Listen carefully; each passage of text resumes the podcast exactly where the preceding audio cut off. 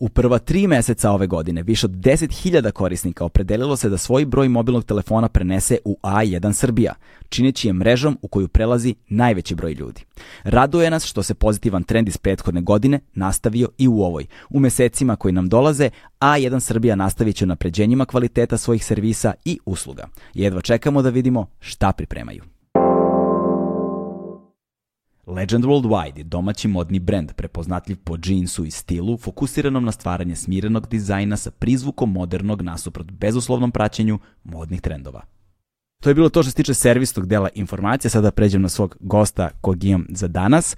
U pitanju je Miloš Ivačković. On je pa da kažemo taj krovni naziv, čovjek koji se bavi penjanjem u najširem mogućem značenju, ali pored sportskog penjanja, boulderinga, alpinizma, svega i svačega, član je Gorske službe spasavanja, član je uh, penjačkih klubova, član je Extreme Summit tima uh, Draganja Ćimovića koji je bio inače gost ovde, peo je Everest, peo je Akokagvu, peo je svašta nešto, brojne su priče i iskoristili smo priliku kada je ovde da razgovaramo o penjenju, ne samo kao sportu, ne samo kao životnoj filozofiji, nego i o svim onim aspektima koji su vidljivi i nevidljivi u ovim aktivnostima. Moj sledeći gost, Miloš Ivačković, uživajte.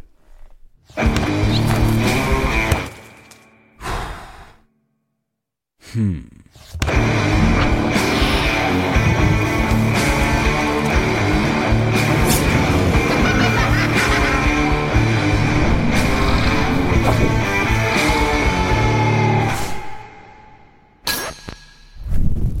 E pa kućo, dobro mi došao.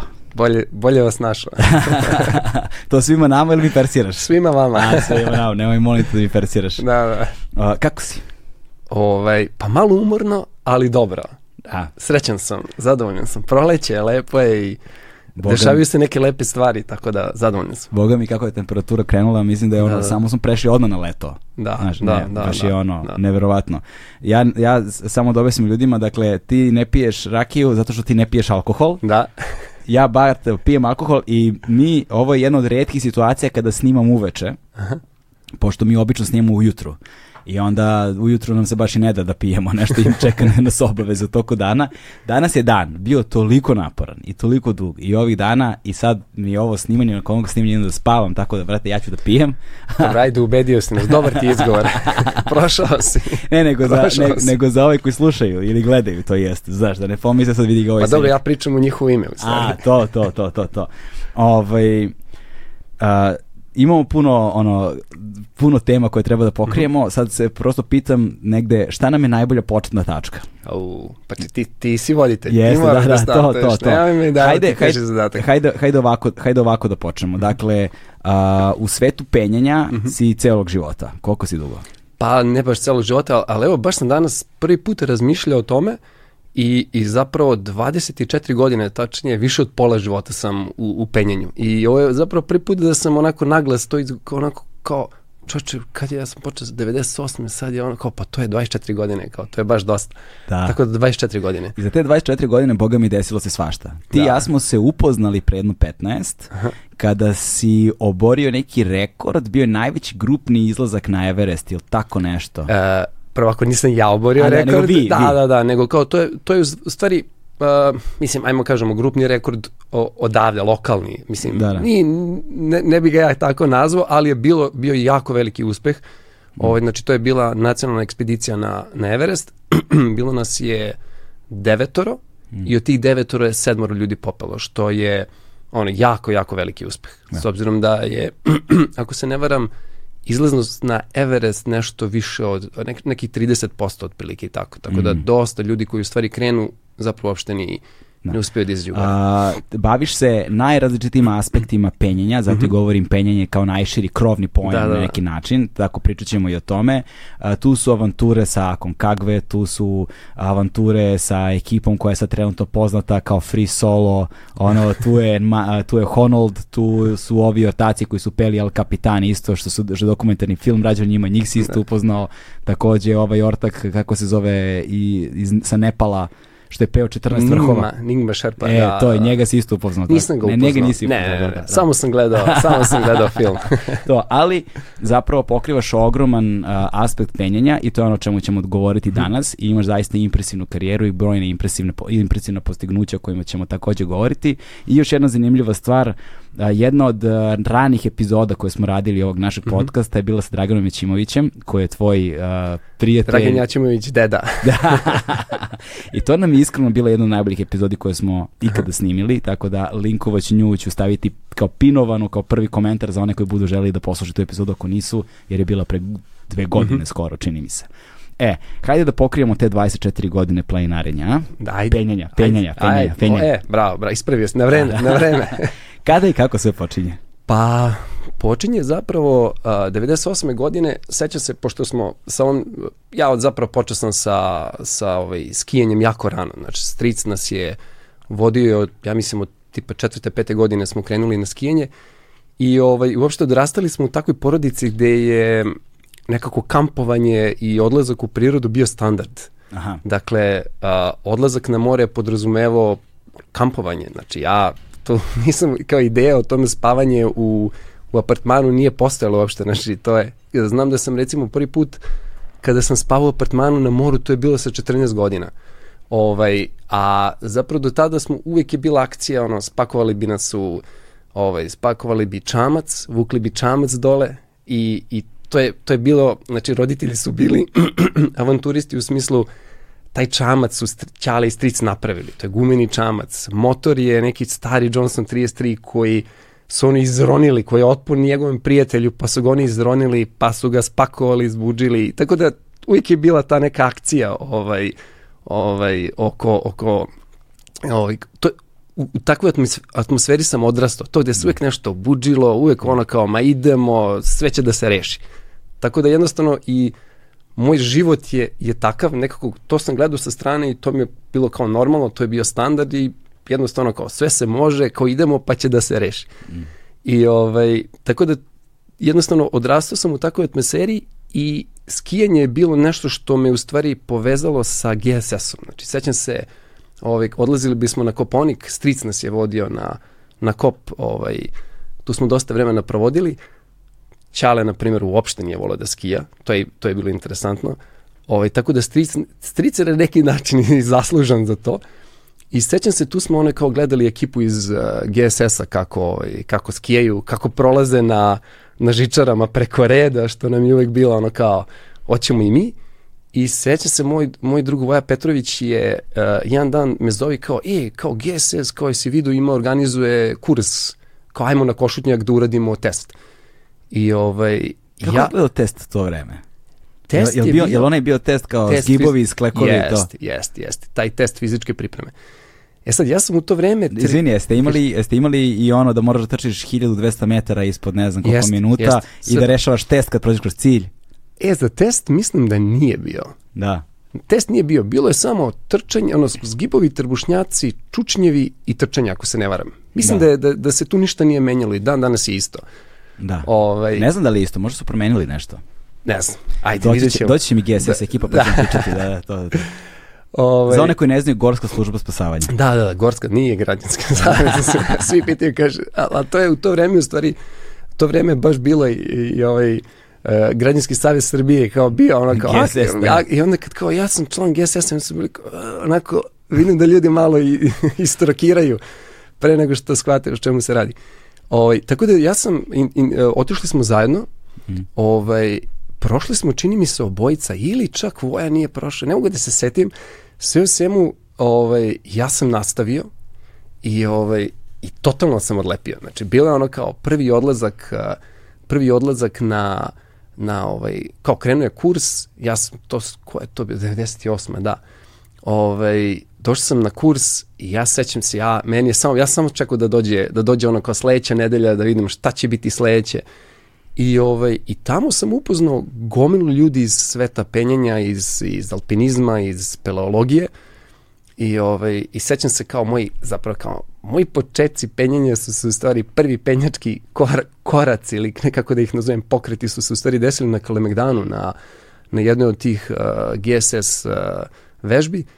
I, ovaj, i to je, tu smo radili takozvano prečkanje. I tu su nam demonstrirali... Šta je to? Prečkanje ili prečenje je u stvari horizontalno kretanje po steni. I to je, to je jedan, od, jedan od načina da se, da se trenira. Znači, na primjer, došao si sam na, došao si sam na penjanje, nemaš partnera, nemaš ono, ne možeš da, ne možeš da ideš previše visoko i onda digneš se na recimo pola metra od, od zemlje i samo se krećeš levo ili desno. I ovaj Kalemegdan je recimo super, super mesto za to, tako da ovaj, ne znam da li si ikada vidio nekoga da se... Vidio, vidio sam, vidio Jest. sam. Nešto ne viđem poslednjih godina, E, da. Znači, ali ranije je to bila normalna prirodna stvar, posebno, Jest. posebno onom, na onom zidu kod uh, observatorijuma. Tako da. je, tako je, da. Ima tri zida, znači taj taj kada, kada se ovaj kada se šeta kališem, znači kako je observatorija ponije levi zid, onda ima onaj dugački zid i ima još jedan zid iza observatorije. Da. I recimo to je ono što je bilo interesantno. Za, za, za, samo za ljude koji ne znaju, observatorijum je ona kula gde je teleskop gde može da se posmatra. Jednom sam kod klinac išao na dejt s nekom devojkom i trebalo je da se nađemo kod observatorijuma, ja da je čekao kod planetarijuma. Tako da, znaš, ima nas i Ovaj, takvih, znaš. da, e, tako da, ali viš to je, da, to je recimo interesantno, ranije, su, ranije se baš dosta penjalo tamo. I do duše to je valja i, i ranije nije bilo tih uh, stena za penjanje, nije bilo džimova, to mi ćemo kasnije pričati o svim tim džimovima, ali jednostavno nije bilo gde da se trenira, tako da je manje više to je bilo jedino mesto, to i par vežbališta ovaj, na, na Košutnjaku, to ću isto pomenuti kasnije, ovaj, ali to su bila mesta u Beogradu gde se treniralo i, i penjalo, znaš, tu je, tu je sve ovaj, počinjalo. Tako da, ovaj, sećam se, ja sam kao, bilo je nas, ne znam, tu koliko, koliko ljudi na, ovaj, i, i dali su nam kao, ajde, ne znam, da, da se krećete i ja sam ono, kao, ne znam, na, ono, otišao skoro najdalje od svih i ovaj, jedi, jedini je bio bolji moj drug Mare Ča, Čaki, ali on je bio penjač, on je, on je već, ovaj, ovaj, već je penjao ranije i ja sam tu odlepio, rekao sam, ja ovo hoću. Ja sam tač, znao sam, to je to, ovaj, skonto sam se sa, sa, sa Markom i... Marko Nikolićem. Ne, ne, ne, Marko Čalija. A, Marko Da, Čalija, da, okej. da. Ovaj, skontao sam se s njim i krenuli smo. Znači, Znači, počeo sam, otišao sam na, na kurs u, u penjački klub AS i sad, pošto u to vreme zapravo još uvijek nije bilo, o, još uvijek nije bio kurs penja, nego samo kurs pelogije, ja sam rekao, ma daj, idem sve, ono, hoću sve sad. Tako Šta sam- god da se nudi. Da, da, da. Tako da sam završio kurs speleologije i, ovaj, i to je bilo zanimljivo, ono kao radili smo, tu, tu smo onda krenuli, ovaj, išli smo po, po nekim jako zanimljivim pećinama i jamama i speleologija je super, međutim nekako, nemam pojma, nisam se našao u tome, zanimljivo je bilo da odem, zanimljivo mi je bilo da vidim, ima jako, jako interesantnih jama. Puno teorija, malo fizikalije. A, ne, u, boga mi, puno fizikalije, puno fizikalije. Znači, to imaš, pa, spuštali smo se, na primjer, u Mihajlovu jamu, koja je, tipa, mislim, 150 metara, onako, i to je, jako, to je jako interesantna ovaj, jama, ima onako malo, ovaj, malo lo, nezgodnu istoriju, jer je tu, tu su Nemci ubacili neke silne ljude, ovaj, i, i naravno posle se organizovalo ovaj akcija vađenje tih uh, kosti od, odatle, međutim sećam se kad smo se spuštali, ošte cela ta atmosfera vezana Energija za neka. energija tog mesta onako malo zeznuta i sećam se, to je bilo prvo, to je bilo um, prvi put da sam se spustio iz vertikalu od 150 metara, negde. E sad, teh, ovaj- tehnički je spuštanje u jame zapravo vrlo posebna stvar, ono, posebno teh, ono, Pa, e, e, u suštini najlakše je spustiti se, znači imaš ali spravu, treba izaći. E, upravo to. Uh, fora je da se da se izađe s tim što za razliku za razliku od penjanja, ovaj tu se žimari, znači koriste se uh, koriste se sprave za penjanje uz uže. Ovaj dok uh, u penjanju ne. Znači u penjanju se koristi isključivo ono kao snaga snaga mišića.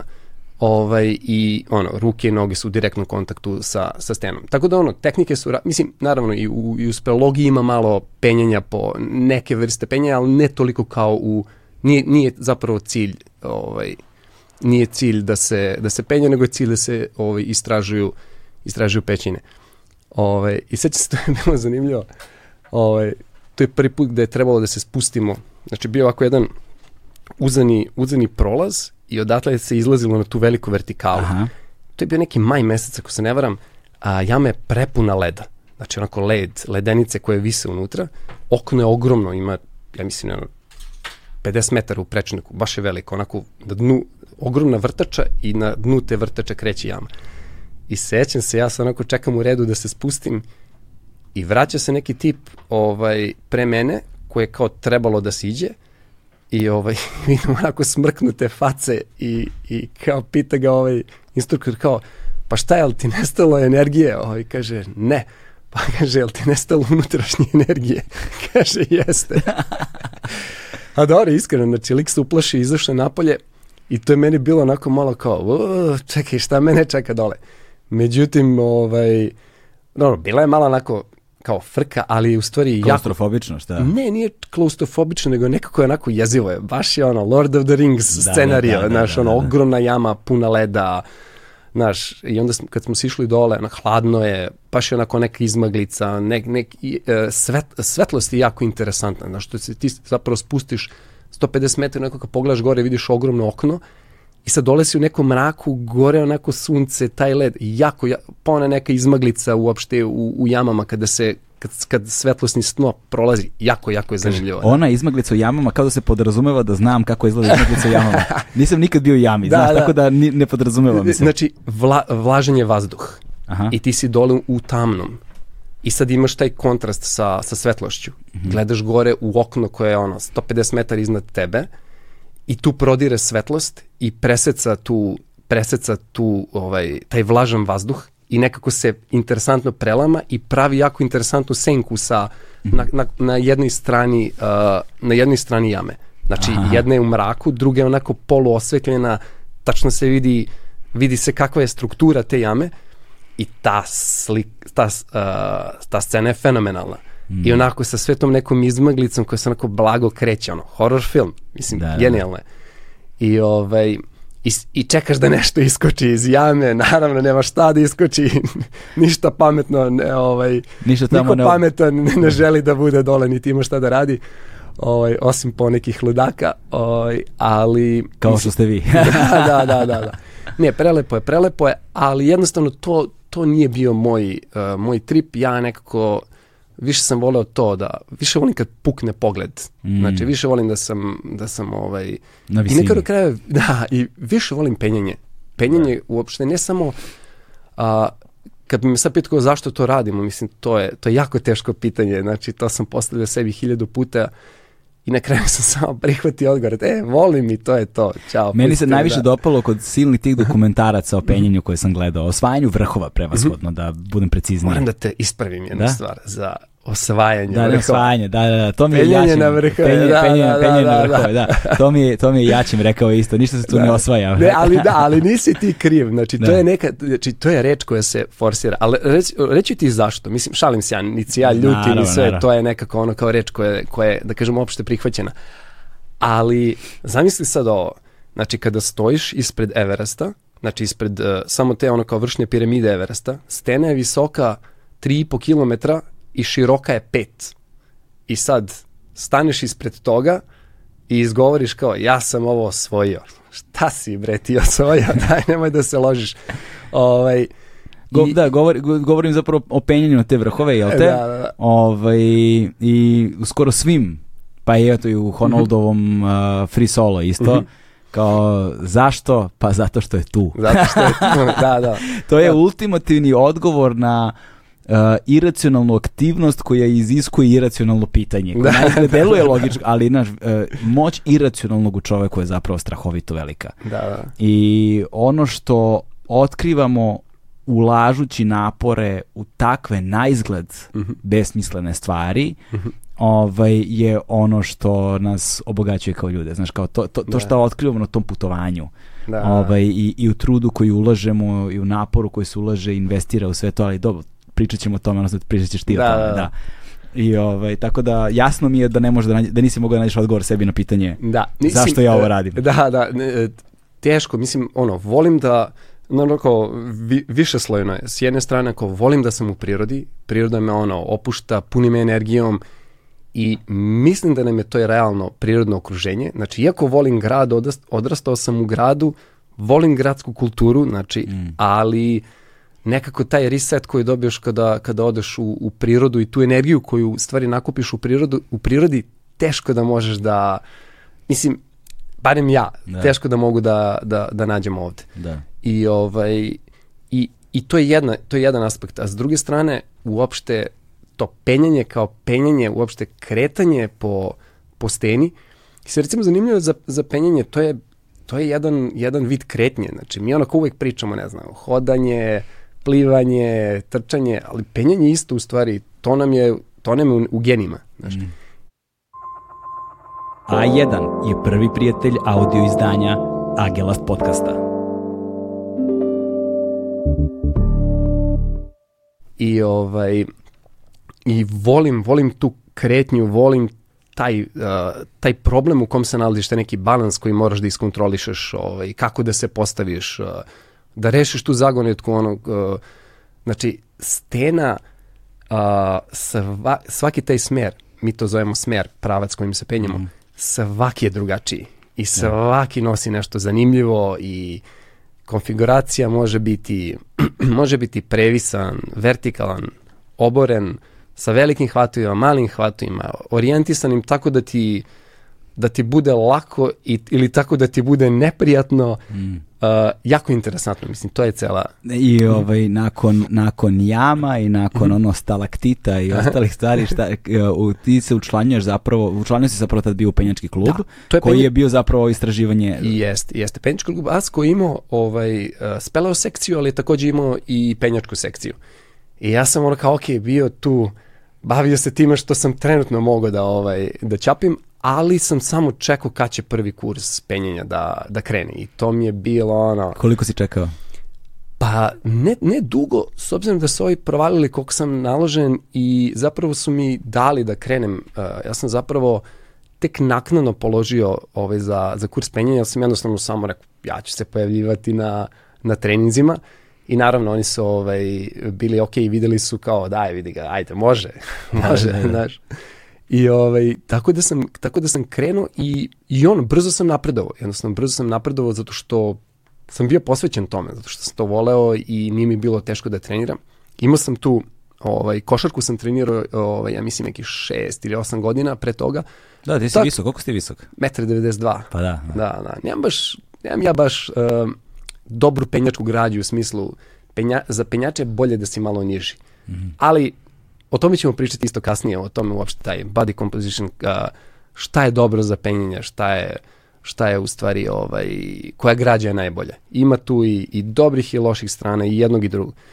Ovaj tako da sam ovaj nekako navikao sam na trening, uh, imao sam imao sam tu disciplinu da, da treniram, volim, volim da treniram, to mi, to uopšte ne doživljavam kao neki... Kao obavezu. Kao obavezu, ne, ne, ne, to je ono, ako nisam trenirao, to je drama, znaš, to je ono, to, to, to ćeš, ovaj, rekao si da imaš nekog ovaj, gosta, yeah. ovaj, da će ti sledeći gost biti neka gospođa koja radi koja se bavi bolestima zavisnosti. Da, da, ja. Pa pit, pitaj malo, to je ta zavisnost uh, trening i to. I, ima tu nešto. Mislim da ima, verovatno da ima. Ima da. sigurno. Pozi, ali neka, neka vrsta afirmativne, e, pozitivne neke baš zavisnosti. To, da. Baš to, baš to. Ovaj, tako da, uh, tu sam onda krenuo, krenuo sa njima i, i onda je polako, uh, polako je krenulo, onda sledeći, sledeći korak je bio, uh, hteo sam da se, da se, ovaj, da počnem da se bavim alpinizmom, pošto Možda ovo, do, da je, možda je ovo dobro mesto da sad kao napravimo podelu. Jer, jer, jer, jer, jer me, isto razmišljamo. Da, da, jer, da. jer me zanima, pored podele same, uh mhm. -huh. me zanima pre toga jedna stvar koju, koja mi je negde prirodno pitanje uh mhm. -huh. na, na, na to treniranje. Dakle, šta zapravo podrazumeva penjački trening? Kao, na šta, koji su to segmenti treninga uh, koje, koji se savladavaju i na koji način? Kako se sistematizuje znanje i veština u penjanju? Da. Ajmo ovako, znači, uh, prvo ovako zavisi za koje penjenje. Tako da, oću, oću, ne, ne, gle, ne možemo da pobegnemo od toga. Da, da. znači, koliko god možemo da držimo, ali ovaj, je, e, pričali smo pre nego, pre nego što smo se e, našli za ovaj intervju, da. seli smo malo i onda kao ajde o čemu ćemo da pričamo i o, ovaj, jedna stvari koju sam ti ja onako napomenuo i koja je jako zanimljiva to je da a, ljudi kad kažu penjanje u stvari na šta misle. I, ovaj, i uglavnom a, kada kažu, kad se neko penje ili kad vide nekoga da ima pojas, a, on je penjački pojas a, ili i uže sa sobom, on je alpinista. Da. da. alpinista ili penjač. I tu se priča završava. Međutim, mi onako, ovaj, naravno da tu kao, kao i svemu postoje neki, uh, postoji nekakvi, e, nekakva gradacija ili ne znam kako da nazovem, različiti, različite vrste tog penjenja. Ovaj, Uh, I alpinista, ajmo ovako, penjanje je onako da kažemo neki širok pojam i planinarenje je neka vrsta penjanja i alpinizam je penjanje, ali alpinizam nije planinarenje. Da, da, da, da. Odnosno, ajmo, alpinizam može biti planinarenje, ali planinarenje nije penjanje. Sad sam još više na, Sad zbunio, sad sam zbunio da, da. ljude. Šalim se, Kažemo, sad, sad ćemo da... Kažemo, penjenje je krovni pojam. Da, da. Koji pokriva Penjanje je sve. krovni pojam, tako je. Ovaj, ali alpinizam bi po- podrazumevao, ovaj, da kažem, biranje težak puta do vrha. I uglavnom, uglavnom, ali ne uvek, znači planina može, može da ima može da ima najlakši put do vrha i to se zove via normale ili to je uglavnom su neke rute kuda se planinari kreću. Alpinisti, ovaj, nije im, to im nije dovoljno, nije im dovoljno izazovno i oni će uvek tražiti neke zahtevnije ovaj, smerove da bi stigli do, da bi stigli do vrha. Mislim, to ja onako uvek poredim ovaj, sa onim kao neko će da dođe na more i bit će mu dovoljno da sedne na plažu, uzme ležaljku, stavi suncobran i to je to. A neko će gledati, gledati ono ka, ka pučini i, i razmišljaće kako da napravi brod i da ode. E, Da. to je to. Znači imamo, da kažemo, dve ra- različite različite kategorije. da. Tako je, tako je. Ima jedan dobar dokumentarac na, na tu temu od, od IMAX je uradio, zove se Adrenaline Rush, The Science of Risk, gde u stvari pričaju da to zapravo ima veze sa, sa ovaj, uh, tim nekim uh, neurotransmiterom, taj neki um, MAO ili monoamino oksidaza u stvari, i da ljudi koji imaju manjak, manjak ovaj, tog MAO, da u stvari im je potreban mnogo veći nadražaj, znači mnogo jače, intenzivnije iskustvo da bi u stvari ostvarili uh, da, da bi uh, da kažemo zadovoljstvo bilo na kraju jednako. Mm. Tako da nekome je dovoljno jednostavno da Zanimljivo je to Da. zato što je monoamino oksidaza, MAO, jel te? Da, da. Ovaj, a, ključna stvar za doživljavanje duhovnih iskustava. li tako? Da, pa monoamino oksidaza je važna za recimo rituale ayahuaske, za te halucinogene, halucinogene iskustva koje su Probao sam. Pio si aju. yes. E pa da, pa znači, Da. zna, znači uh, um, aktivni sastojak u ayahuaski, zapravo taj psihoaktivni se zove NN-dimetiltriptamin, poznati Mhm. kao DMT, jel te? Da bi on bio aktivan, on zapravo, on, ti moraš, ti imaš neki enzim u organizmu koji zove monoamino oksidaza i to, e, Da, da. dakle, uh, vrlo, je, vrlo, vrlo je simptomatično da ta Jeste. vrsta iskustava i Da, ova da. vrsta potrebe na kraju dana imaju neku dodirnu Da. tačku u biohemiji ljudskog tela. Ali ono što je, što je loše, da postoji još neke dodirne tačke sa nekim stvarima koje nisu baš lepe, a to je da uh, ljudi koji su, ne znam, ono, serijske ubice, ne znam, Ne. koji imaju vrlo izraženo ono agresivno ponašanje, to isto su ljudi koji manjkaju sa... Mm. Tako da ovaj, sve zavisi u, u koju stranu ćeš da odeš, znaš. Ali da kažemo, to je neki taj ah, nemir ili, ili onaj neki drive koji izaziva u tebi da jednostavno mora nešto više da se desi da bi, da bi ti bio Da bi stimulans da bi se desio. da, da bi u stvari se, da bi, da bi se u stvari ista količina količina e, dopamina i odnosno i e, ovaj da bi dobio Serotonina. i serotonina u stvari dobio. Da, to da. je to. Ovaj no da se vratimo, Mhm. da se vratimo ovaj gde smo dakle, bili da- uopšte. dakle, dakle, to je to. Dakle, alpinisti su oni koji traže težu rutu. Tako je, tako da. je. Da. Napravio si paralelu E, sa Da, letovanjem. ajmo da kažemo, pokušali smo da napravimo neku razliku između, između planinarenja i alpinizma. Znači, alpinizam bi bio nešto što je nešto što podrazumeva uh, uh, naprednijih uh, uh, korišćenje naprednijih tehnika za napredovanje u, u steni. I uglavnom su ti usponi onako vertikalni ili, ili jako stremi ili vertikalni, vrlo često i previsni.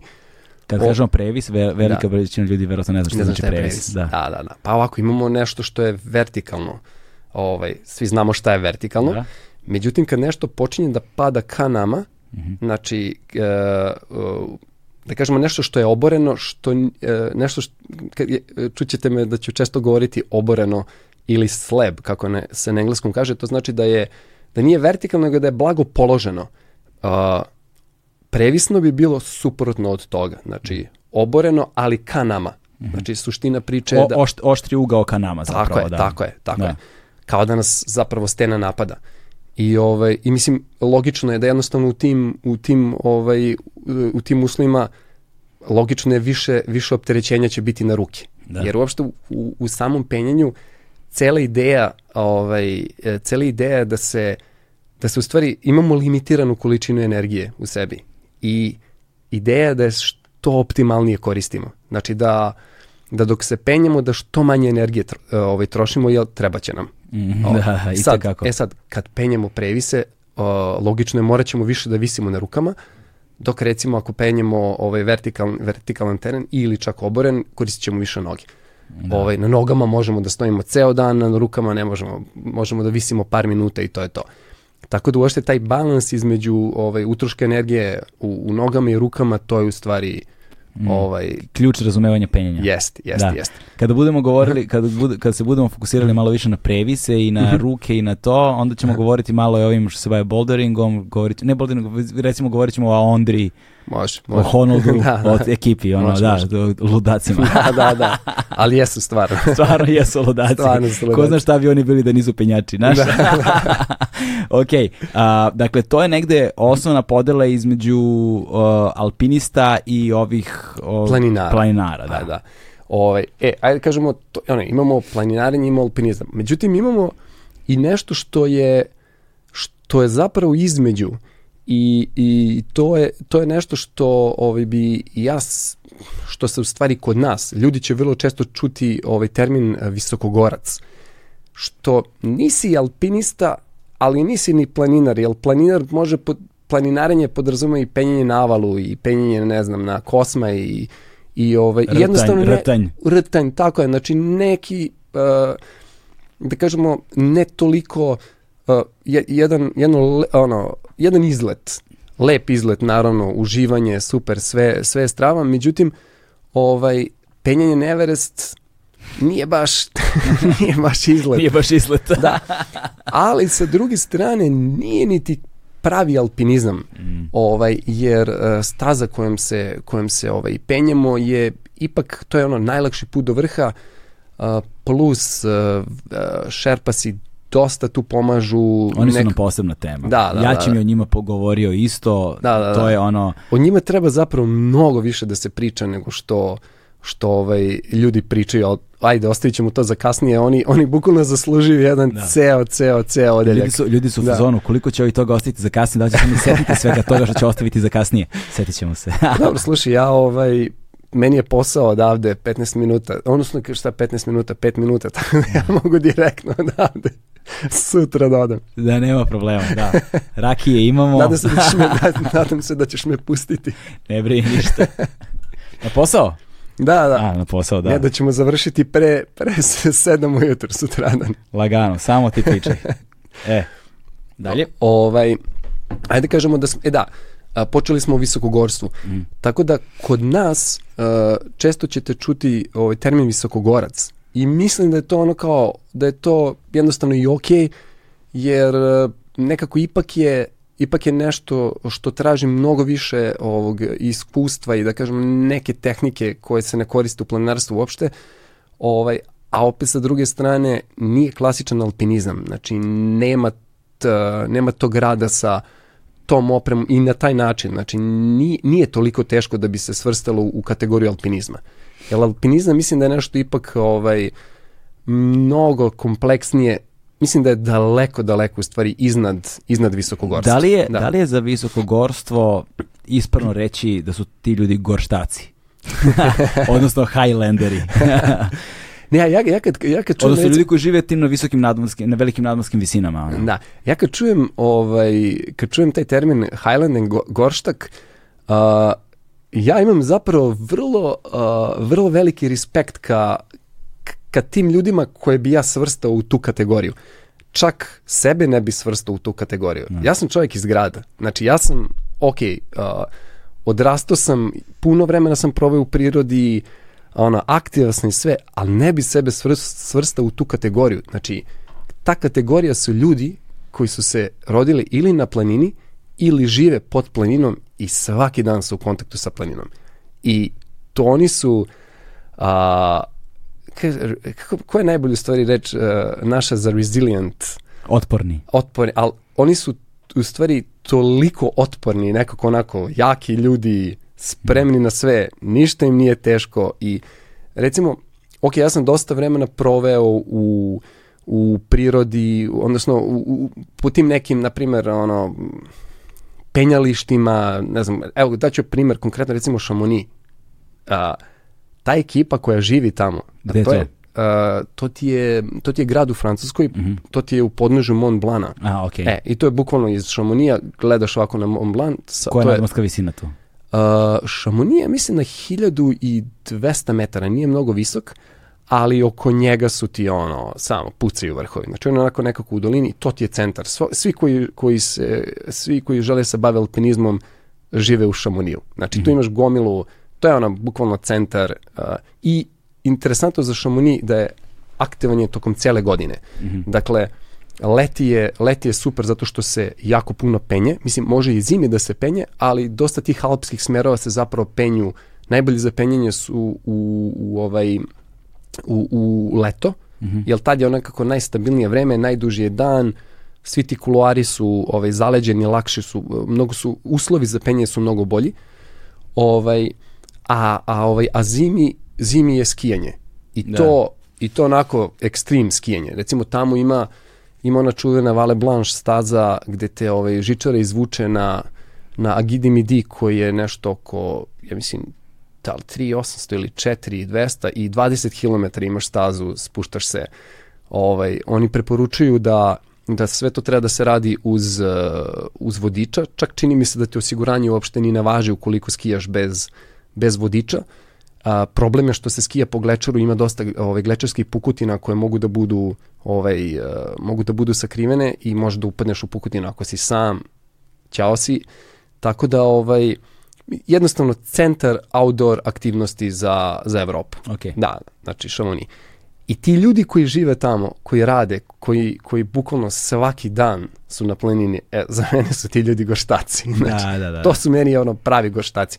Mi, a, ono, možemo da za neke možda naše standarde da, da budemo kao ne, neki nivo, ali jednostavno treba da budemo realni. Ono, to, to su ljudi koji, to je, a, pitao si me kad smo pričali Ningmi ovaj, za, a, za recimo koji, koji stranac uopšte može da parira šerpasima.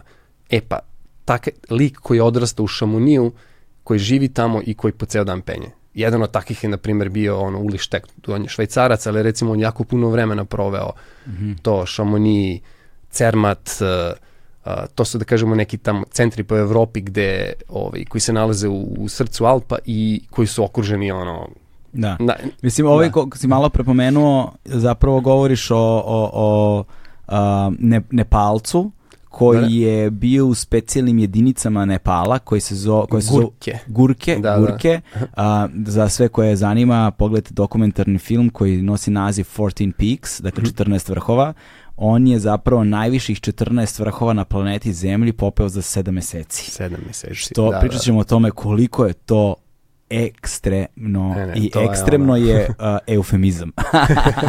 A pritom ono što je fascinantno kod njega jeste zapravo najveći utisak toga. Mhm. Uh, nije činjenica da je on to popeo, nego činjenica da je on Nepalac i da su zap, da on zapravo je predstavnik svojevrsni ne samo Nepalaca, nego i tih Šerpasa i, i, svi, i svih tih nekih naroda koji bez kojih penjanje, alpinizam ne bi postojali. Ne bi postojali. 99% svih ljudi koji su se popeli na neki vrh ne bi se popeli na taj vrh da nije bilo šerpa. Da, to, da, da, e, da. Ovaj, a da oni zapravo nikada nisu dobili kredit i zasluge ono is, u javnosti one koje bi trebalo da dobiju. Da. da ti nemaš zapravo proslavljene penjače Nepalce.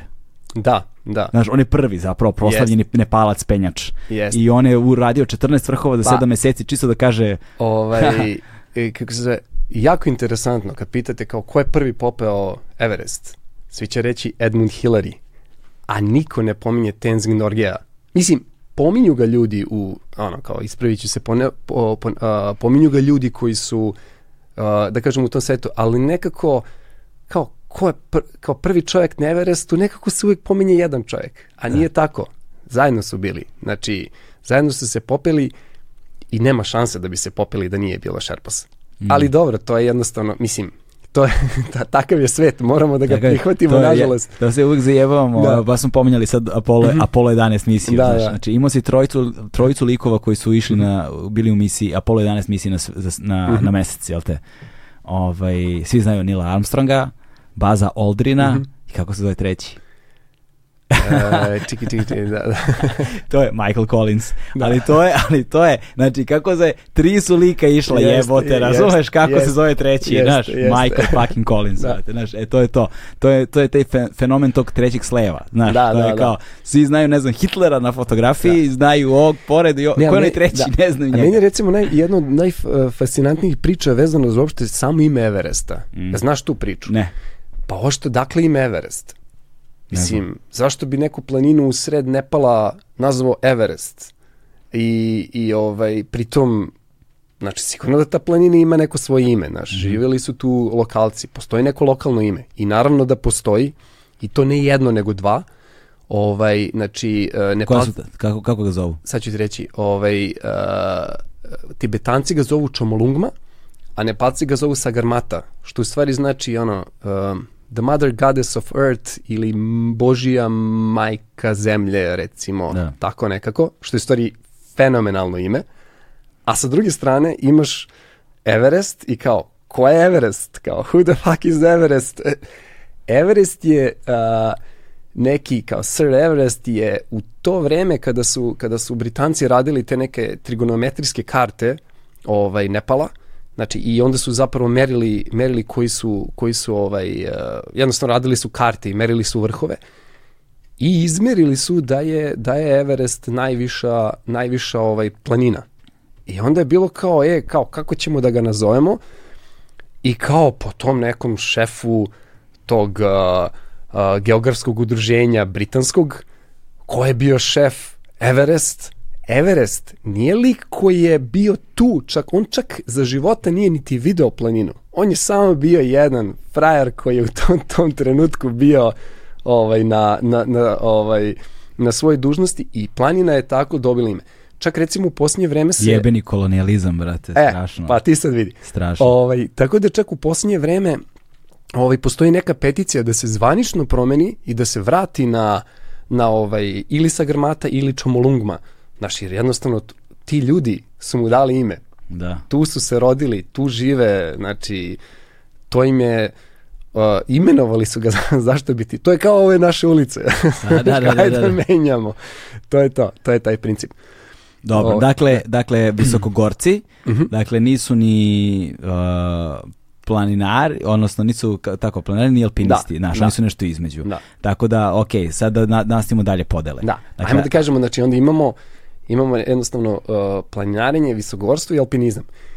I onda bi imali uh, nešto što ovaj, što spada u neku kategoriju penjanja što nije niti nije ni ništa od ova tri.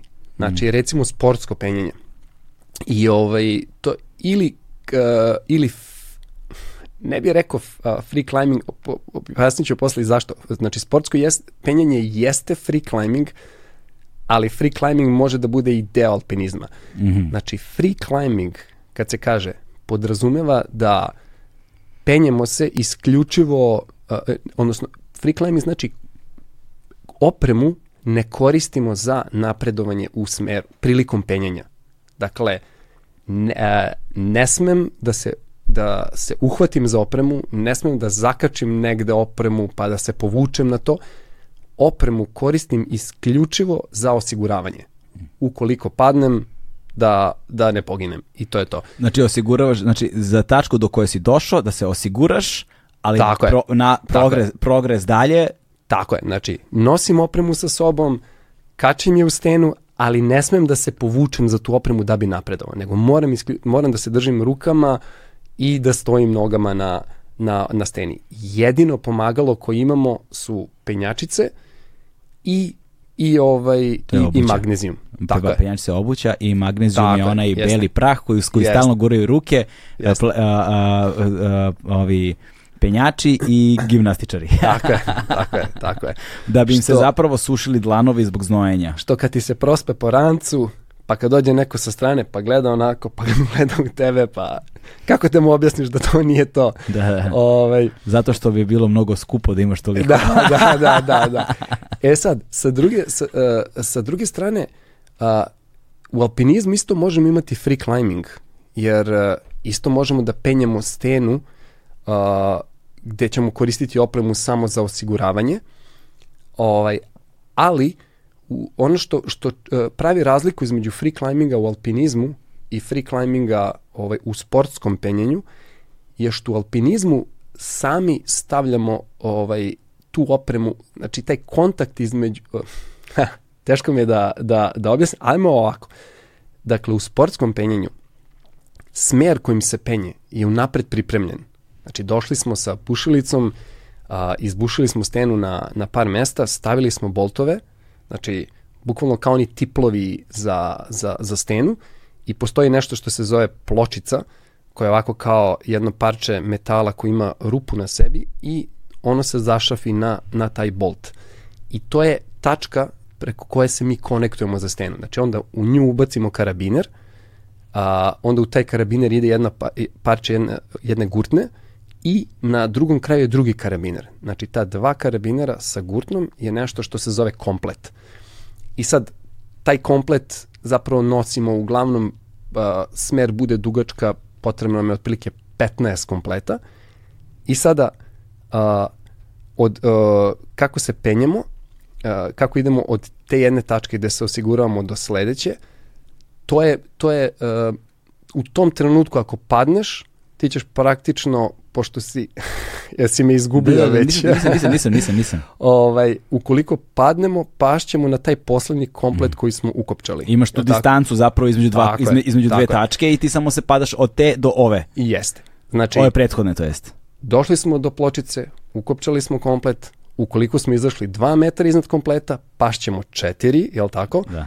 Ali ideja nam je da stignemo do sledećeg, da ukopčamo sledeći i onda ćemo naravno skratiti pad. Ovaj, e sad, u sportskom penjenju smerovi su pripremljeni. Znači, ti kompleti, odnosno pločice u koje stavljamo komplet su već tu, stoje u, u steni i stalno stoje i, I to, je jedna ista linija penjenja i svi idu tom Tako je, istom. Da. Tako je, tako je, tako je. Ovaj, u alpinizmu je to malo drugačije. U alpinizmu a, pa postoje neke spe, postoji specijalna oprema u vidu klinova, u vidu tih nekih a, čokova i frendova. To su sve, to su sve, ovaj, to je sve oprema koja je pravljena tako da može brzo da se postavi u stenu i da može da se izvadi iz stene. Dakle, penjač koji ide prvi, on je postavlja, a onaj ko prati, on ide i skida opremu. Tako da stena ostaje netaknuta. Na primjer, to je recimo, skroz. ti e, čokovi recimo su, su kao oni da, neki elementi koji se stavljaju u pukotine recimo, Jest, tako i onda se oni rašire tako da fituju, da, Tako da, da stanu u pukotinu i vrše pritisak. E. I onda kada, ali ima, i, i onda kada dođeš do njih, ovaj, ti ih postaviš, raširiš, oni za, i onda niko ide za tobom, okači se njih, produži dalje, a onda ih vadi odatle. Da. E, to je friend o čemu pričaš. Aha, da. A čok je, uh, princip je da uh, bilo koje osiguranje da bi postavio zapravo ti treba pukotina. Odnosno Da. treba ti neki, neki oblik u steni. Da li će to da bude pukotina, da li će da to bude nešto što je ovaj, uh, bilo kakva izbučina, nekakva neravnina. E sad, za, za ozbiljno osiguravanje, odnosno za dobro osiguranje, moraš da imaš pukotinu. Jednostavno, to je ono must. Ili čak desi se vrlo često da imaš da se desi da je stena, pogotovo u krečnjaku koji je uh, takav, stavi onako, m- m- može biti rupičast, ovaj, može se desiti da možeš gurtnu da provučeš kroz rupu i da direktno u gurtnu staviš karabiner. To, kad, to je u stvari ono, bum, bummer, što kažu, ovaj, što kažu u Americi, to kad staviš, to znaš da će sigurno da drži. I pretpostavljaš da ta osiguranja koja sam postavljaš, postoji mogućnost da će nešto od toga da izleti. Mm. I ovaj i nekada su nekada znaš da su dobre da sigurno će da da izdrže pad, nekada su diskutabilne. Znači to je sad opet onako malo i stvar procene, znanja, sreće. Da. Proračunatog, pro, svega. rekli bismo proračunatog rizika. Tako je, tako Da. je. E, a, i to spada, e, ali opet s druge strane, gledano sa neke etičke strane, je onako više onako puritanistički Mm. Došao si na stenu koja je čista i popeo si je, nisi je tako i, i ovaj, ovaj drugi koji išao za tobom počistio je sve, stena ostala netaknuta i i definitivno onako moraš moraš priznati to je, to je, to je, to je etički model penjenja na neki način. Kako se zove ko, mesto u Britaniji gde svi penju etički? Aha, da, sad ćete, sad ćete reći, znači, to se zove, postoji, postoji uh, termin za to, zove se tra, thread climbing, kao, ili tra, uh, skraćenica od traditional, mm. i, i mi, mi govorimo isto onako žargonski kao da li penjaš trad, da. kao, i svugde se u svetu ovaj, uh, ustanovalo, tako je, to podrazumeva da, ok, sam postavljam opremu dok, dok penjem i, ovaj, i naravno penjač koji ide za mnom skida opremu. To je to. Ono što je razlika, isprič, reću ti posle za ovo, znači ono što je razlika između trad penjenja i sportskog penjenja je da u trad penjenju se uglavnom penju dosta lakše stvari nego u sportskom penjenju. Znači, u sportskom penjenju akcenat je na ekstremno teškim pokretima, ovaj, dok u trad penjenju je više uh, s, um, akcenat, ok, penje se dosta teško, ali više akcenat na toj nekoj avanturi i na, i na stilu i činjenica je više onako, onako art, uh, da, arti da. nego što je nego što je sportsko penjenje i dosta više ljudi samim tim se bavi sportskim penjenjem nego trad penjenjem. I ono, stvar je, kulturološka je dosta stvar. Recimo, mm. evo sad, sad ću ti odgovoriti na pitanje uh, uh, grit, gritstone, Aha. To je jedna da. vrsta, jedna vrsta stene ovaj, u,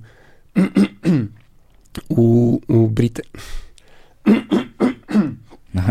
u ovaj u Britaniji u ovaj kako se zove u okolini Sheffielda i tu se recimo bio ono, to je fantastično. Oni imaju, oni imaju tu etiku, imaju preko hiljadu smerova, znači u jednom, u jednom uh, delu gde nema ni jednog izbušenog bolta. Znači tamo bukvalno ako bi se a, i, i drže do te tradicije, ta ne do bog da odeš sa bušilicom tamo da izbušiš bolt, ubili bi te ono mm. momentalno. Ali ovaj, uh, i, i stene su, stene, uh, uopšte, uh, stil penjenja stene je takva da je sva je nekako onako sloperasta. Slop, sloperasta znači da da ne postoje konkretni hvatovi za koje možemo da se uhvatimo, nego sve je nekako nemamo ništa konkretno zašto možemo se uhvatimo, sve onako nivici, jedva se držiš, stojiš na nečemu što svakog trenutka čekaš kad će noga da ti sklizne i zapravo traži mnogo više tehnike i balansa nego neke ono sirove snage da ti sad ne znam se uhvatiš i povučeš i kao prošao si to. Tako da ovaj, i, i jako, jako je interesantno. Znači, kad odeš tamo, mislim, ja sam imao tu sreću pa sam bio i ovaj, i nekako onako promeniti percepciju Koliko o... si smerovao tih hiljadu popeo? Pa ne, e, mi nismo mnogo penjali, popeo sam dosta, mislim, popeo sam dosta i sad različitih težina. Tu naravno opet postoje, postoje neke razne, razne gradacije u, u, u, ovoj težinama. Pitao si me za pa, ono, pre intervjua vezano da pričamo malo o ocenama. Da, pričat ćemo o ocenama. Oni, oni na primer, imaju, pričat ćemo kasnije, ali imaju vrlo, vrlo specifičan način ocenjivanja, baš zbog toga što... Ali to beše postoji francuski sistem ocenjivanja? Postoji više, postoji francuski, postoji UEA, ona, a postoji taj britanski neki koji zapravo nosi dve ocene. Uglavnom, ocena nosi, uh, nosi težinu samog, samog uspona i t, težina je vrlo, vrlo onako subjektivna. Znači, to prvi penjač koji, je po, koji popne taj neki smer, on na osnovu svog prethodnog iskustva da neku ocenu. Kaže, da neki predlog i kaže, ja mislim da je ocena ta. E da. E sad, znači, čisto je onako komparativno, on je popeo, ne znam, pet drugih smerova te težine kaže, meni, ja bih rekao da je ta ocena. I sad to je onako vrlo je kontroverzno, svega je bilo sa, sa, tim, ovaj, sa tim ocenjivanjem. Ima tu i ega i, i sad i sponzorstva i svega, znaš. Međutim, onda vremenom prvi ponavljač da neki svoj pre, predlog, pa onda svi koji kasnije to ovaj, ponavljaju, svako daje neki svoj predlog i onda se na kraju dođe do neke dođe zapravo... do nekakve ja, jeste ocene. I to je onako da kažemo manje više ali to je ali ali to kad imaš veliki broj ljudi koji konstantno pomalo menja određenu stvar dovodi do kompleksnosti u samom ocenjivanju. Da, da, da. I jest. onda imaš ono 8B plus, znaš to kao dobiješ tako neke 5,1 A. A dobro, to, je, da, to, ću ti, to, to ću ti pričati, to je... Ja to, ja to kad vidim, jer ja, ja pratim gomilu tih pinjača, aha, znaš, aha. i onda stalno kače, uh, znaš, kao, da, ne znam, previs, uh, znaš, i onda daje tu ne, te neke kompleksne ocene. Ja sa, sve ove godine praćenja toga. Nisi uspeo da skontaš. Nisam uspeo da skontam uopšte, znači šta je koja težina.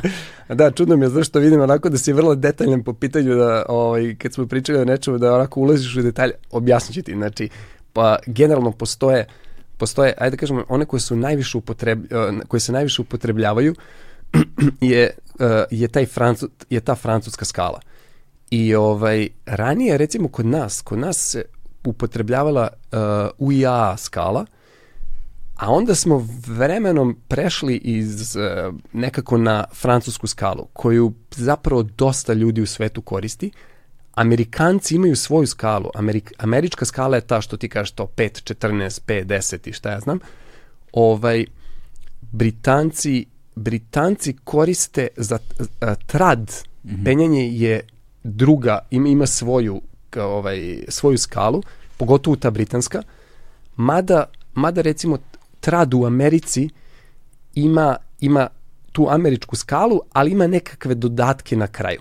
Gde recimo će biti, na primjer, ono 5, uh, 512 R bi značilo R je skraćenica za run out.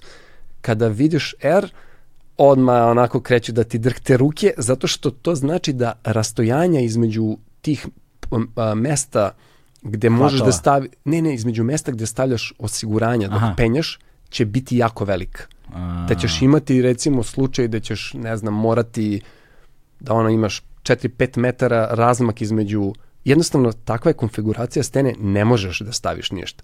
I onda ti oni napišu R da znaš o čemu se radi. Ovaj, i sad, Što znači da ako ne uspeš, pad je veliki. Ako napraviš grešku, imaćeš potencijalno veliki, veliki pad. Možeš imati i RX, to X, čuveno X. to znaš da nešto, da, da, da, da ovaj, se nešto ovaj, zeznuto dešava. RX znači da je poten, e, to je ono potential ground fall, znači da mm. postoji mogućnost da na određenom mestu koliko napraviš gresku ćeš pasti skroz do zemlje. Tako da to su stvarno onako već kao ekstremni, mislim, bilo je slučajeva svašta se dešavalo, ljudi su ovaj, mislim, ti i uopšte ljudi koji penju RX, to su uglavnom ljudi, ono, profesionalci koji samo to rade i koji jednostavno takvi su guraju ovaj, po, pomeraju limit i to je to. Ovaj, Britanci sa druge strane, na primjer, imaju, oni imaju dve ocene, jednu ocenu koja je ocena težine, Bri, Britan, britanska ocena najkompleksnija od svih. Znači, to je to. Mislim, očigledno čim koristi inče i fite, mislim, da, to, je, sad, to, ti je, a, a, to ti je ono pandan između metričke skale inče i fita, to ti je između ocena koji koristi ostatak sveta i Britanaca koji, koji imaju nešto svoje. Da, da, da. ali, ali moram da priznam ali moram da priznam da je interesantna i ovaj i kako se zove, onako je vrlo komplek, kompleksna za shvatiti, ali kad je, kad je onako skontaš i kada si tamo u stvari, e onda počinješ onako da je, a, da, da je ovaj doživljavaš, u stvari kad popneš par tih smerova koji su ocenjeni na taj način, mm. e onda ti u stvari postaje ultra zanimljivo. Ali do tada si u fazonu, a koje su ovo budale, bre, da, da, da. Ze, zezaju nas kao, ovo je, nema nikakvog smisla. Dakle, ajde, o, ajde objasnimo taj sistem ocenjanja. Da. Kako Britanci ocenjuju? Dakle, oni imaju dve ocene i jedna ocena je zapravo koliko je fizički i tehnički težak, težak smer, A druga ocena je zapravo, pa je sad ovo jako interesantno, druga ocena je koliko je opasan mm -hmm. i, mhm. i, i zahtevan. Međutim, jedna ocena prati drugu. Znači, to je sad ono što, što napravi potpuni haos. Tako da, daj, daj mi primer. Evo ovako recimo primer.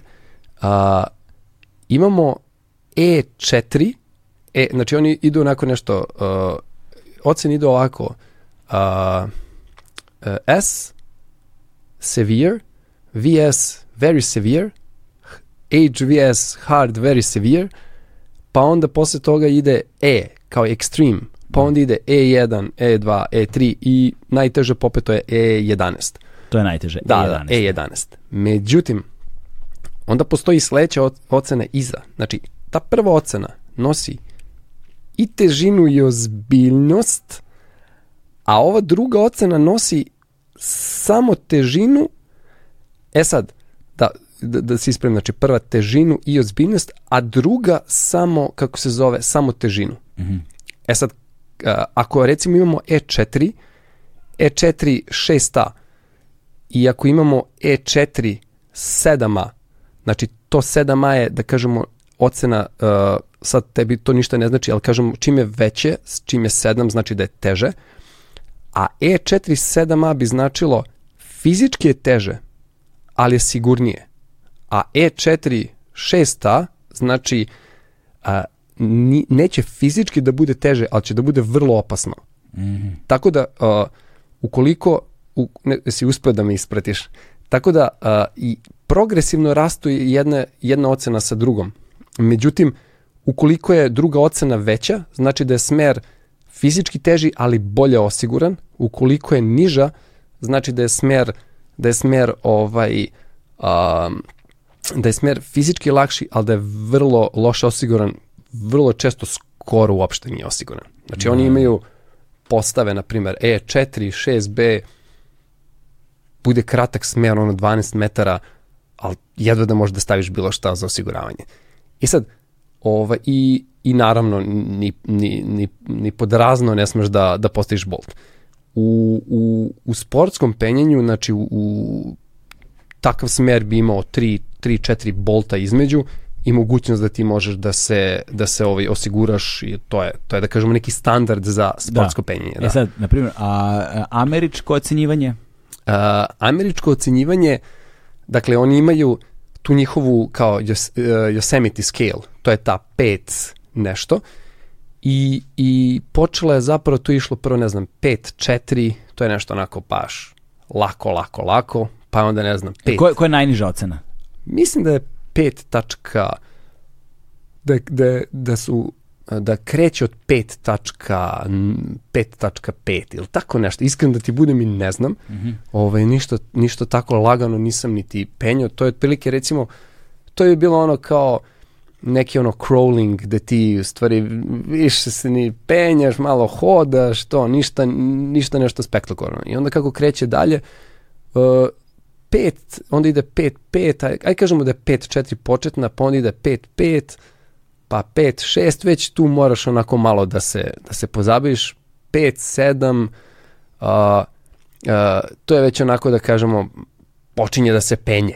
Da. Ovaj, I onda ide ono kao 5, 8, 5, 9 i 5, 10 je ta, ta neka prelazna ocena. To bi 5, 10 bi bilo pandan u ja oceni 6A, a pandan Franc, odnosno francuskoj skali uh, uh, ne, uh, u ja skali 6, a francuskoj 6A. Mhm. E. A britanskoj? Uh, britanska bi bila recimo V, VS ili S otprilike. Da, very, VS recimo. Mhm, ok. VS, možda HVS, HVS. Tako negde. Ok, ok. Znaš, I ne, u, u principu ovaj, sve te ocene, uh, ja ih onako od, od, mislim, znam ih zato što, ok, kao penjao sam u Americi, penjao sam u Britaniji, Penja si u Francuskoj. Uh, penja sam u Francuskoj, mada mi ovde u stvari koristimo, koristimo ovaj francusku skalu, tako da sa, sa te strane u, u suštini jako dobro poznajem. Čak mislim da francusku skalu naj... Francusku i UIA, UIA skalu Što naj... znači UIA? To je nešto Universal, Da. International, Alpinist, Da, da, da. tako nešto. Internacionalna alpini- alpinistička Alpinistička. asoci- asocijacija i izrečena na francuskom nešto. Da, da, Uh, ne znam iskreno. Ok, Da. ok. Uh, e sad, uh, fore kod američkih što oni pored tih brojnih oznaka, Mhm. brojčanih, jel te, oni imaju i dodatne oznake tu. Recimo Dobro. bude 5, 10, na primjer B uh, Aha. plus ili tako Da, nešto, da, da. znaš, to, to, Ok. to, to sam vidio isto. Onda je kre, od 5-10, Mhm. onda su shvatili da im je bilo ovaj, da, da, da im je bolje da uvedu A, B i C. Mhm. Znači oni imaju 5-10A, pa 5-10B, pa C, pa D, pa onda kreće 5-11. E, Mhm. pa onda 11 isto ima A, B, C, D, pa 5-12. Pa A, B, C, D, Zapravo, zap, pa zapravo, 5-13. zapravo nije im bila dovoljna gradacija između svakog od stepena, pa su morali da je. uvedu pod Tako zato što su kompleksnosti, tako zbog je. kompleksnosti stena. Okay. I, i ne, ne samo to, nego jednostavno uh, evolucija u penjanju je tako krenula, znači ranije je neki standard bio kao to, tu je, tu je baš nekako krenula ta prekretnica oko tog broja 5-10, mm -hmm. što je recimo 6A u Francuskoj, što je 6 u, u ovoj UJA skali. I tad je bilo, ja mislim da je Reinhold Messner je prvi koji je popeo ovaj, u, u Alpima ocenu 6, ima baš ceo, mislim da čak ima, ima knjiga na tu temu, ovaj, i onda je jednostavno uh, uh, tu u, kada se, kada se penju ti trad smerovi, znači tu počinje onako već da bude oko šestice, počinje da bude interesantno. da, da, da, da. to bi rekao neko kao ti. Da, da. i sad, uh, čak recimo, uh, sad, te, teško, je, teško je porediti, ranije ljudi su penjali onim uh, čizmama i oprema je bila ono, poređenju sa ovom današnjom, znači, to stvarno ne može da se poredi. Znači, današnja penjačica, to je ta patika za penjenje, je tako ovaj tako pravljena da sve te neke male izbočine ovaj prvo oblik je takav postojanost je a, te ivice su onako vrlo precizne da može da se gazi na a, daću ti primjer znači može da se stoji na ono 3 mm ivici sa obe noge bez problema znači može da stojiš ako nađeš dobar balans i ako lepo postaviš noge možda stojiš na tome bez problema ovaj, to ne može da, se, da ne možeš da zamisliš da, da ovaj, stojiš u, Običnim u, u, u, u, nekim ono kao planinarskim tim cipelama s kojima su oni, oni mm. tada penjali, znaš. Tako da moram priznam da su ti, ti ovaj, ja obožavam u stvari da čitam tu retro, mm. da ti nekako ti ljudi su stvarno imali duha i, i, ovaj, i uopšte taj, to neko, za njih je to sve bilo nešto novo, neistraženo. Znaš, mi smo ipak... Čista nek... avantura. Da, da, da. Mi smo nekako došli na... Mislim, i dan danas u alpinizmu ima ima tu neki, ovaj, i u penjama probijaju se neke granice, ali mislim da nisu toliko revolucionarne kao što je to bilo pre, mm. ne znam, ono, 30 godina. A što godina. znači ove dodatne oznake plus, na primjer, ili tako nešto? Aha, ovaj... Uh, plus, minus. Aha, ajmo ovako, znači, uh, plus minus se koristi u ovome, uh, koristi se u Francuskoj, u stvari čak, može i u američkoj. da, vidio sam da. u američkim, da. A, Amerikanci imaju, oni kao, a, to je klasična američka fora, znači, da. ti imaš 5, 5, 12, A i B, C i D, jel tako? Da. Sad, ako on kaže 5, 12 plus, to znači da je to 5, 12 A ili B. A, A ako je, ako je recimo 5, ne, ako kaže 5, 12 plus, to je C i 5, 12 C ili D, a ako kaže 5, 12 minus, to je 5, 12 A ili B. a, okay. Zašto to rade? Ove, mislim, Jel ti jasno zašto nisam razumeo? Godinama Ove, gledam, ni, da. znaš, nikad mi nije palo na pamet da sad istražujem to, ali sam bio da, ali, da ali sad recimo, evo recimo, ok, uh, konkretno, uh, ja znam zato što sam bio tamo, ali mnoge penjače odavde koji se bave ono kao sportno da ih pitaš za to čak neće znati da ti kažu zato što onako specifično je za mesto. Ja, ja recimo dok nisam otišao tamo znaš ono nekako nisam, nisam mnogo razmišljao o tome. Ali tek onda kad odeš kada i, i, i razlog zašto je to tako je zapravo interesantan jer tebi i meni pogotovo zašto se to dešava u Americi. U Americi se nekako mnogo više penje trad mislim u, u poređenju na, na ostatak sveta zbog toga što je stena takva. Znači oni imaju mnogo, mnogo granita, pogotovo, pogotovo ova zapadna, zapadna obala i kada se penjanje u granitu podrazumeva da se uglavnom penju, takva je konfiguracija da se uglavnom penju pukutine. Mm. I to su, recimo, pričao si da si vozio kroz, kroz uh, Jutu, da, da, da. Moab, uh, pa onda ne znam, Monument Valley i to, Indian Creek, gledao si... Nenormalno izgledaju te mesta. E, nenormalno. Nenormalno. E, nenormalno a, a vidio si te pukotine koje su, znači, taj... Mislim, oblik stena je prosto neverovatan. Tako to je, kad voziš i kad gledaš, to izgleda kao da nije svoje, svoje planete. Baš to. A, karakteristika za te stene je da one kad pucaju, one prave savršene pukotine, ali bukvalno savršene. Tako da je ovo jedan amerikanac, sećam se kao on kaže, kad smo pričali, on kaže kao, pa to, to, to je pravljeno da bi se penjalo, kao to ne služi ničemu drugom.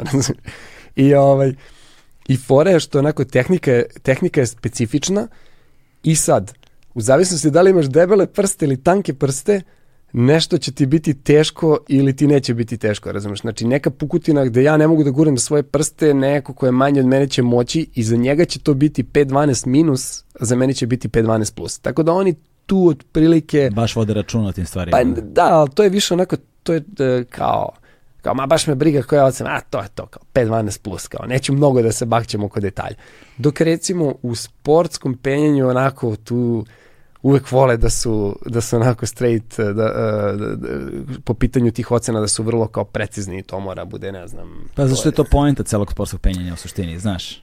Pa, um, mislim, Poenta da, koliko god ljudi da govore da im te ocene nisu bitne i, i ovaj, na kraju su im, mislim, ni, ni, nisu presudne, nije sve u tome, Da. ali nekako neki je reper i neki je pokazatelj tvog napretka. Da. Znači, a, ti, ćeš, ti, ti si danas popeo, ne znam, a, 6A, sutra si popeo 6A plus i kao osjećaš se dobro, razumeš? Nekako kao wow, napravio sam neki re- re- iskorak. Referentna Da, vrednost je ono. E, i imaš op- opet kao neki cilj, ja ne znam, hoću, hoću, da, hoću da, da popnem sa, ne znam, sedama, hoću popnem nešto teže.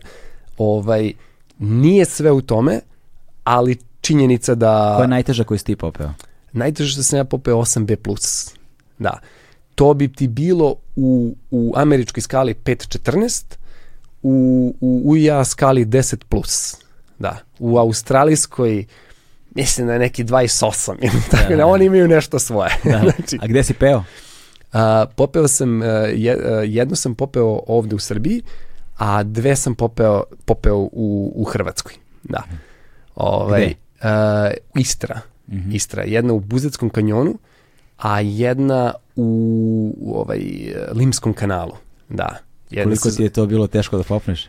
I priprema za to? Pa, pa, znaš kako je to je recimo kod tog, uh, mi to zovemo, mi to zovemo kao projekti, znaš kao, kao ali imaš neki, pošto, ajde, ovo, ovo isto interesantno se kaže, znači, a, s- a, smer može da bude, to, postoji nešto što, što se zove on-site penjanje.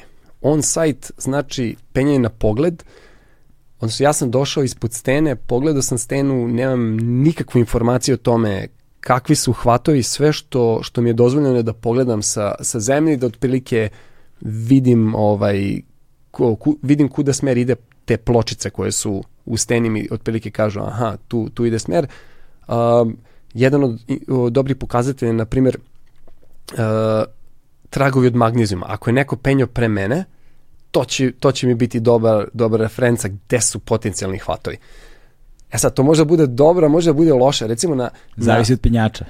I, i, zavisi od penjača i zavisi e, da ako penješ na, mes, na nekom o, popularnom mestu gde, ima, i- gde penje jako puno ljudi, recimo odeš na Kalinos gde je, koje je jako popularno penjalište u, u, u Grčkoj inače, ovaj, i dođeš na popularan smer, to je sve je belo. Znači, bukvalno ono, sve što liči na hvat, neko je pipno. E sad, to što iz, iz te perspektive dok se ti penjaš liči da može da bude potencijalna hvat, zapravo uopšte ne mora da bude. Znači može da bude ona takva prevara, a opet sa druge strane može da bude onako, ne deluje ti da je uopšte dobro, međutim nekako kad, kad uhvatiš ono, cela ruka uđe unutra. Tako da ta cela ta neizvesnost dok penjaš i jer ti faktički kada penjaš ti samo imaš uh, imaš tu jednu perspektivu iz koje, iz koje gledaš scenu.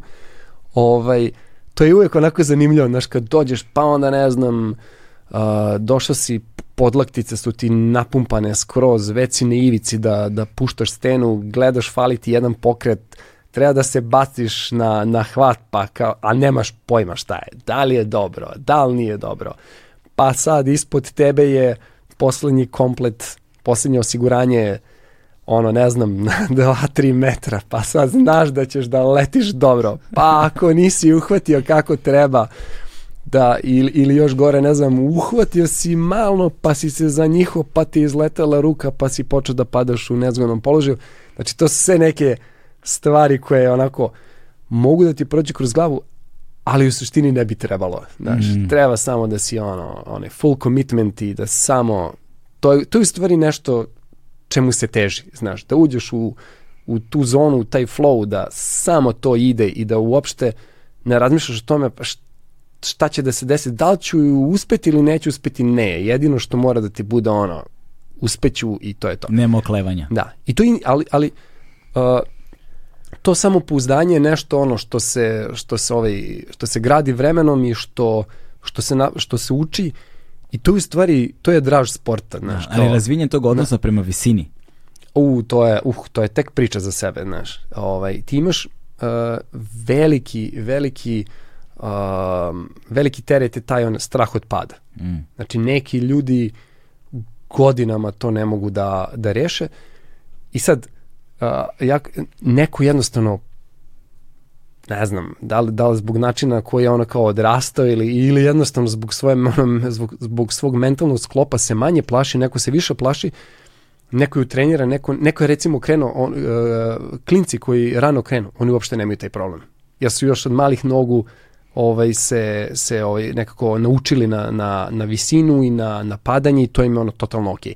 Dok recimo uh, uh, penjači koji kasnije krenu sa penjanjem, oni imaju taj, oni imaju tu frku, znaš, i to ume da bude vrlo, vrlo limitirajuće, zato što bukvalno dođe se do toga da stojiš ovako, držiš se za stenu i jednostavno ne smeš da se, ne smeš da se pustiš, ne smeš da se odlučiš za, za sledeći pokret. I, ovaj, I plus strah koji imaš dok penjaš uh, može, da, može da bude problematičan, mi to zovemo uh, overgripping, kada, kada se kada stiskaš stenu mnogo jače nego što bi što bi u Trebalo. stvari trebalo, da. I onda samim tim trošiš ovaj Energiju. uh, mnogo mnogo više energije. Taj overgripping može da bude toliko intenzivan da u roku od ono dve sekunde toliko jako ste, stisneš da potrošiš sve što imaš. Znači. Jer suština penjenja je da a, znači idealno je da držiš da, da sila koju, koju stvari stvaruješ na hvat je ono kao minimalna sila koja je potrebna da bi ti se uopšte održavao tu. Znači Mm. to je ono kao idealno.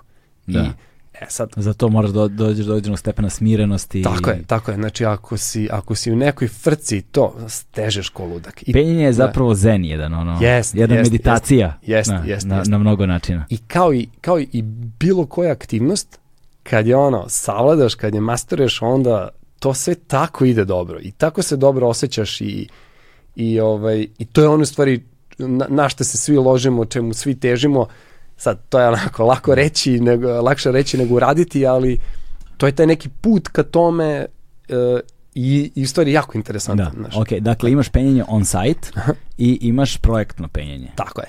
E sad, znači on-site penjenje, uh, evo recimo moja, moja maksimalna on-site ocena bi bila, je bila, mislim, uh, 7C, a, a najteža ocena koju sam popeo 8B+. Znači između toga ide 7C, pa 7C+, pa 8A, pa 8A+, pa 8B, pa tek onda 8B+. Znači koliko je to?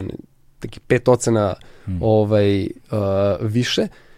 Dakle, um, ja uh, ne mogu da popnem iz prve, ne mogu da popnem na pogled, nego moram da ovaj da uvežbavam pokrete. Zašto? Zato što kada penjem ispod svog maksimuma, ja imam rezerve, ja mogu da pogrešno uradim pokret.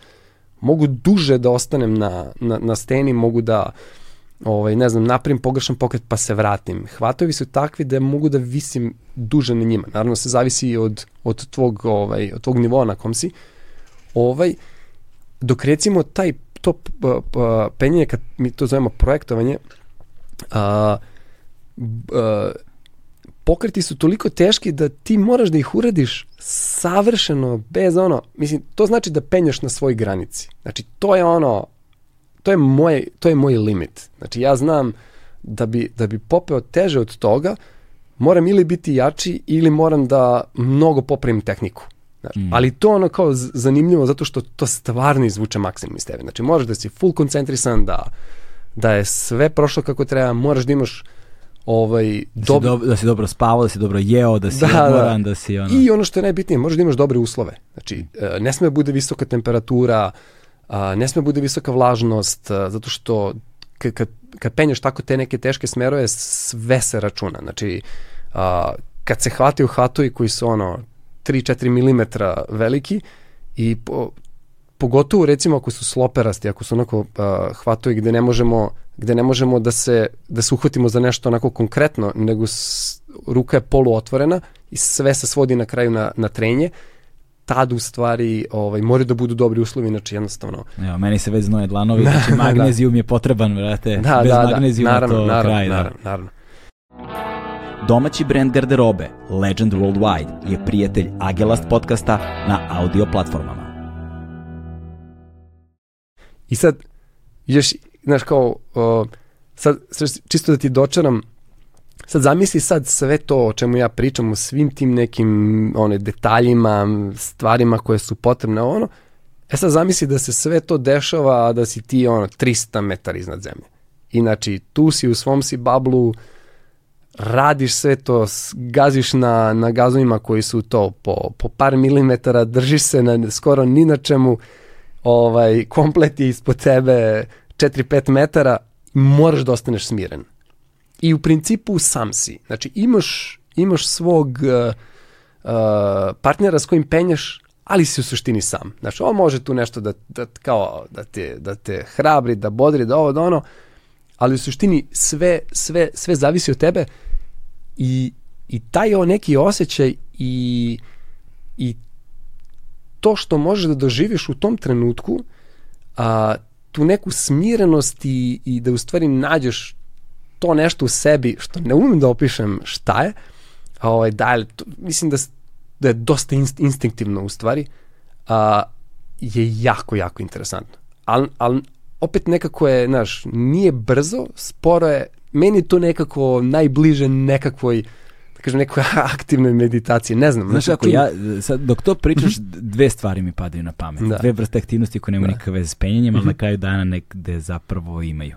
Um, jedna je uh, ronjenje na dah. Znaš, uh, I to vrlo potiče na ono o čemu su mi govorili apneisti, uh -huh. ovaj, odnosno ronioci na dah, kada, kada idu na velike dubine, znaš, kada idu preko 100 metara. Da. Nema tu prostora za grešku. Da. Nema tu prostora za grešku. Posledno što azot iz vazduha postaje tečan pod toliko velikim pritiskom i dolazi do azotne narkoze, adrenalin mm. i to oni to zovu adrenalinska smirenost. Mm. Tebi, tro, tebi oči troše kiseonik da bi videle, oni, oni žmure mm. u tom mraku, jel te? ovaj, prezervacija kiseonika je ono, prezervacija vazduha je zapravo maksimalna, ti možeš buš potpuno smiren, a ovamo si i drogiran i pijan i, da, da, i, da. i, i adrenalin i sve i oni to zovu adrenalinska smirenost. To, je, to je jedna stvar koja me posjeća. Druga da. stvar su uh, vozači motora koji mm -hmm. postižu ogromne brzine. Znaš, mm. i kada, kada, kada je celokupan pogled ono kako to zovu tunnel vision, kada je sve tunnel suženo, vision. kada, je, kada ti zapravo pokreti koje praviš, projektuješ ih ne znam koliko daleko, mm -hmm. zato što tvoja brzina kretanja je tolika da nema prostora tu ni za, da, da. Ni za, ni za milimetar greške, ono, znaš. E, a, viš, da, a, a oni uđu u neku, neki, kako da kažu, in the zone. Flow. U flow, flow uđu da, i, da, da. i kao da nisu oni, kao da neko drugi jest. rukovodi njihovo kretanje. Jest. Ono, da. Ali recimo što je fora, pošto i bavim se ronjenjem na dah, da. znači to mi je ono kao prva ljubav, Doduše nisam išao toliko, ovaj, toliko duboko.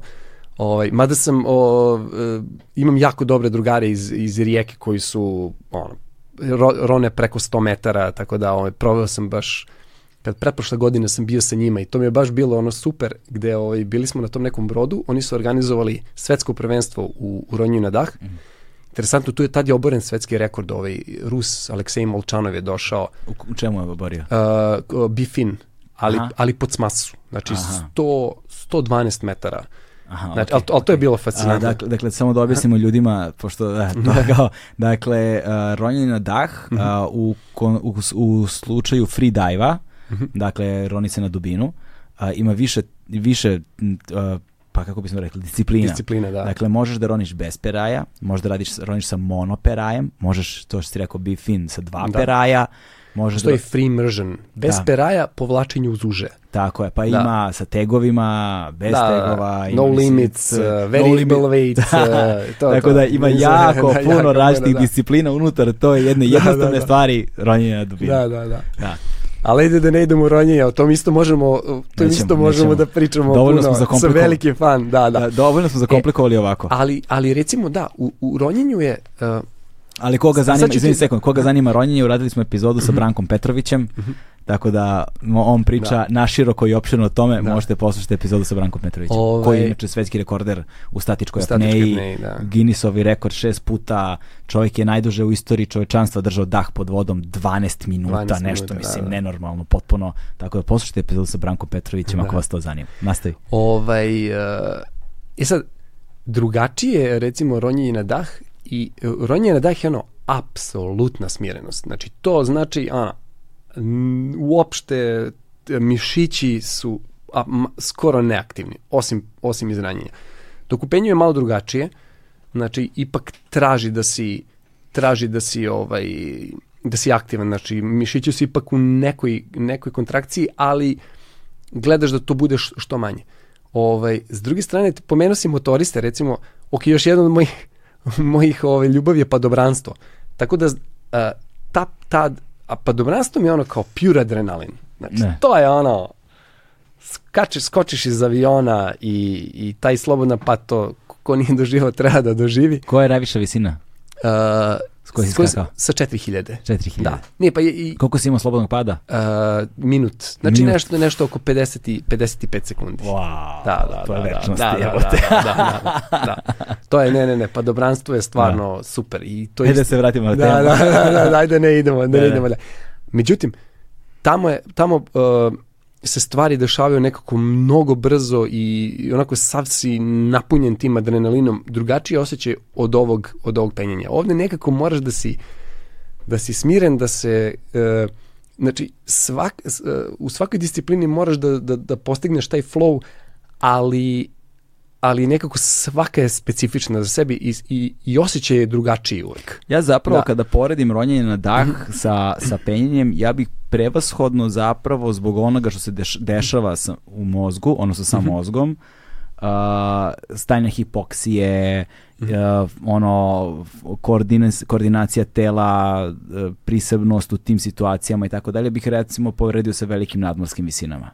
Pre bih, pre, pre bih uvr, uvrstio uh, ta dva ekstrema, jer ovo je nekako u dubinu, ovo je u visinu, ali se vrlo slične stvari dešavaju u ljudskom telu. Ovaj, na, Pa, na, neku, na, ne, na da. neku, ne, ne ljudskom telu, ali mozgu se dešavaju vrlo Da, slične da, da, stvari. da. Stvari, telu se dešavaju suprotne stvari. jer ovaj pri, pritisci koji su u vodi ipak ono, Da, da, znači da. to kolaps pluća, povlačenje krvi iz periferinih Mhm. delova, to je, mislim, ono, ekstremne stvari. Ne, ludilo je, ludilo je stvarno u tom. Reci da. mi, um, dakle, uh, ta, to projektno penjanje Mhm. uh, je nešto, dakle, za što moraš posebno da se pripremaš. E sad, na primjer, kad si već pomenuo to, pre nego što nastavimo sa daljom klasifikacijom u penju i pre nego Mhm. što nastavimo sa daljim avanturama i onim uh, zanimljivijim delom od samih ocenjivanja, Mhm. uh, recimo Ondra Aha. je jedan od možda najboljih penjača trenutno na svetu. Adam Ondra, da. Adam Ondra, kad govorimo Da. o sportskom penjenju, Da, da, da. On ne, je- on je definitivno, a više recimo interesantno, ne, on je, on je stvarno je... Ajde da objasnimo ono, samo, samo bi- reci, Da. kažemo ljudima ko je Adam Ondra. Da, Adam Ondra, Adam Ondra je, uh, ono, e, ne mogu da kažem sportski penjač, znači on je penjač, zato što ti, ti ne znam da li znaš da je Adam Ondra ponovio taj smer što su Tommy Caldwell, ono u Yosemitima, Aha. pitao si me za, Da, da, da. znači to je smer koji je trad penjanje, jel tako? Ovaj, I to je kao najteži big wall, big wall znači kao velika stena, to je stena koja je visoka kilometar i, i, i ovaj, obično na tim stenama su, kada kažemo, malo lakši smerovi, a ove dvojica su našli najtežu liniju i krljali su to šest godina da bi na kraju u, uspeli to u roku dva meseca da, da, da popnu. Znači, Kevin Jor Jorgenson i ovaj Tommy Colville I taj dokumentarni film ima. Kako zove taj ima dokumentarni The film? Dawn Wall. The Dawn Wall. Ne, tipa ono... To je ono što ti gledao što oni kampuju na zidu. E, to je. Jest, jest. Ti si Pa- prolazio pored njih tada? A, pa, mi, mi kad smo penjali El Cap, oni su bili tu faktički pored nas. Znači, a dole, ovaj, pošto smo mi penjali Nose, a oni su penjali Don Wall, koji je bukvalno bio sa naše, sa naše desne strane. A Ovaj, El Cap je ono što je peo Alex Honnold. Tako je, tako Okej. je, da. To A ćemo pričati isto. Yosemite, da. da, da. Mislim, to je jedna ogromna stena, ona, fantastična stena i ono što je recimo interesantno za tu stenu, znači to je stena kilometar visine, kojoj parkiraš auto i za 10 minuta si u, u podnožju. Znači, nigde u svetu ne postoji planina koja je visoka kilometar gde možda parkiraš auto na 10 minuta do, do podnožja. To je, to je ono i, i, i zato, zato je to ono To je bukvalno kao- penjačka meka. To je bukvalno kao obelisk koji se samo diže iz zemlje, ono, praktično, da. da. I, ovaj, I kada, a, a to kad staneš ispod, mi, evo, čisto da ti dam primjera radi, znači oni pilon na mostu Nadije 200 metara. Znači se zamisli stavi pet komada jedan na drugi i, i, i ta stena je široka jedno, ne znam, kilo, dva kilometra možda. Sad zamisli kako to izgleda kad staneš ispod toga. Da. Znaš, jezivo je. Ne, mogu da zamislim, ali... A, a, te kako izgleda, a te kako izgleda kada stoji, kad si na vrhu ste stene i kad pukne onako ispod tebe. Mislim, ne, ja, to je stvarno... Znaš što je meni recimo interesantno? Sve te filmove koje gledam penjačke i, i, i čak i taj free solo od Honolda, ti kao vidiš tu perspektivu, vidiš kao da je visoko i sve, ali ne izgleda isto kao kada si stvarno na toj visini tamo. Znači, toliko je eksponirano da to dok, dok, ne, dok ne staneš na to mesto, ne, znači ne, ne postoji taj snimak koji može da dočara eksponiranost kad ti stojiš na steni ko, i kad imaš kilometar ispod uh, visine ispod sebe. Znaš, to je stvarno nešto nevjerojatno. I tu, I tu sad ti treba da nađeš taj balans da uspeš da iskontrolišeš svoje emocije, strahove i sve i da uletiš u zonu i da, da, da teraš. Da, da. Ajde prema što pređemo na sve to, dakle, e, a, Ondra? Ondra, da, da. dobro si, dobar si, ovaj, do, dobar si da me, da me vratiš sa, da. sa ovaj, kad skrenemo sa puta. Ondra je recimo došao i uh, to, to je trad penjenje. Uh, nakon delimično je, delimično je kako se opremljen, znači to je glavni smer, smer koji se penje, postavljaju se ovaj, uh, osigurava se pomoću, ne znam, friendovi čokova, međutim, na, na par nekih mesta postoje boltovi. I ipak je nekako za, uh, smer je rezervisan za ljude koji penju trad. Ondra je to došao i spičuje u, mislim, za ne, nešto mesec dana, došao je onako par puta malo isprojektovao, prošao je kroz smer da se upozna sa pokretima i sve i mislim da ga je popao nešto dala za dve nedelje ili tako nešto. Znači, došao uradio prvo ponavljanje to je stvarno fascinantno. Znači, tako da ne možeš Ondru da svrstaš i da kažeš kao, e, on je isključivo sportski penjač. Ne, nije, on je... Penjač. On je vanzemaljac, on, znaš. on je vanzemaljac. Kako ide onom od Carpentera, onaj day live, treba da imaš da. one naočare pa da možeš da vidiš. Tako je, tako da, je, tako da, je. Obey. Da, da, da. da. ovaj, ko je recimo najteža uh, kad govorimo o tim ocenama, evo to prosto poredimo, ti si 8B, jel tako? Plus, plus da. popeo. Nemoj, najtež... taj, nemoj taj plus da mi uzimaš. Da, da, da, ne, ne, ne, ne, Znaš ti koliko je taj plus znači, koliko je razlika. Znam, dakle ti si 8B plus popeo, da ko je, gledao sam skoro nešto, sam vidio, pratim Ondru na Facebooku, jebi ga. Šta je, koji je on popeo? On, on je popeo 9C. Brate. Znači, on je popeo 9C. Znači, uh, Azi je sad ovo, o, taj jedan od, jedan od 8B plusova koji sam ja popeo, uh, baš taj u Hrvatskoj zove se, čak ima snimak i na, na, ovaj, na YouTube-u, zove se uh, Starac i more. I, ovaj, inače svaki da, to je, svaki smer ima svoje ime. Mm -hmm. I koga napravi, ovaj, dajemo, dajemo, ime, dajemo ime Čes, to je recimo otvoren projekat, pa oni ko, koga je prvi popao mu da ime, nebitno. Ovaj, sve svemu, to je smer koji sam ja projektovao ne znam koliko i ovaj i popeo, u stvari pre nego što sam ga popeo, Ondra je baš bio na putovanju, po, bio na, na, na turu po, po Istri, došao je, Ondra je onsajtovao taj smer. Znači popeo ga iz prve, Smer je inače bio ocenjen sa, sa 8C i, i ja sam ga penjao kao 8C i onda je Ondra došao i rekao, kao popao ga iz prve i rekao, pa kao ja bih predložio da je to ipak 8B+. I teška srca, ali se slažem sa njim, znaš, ali e, e sad onda pričamo o tim ocenama, znaš, ti ne. sad ono kao tvoj neki uspeh, nešto i onda dođe frajer i tresne to iz prve, i, ovaj, ali mislim, to je, to je, to je igra i mislim da je u pravu, znači, pored, recimo sad to kad pričamo o tim ocenama, ako poredimo sa ovim drugim, drugim ocenama, ja bih rekao da je to bliže 8B plusu nego, da. nego 8C-u. Ali ovaj, on ga je, on ga je, kako kažeš, on sajtovao, znači on je došao, video doše, ga i popeo. došao je i on sajtovao je taj smer.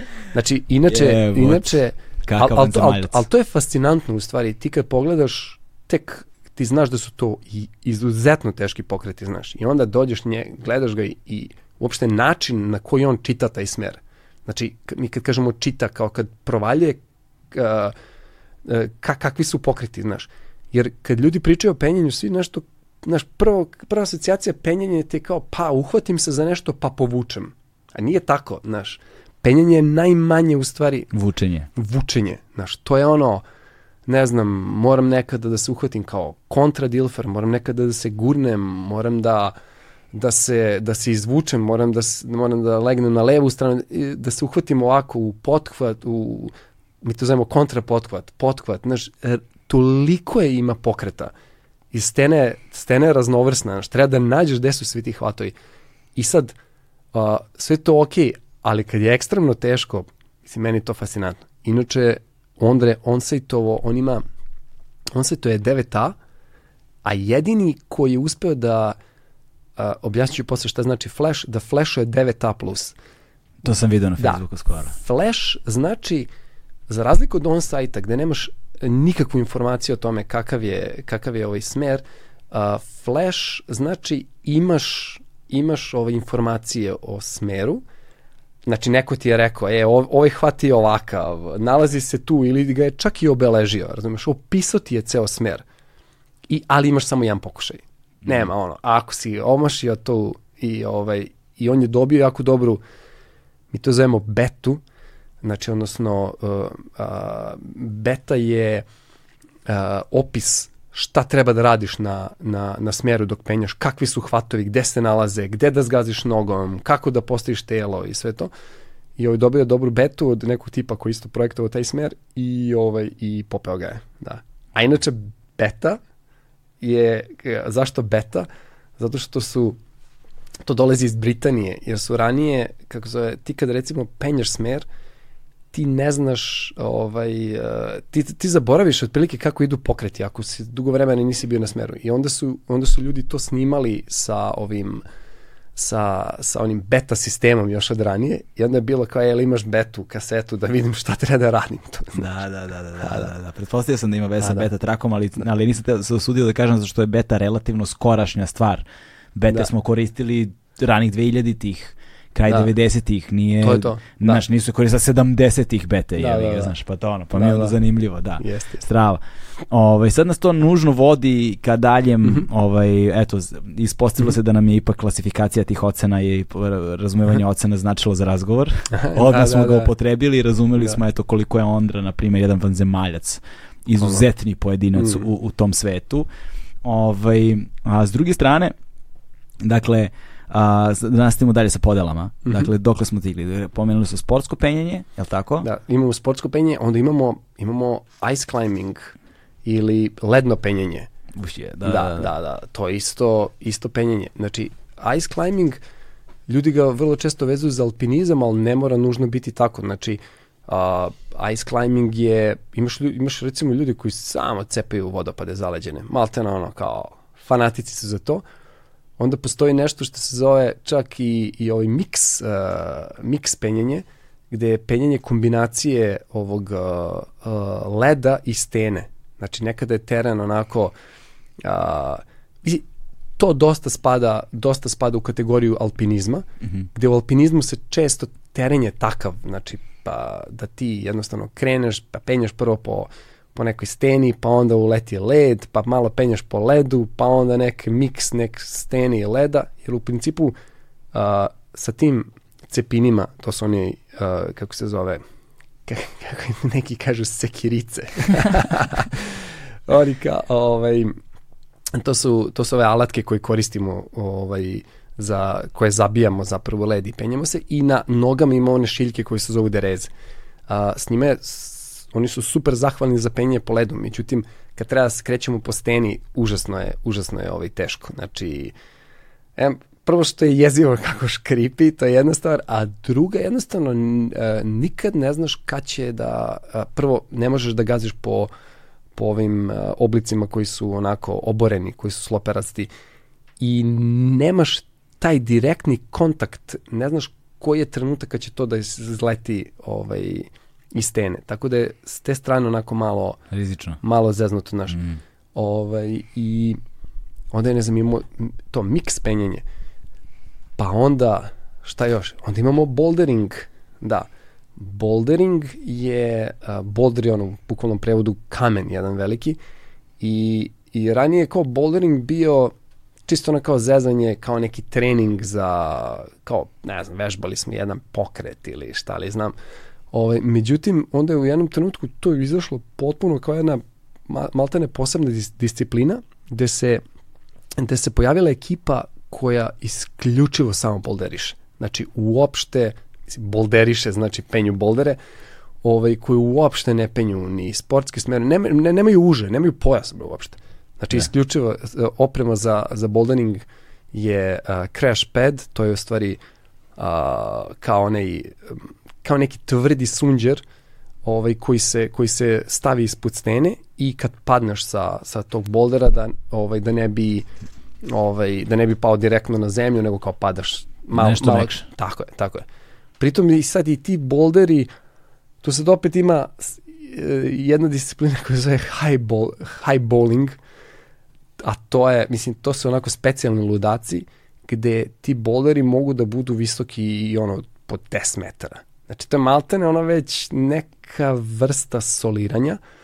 Ovaj, međutim, kada, znaš, ljudi straže izazov, pomeraju granice u svemu, pa tako i u ovome.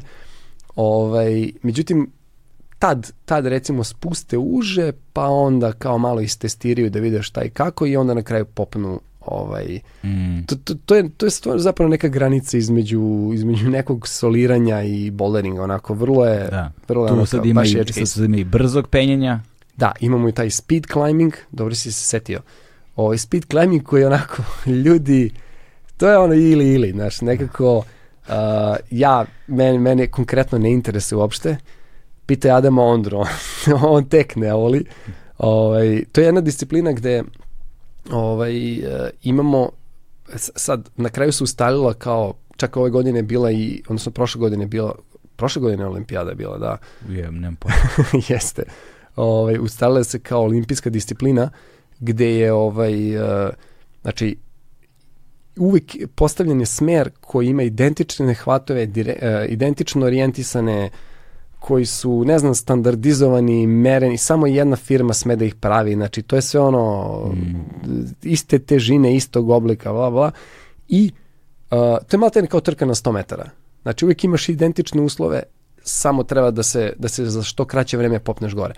Ali je fascinantna činjenica da je taj, uh, taj zid visok 15 metara i da tipovi to penju za 5 sekundi. Znači, za 5 sekundi je moguće da se čovek popne na 15 metara visine. I to stvarno izgleda kao da trče po toj steni. Mislim, onako fascinantno je. Ovaj, ali recimo, uh, za, zašto je bila, bila je kontroverza? Jer prošle godine na olimpijadi, pošto je penjenje po prvi put ušlo kao probni sport na olimpijadu, i sad uh, uh, rekli su da će dati samo šest, šest medalja, znači tri za mušku i tri za žensku konkurenciju, ali tako? Odnosno, uh, da. I napravili su kombinovani format, a to je podrazumevalo da moraš da penjaš i bouldering i lead, lead znači na, na uže, ali tako? I, i kako, odnosno to je sportsko penjanje n, n, a, sportsko penjanje gde se koristi uže naravno za osiguravanje i to brzinsko penjanje i to se sve onda sabiralo sa nekom jako čudnom matematikom i na osnovu toga su zapravo ovaj Utvrđivali. utvrđivali da. Recimo, interesantno je da Ondra, koliko god je dobar penjač, to brzinsko mu nije ležalo uopšte. A ovi neki uh, njegovi konkurenti, koji su isto jako dobri, ovaj, su, jednostavno im je kliknulo to, znaš. I tu je, tu je on bio frustriran, onda je trenirao, trenirao za to, ali mučenik nije uspio da uzme tu olimpijsku ovaj medalju, iako su svi mislili da će, da će biti ovaj da će biti fav, ovaj ozbiljno, mislim bio je favorit definitivno, ali nekako nije, nije uspeo. Pa puko je, pao je pod Da, da. tim pritiskom i nije uspeo. Ne. Stena je, odnosno Mhm. planina, stena, priroda je vrlo specifičan ovaj, ekosistem Aha. koji zahteva vrlo specifičnu psihološku konstituciju ljudi ono koji borave puno vremena tamo. Možda, znaš, pritisak kamere, javnost, to. Da. znaš, kao sportska dešavanja tog tipa možda nisu Da. baš u skladu sa onime gde oni uglavnom provode svoje vreme. De, a da, ali ne, znaš šta je fora? Ne, on je inače na takmičenjima jako dobar. Mm. Znači, on je ubijao na takmičenjima, međutim, više nekih, i on je sam čak na kraju priznao da ga je, da ga je ceo taj pritisak olimpijade malo, ovaj, da je osetio taj, da je, to je nedavno baš negde sam pročitao neki, neki intervju, rekao kao, pa, je, kao, to mi je ono, moram, moram da priznam da, da je kao bio je velik ulog, Mm. on je već u tim godinama da, mislim da ima nešto 31, 2, ovaj, da, da već sledeća olimpijada bit će mu malo teže, tu dolaze mlade snage Da, da. koje su ono naloženi su i treniraju ko ludi i jednostavno onako, uh, on, je, on je vremenom čak onako ukrupnio se, mislim postaje dosta jači, ali to uh, kad postaneš, kad dobiješ masu, dobiješ na eksplozivnosti i na snazi, ali opet to je, to je kilaža koju moraš sve vreme da nosiš na sebi. Mm. Što kad se penju dugački smerovi nije baš, nije baš dobro. Znači u boulderingu to ne, ne, ne, ti ne smeta toliko, ali da, imaš da. 2, 3, 4, 5 da. pokreta, ali u lidu imaš ovaj, e, to traje par da. minuta. Ti, ja, tako da. ti Ondru poznaješ? E, neći, ja sam, ja sam, ne onako lično da ga poznajem, ali smo se sreli jednom na, na penjenju i ovaj, tu smo se nešto onako, ovaj, onako, nekako ta atmosfera na, na, na penjalištu je uvek opuštena. Znači, da. tu ćeš uvek, ali al to je recimo ono što je interesantno u, u, u tom sportu, što je, to bi, to je pandan tome da kao sretneš, ono, odem na basket i sad kao došao je Michael Jordan tu da igra da, sa da, nama. Da, da, znači, to je bukvalno tako.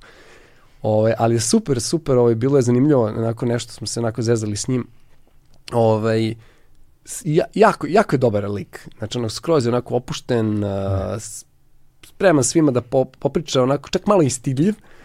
Ovaj, ali bilo, recimo, to mi, to mi je bilo interesantno, tu sam ga gledao kad je popeo 9A, o, i to je bio prvi 9A u Hrvatskoj.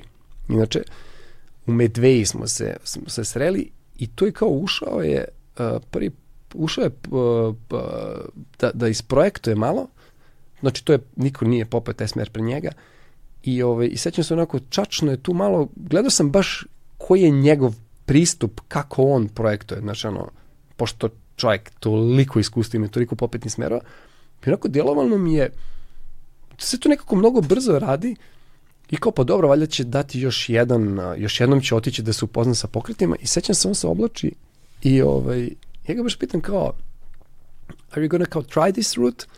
I on mi se ovako okrenuo prema meni i pogleda mi i kaže, no, I'm gonna climb it.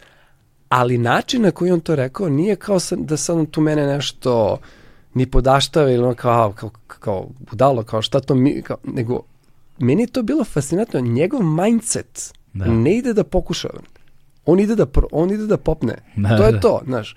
To, i ja, ja sam rekao kao, taka lekcija, znaš, mi vrlo često kao, ti sad to nešto projektuješ, pa nisi još uvek uh, sve skontao do kraja, ostalo je tu neke rezerve, ono kao, kao idem ja, pa kao ba idem da pokušam. A ne ideš da pokušaš, bre, ideš da to uradiš. I to da. je stav. I moraš da imaš takav stav.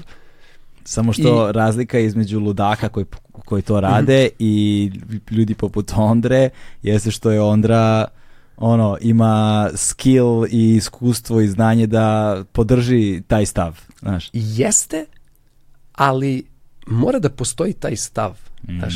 Jel, ako stalno imaš stav, ono kao, e, znaš, kao idem da probam, da, znaš, jednostavno, uh, mislim da je, da, da je taj psihološki aspekt, znaš, često, uh, ljudi ga zanemaruju u smislu kao, ne može na tome da se radi. Može mm. i tekako da se radi. Može baš dobro da se radi. Ali ljudi će, i, pogotovo u penju, znači imaš... I kako ga je popeo? Uh, ispala mu je noga, izletala mu je noga na drugom, ovaj, uh, na drugom ulazu i popeo ga iz treće. Ali to bilo Znači, moram da ispričam ovo. znači, to je jedan lik i tu lokalac, jedan ovaj, mnogo zabavan lik ovaj, iz Lavrana i ovaj, to je lik koji kada, kada dolazi na penjalište onako pra, prati ga oblak ovaj, ganđe i, ovaj, večito su ovaj, i sećam se ovako, mi smo gledali A onda inače, dok penje ima onako jedan vrlo, vrlo karakter, to je takva energija ludačka, on nešto urliče, vrišti, ali to nekako, neko baš intenzivno. I, ovaj, i sad ono izlazi kroz najteži deo i ja gledam tog lika ovako pored sebe, a on gleda ovako, onako i priča sebe, kaže, a ubre, ovo je ko prvi put na koksu. znači, e, ali... Ja, ali to je, znaš, ono, tako jedna iskrena reakcija, da. znaš, nije, nije on iskonto da ja njega gledam, on je to sam sebi ubrado, onako, da, samo da, da. izbacio, znaš, iz sebe, kao to mu je bilo. To mu je bila prva da. asocijacija, stvarno, ljudi o, se baš razlikuju. Da, da. stvarno nas ima raznih. Još kad se sretnemo tako, haos. ne znam, nisam probao, Ovaj, Ali, ali. O, e, ali, ali kad već, kad već pomenjamo tako te, te svetski poznate likove, hajde da pomenemo i Aleksa Honolda Aha. i onda taman dovedemo i Free Solo kao još jednu kategoriju. da, da, da, može, može. I, i taj, taj, taj, mislim da je taj film, on je dobio neke silne nagrade, ja sam zaboravio da li Oscara, da Oscara, je za dobio. najbolji dokumentarni da, film. Da. Ovaj, kada pogledaš Free Solo, to je sad već jedna dimenzija koja ne deluje stvarno. E, pogotovo, pazi, znači, ja, ja sam penjao prvih 500 metara tog smera.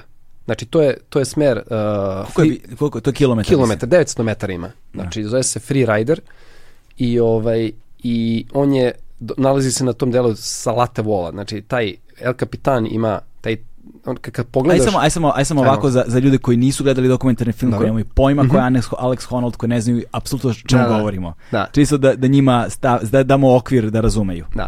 Alex Honnold je jedan američki penjač koji je u stvari, slobodno može se kaže, najpoznatiji penjač na svetu. Ovaj, I njegova, ono što je ono karakteristično, specifično za njega je što penje solo, ali penje free solo. Znači on se bavi, on uh, se bavi slobodnim penjanjem, free climbingom, ali ne koristi opremu za, za osiguravanje.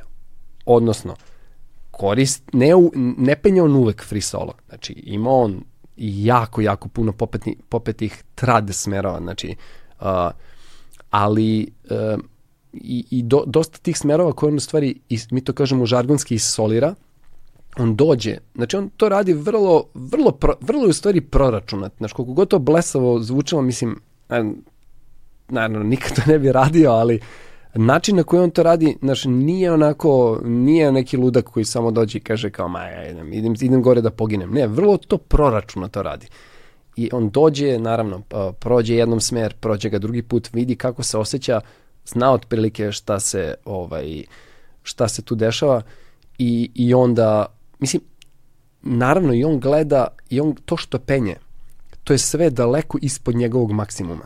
Mm. Znači, Alex Honnold je popeo 9A, a ocena, ocena ovoga uh, freeridera na El Capu je 7C. Znači, to je daleko, daleko ispod njegovog maksimuma, ali to i dalje nema veze.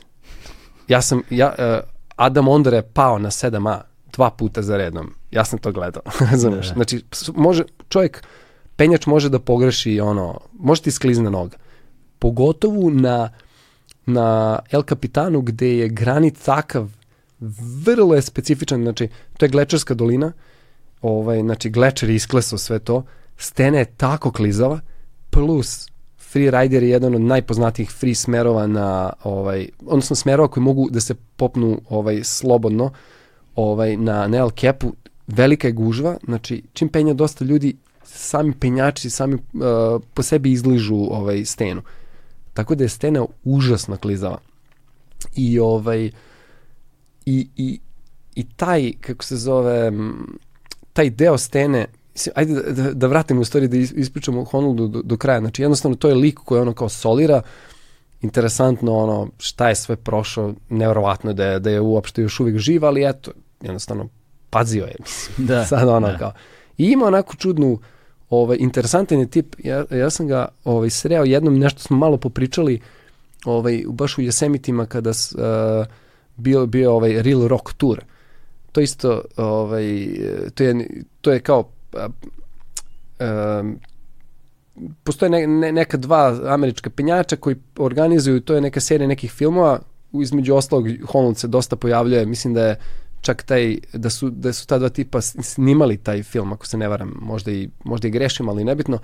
Ovaj, I tu je bilo, e, tu smo nešto ono kao, skupila se cijela ekipa iz, uh, iz Yosemitija i onda smo nešto pričali malo i meni je bio fascinantan lik, znači ima tako neku neverovatnu smirenost i te njegove oči, ono, ko Bela Ajkula da te gleda, onako ogromne, crne, onako oči nekako, ali ono, čudan lik, neverovatna neka čudna energija i, i zrači nekom neverovatnom smirenošću, znaš. Ne, nešto što ne, ne naletiš toliko često u ovaj u životu. u, da, ne naletiš na ljudi koji imaju takav neki onako čudan pogled, mislim sam, možda da kažem neki psiho, jer to očigledno jeste, Gledno s jeste. obzirom na to što Ja, radi, Da.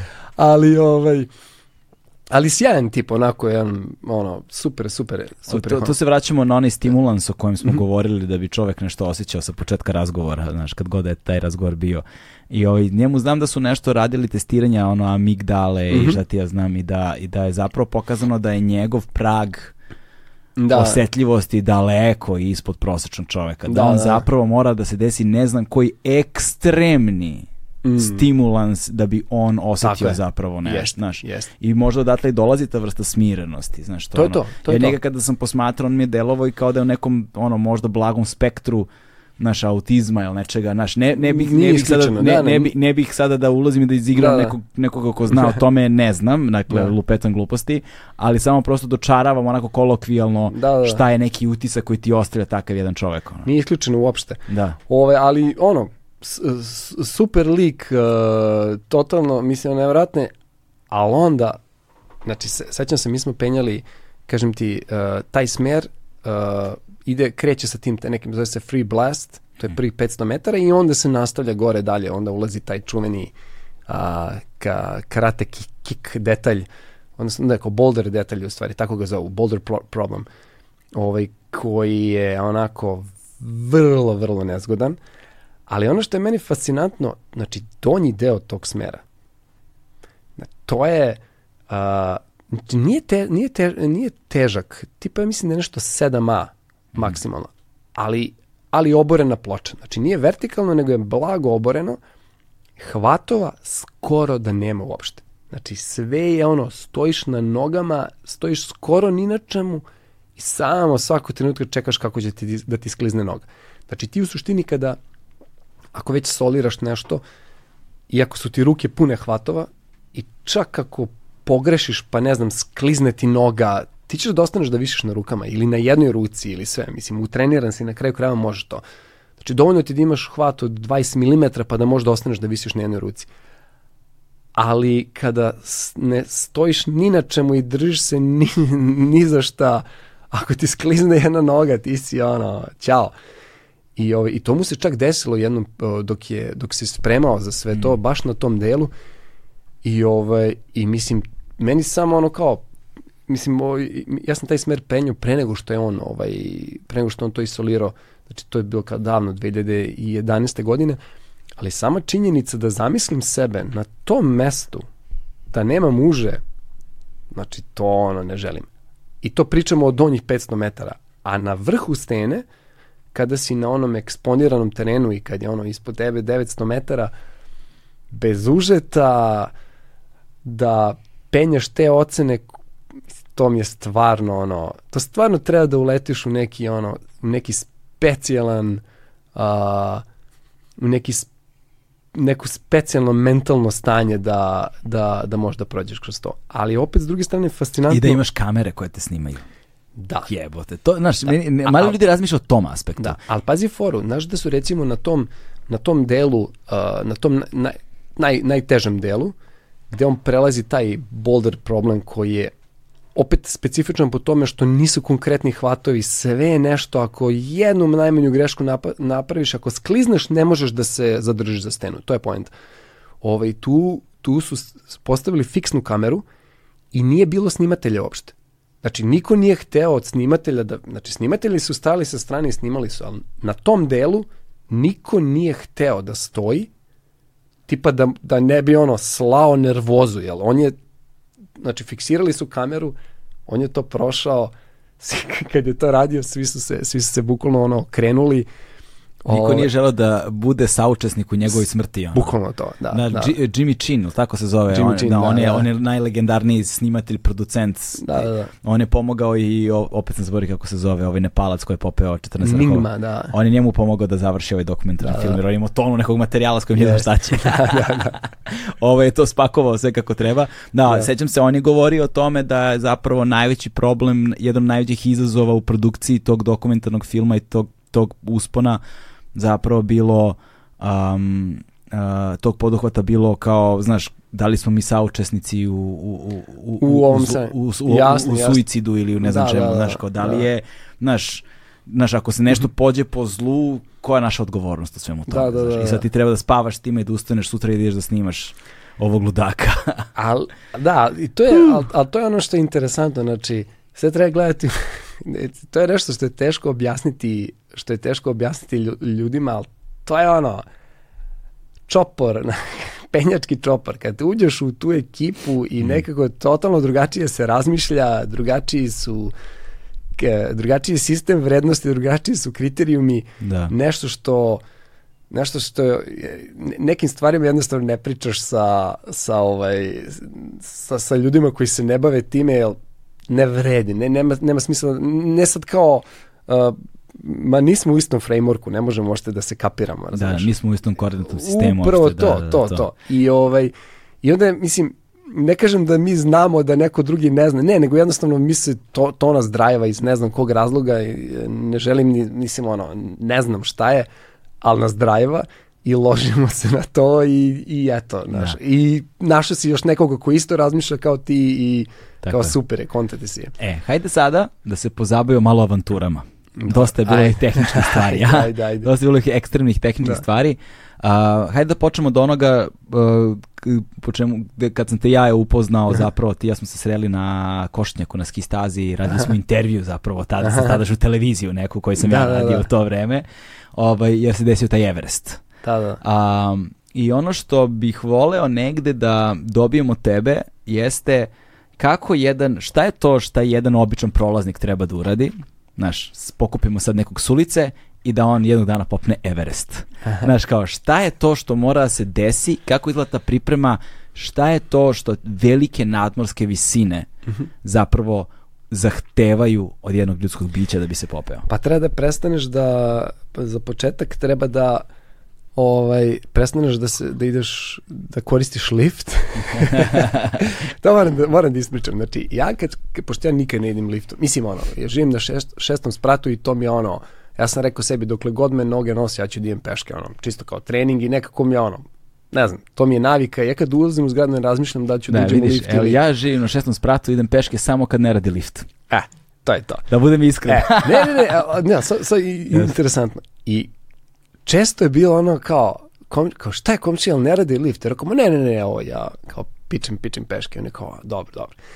I, i sećam se kad, kad smo se, ovaj, i to je stalno mi posle upitne, šta je komšija ne radi lift? Ima još jedna komšinica koja isto ide stalno ovaj, ovaj, peške. I vi startacija. I to je, ne, sretnemo se, znaš, kao sretnemo se na stepeništu, pozdravljamo se, dobar dan, dobar dan, kako ste, razumeš? Ovaj, I a, sećam se kad, kad, smo se kad smo se vratili, kao imali smo organizovan taj doček na, na aerodromu i I, ovaj, ali, i, i za to sam znao. Ali ono što nisam znao, to je da, da, je, da su stanari organizovali doček. A, da znači, zezaš. kao, e, to je bi bilo carski, gde, ja se znam, seća se, znači ja na aerodromu i zove, zove Keva i kao, ajde, ajde, kad ćete, pa ajde, pa i, kao, kao, šta se bre, ono kao, ok, tu smo bre, stigli smo, živi smo, ono, šta sad moram da žurim kući, znaš, kao, nije, nije Nisi drama. brinula toliko na Everest dok sam bio. I mi tu dolazi, ja ovako dolazim i vidim onako otvorena širom vrata od ovaj od, od zgrade i I ja ovako vidim postavljen sto, oni su ljudi napravili klopu, znači, to je bio veliki transparent, dobro, nam došao sa krova sveta, ja. I, ja, i ja ovako kako, ja ovako kako ulazim, oni se svi onako na, se, se skupili dole ovaj, na prizemlju i aplauz. I sad ja naravno onako gledam crvenim i, i sad kad treba kažem nešto pametno, razumeš? Da. I, i, ovaj, i ja ovako rekao, pa eto, eto, komšije, sam, sam je valjda jasno zašto idem peške stalno. da, a, Jačim je bio, da, bili ste zajedno u toj ekspediciji. jel Jačim je, Jačim je bio vođa ekspedicije. A tako ti si je. bio, Pa ja sam bio vođa uspona. Znači, Mhm. ja sam bio kao čovek koji je, koji je bio zadužen da u stvari prenosi njegove Instrukcije. On, da, on je, on je, on je ono, najiskusniji, on je, on je taj koji je donosio te ono, ovaj, odluke za koje svi drugi misle da bi mogli i one lako da je donose dok se ne nađu u toj situaciji. To je stvari ono što, što on ima, on ima jako dobro. Jednostavno, t- treba, treba, treba, treba imati puno ljudi, jer svi su različiti ono, karakteri, svi su, i treba to sve, sve držati na, na, na mestu. Znači, tako da on je, on je za, to, za to bio jako dobar. I druga stvar, uh, on je bio ostao je u, po, po najviše visine na kojem bio je 6400, a mi smo svi išli gore. Znači, ti kako ideš gore, zbog manjka kiselnika, mozak prestaje da radi kako, mislim, tvoje ono kognitivne funkcije definitivno opadaju. Tako da ti misliš da, da donosiš zdravu odluku, ali to nije, to nije objektivno. Do, doći ćemo to. do toga, da, da, ali da. vratit ćemo se, preto, ali moramo se vratiti na početak da bismo stigli do toga, samo što pre nego što se vratimo, samo pomeni onda anegdotu za ovog kolegu jednog koji je krenuo iza A, tako. to, pa da, pa, na spuštanju, to je bilo znači, znači na spuštanju smo, ovaj, A, dakle, došli ste do baznog kampa? Ne, ne, ne, ne. Na spuštanju došli smo do, do uh, poslednjeg visinskog kampa sa kog smo, sa kog smo kretali u stvari na, mm -hmm. na, na vrh. To je kamp, kamp 4 na uh, kamp 3 ne, kamp 4. No, u stvari zavisi kako gledaš. Neki ljudi prave dva, kamp, dva kampa, neki, ali to je u stvari kamp 3. I ovaj, nebitno, nama je bio treći. A 8300 8300 metara. Znači i na povratku onako kad si mrtav, umoran. 8300 metara. Da, da, da. da. Fuck jebot, 8300 metara. Znaš, kapiraš da uh, leteo sam skoro mhm. nešto Beograd, Cirih, šta ti ja mhm. znam, i sedim, i bili, leteli smo ovim svi serom, imaju one Aha. ekrane, znaš, tu, iznad sedišta, visi se plafona i gledaš, mm -hmm. imaju ono projekciju leta, kao, naš avion, mm -hmm. pokazuje ti avion, gde se trenutno nalaziš ne. i daje ti ono temperatura na polju, visina. Mi smo bili na 9000 i nešto. Znaš, da. kao mi, smo, mi nismo bili toliko, to, to znači da vi sa 8300 biste videli naš, naše siluete kroz prozore aviona zapravo biste videli, mi bismo se videli ono, imali bismo da, vizualni da, da. kontakt jedni s drugima kao temperatura je bila minus 57 stepeni. Mi smo jebote ljudi se penju čoveč. Da, da, da. Znaš, i to je, to je sad priča Kisaniko. Ajde nastavi. E, i, i ovaj, uh, pošto se ja kao kao vođa uspona mora da budem poslednji, ja ćem rekao, ej, ideš poslednji i čekaš, ne sme niko da bude na planini iza tebe. I, ovaj, i, i, i ja dolazim u kamp 3 i kao, kao idi proveri u šatorima da ideš da li neko ostao i ja ulazim kad ovaj uh, makedonac, doktor Grigor, ovako, onako, malo zalego i ja, mu, i ja kao, e, ajmo, doktor, idemo dole, znaš.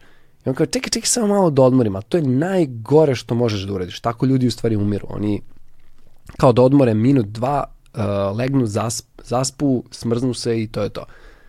Na kraju kraja, mirna je smrt, ali glupo je da, glupo je da, da, da ostaneš. Be, bela smrt, tako, tako je, bela tako smrt. Je, da.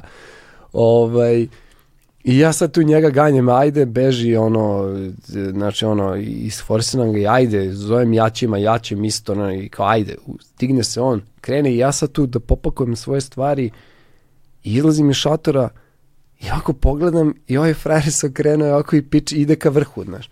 I ja kao, doktore, i on se ovako okreće, i ja, ja ga pitam, pa dobro, ovaj, kao, gde ćeš?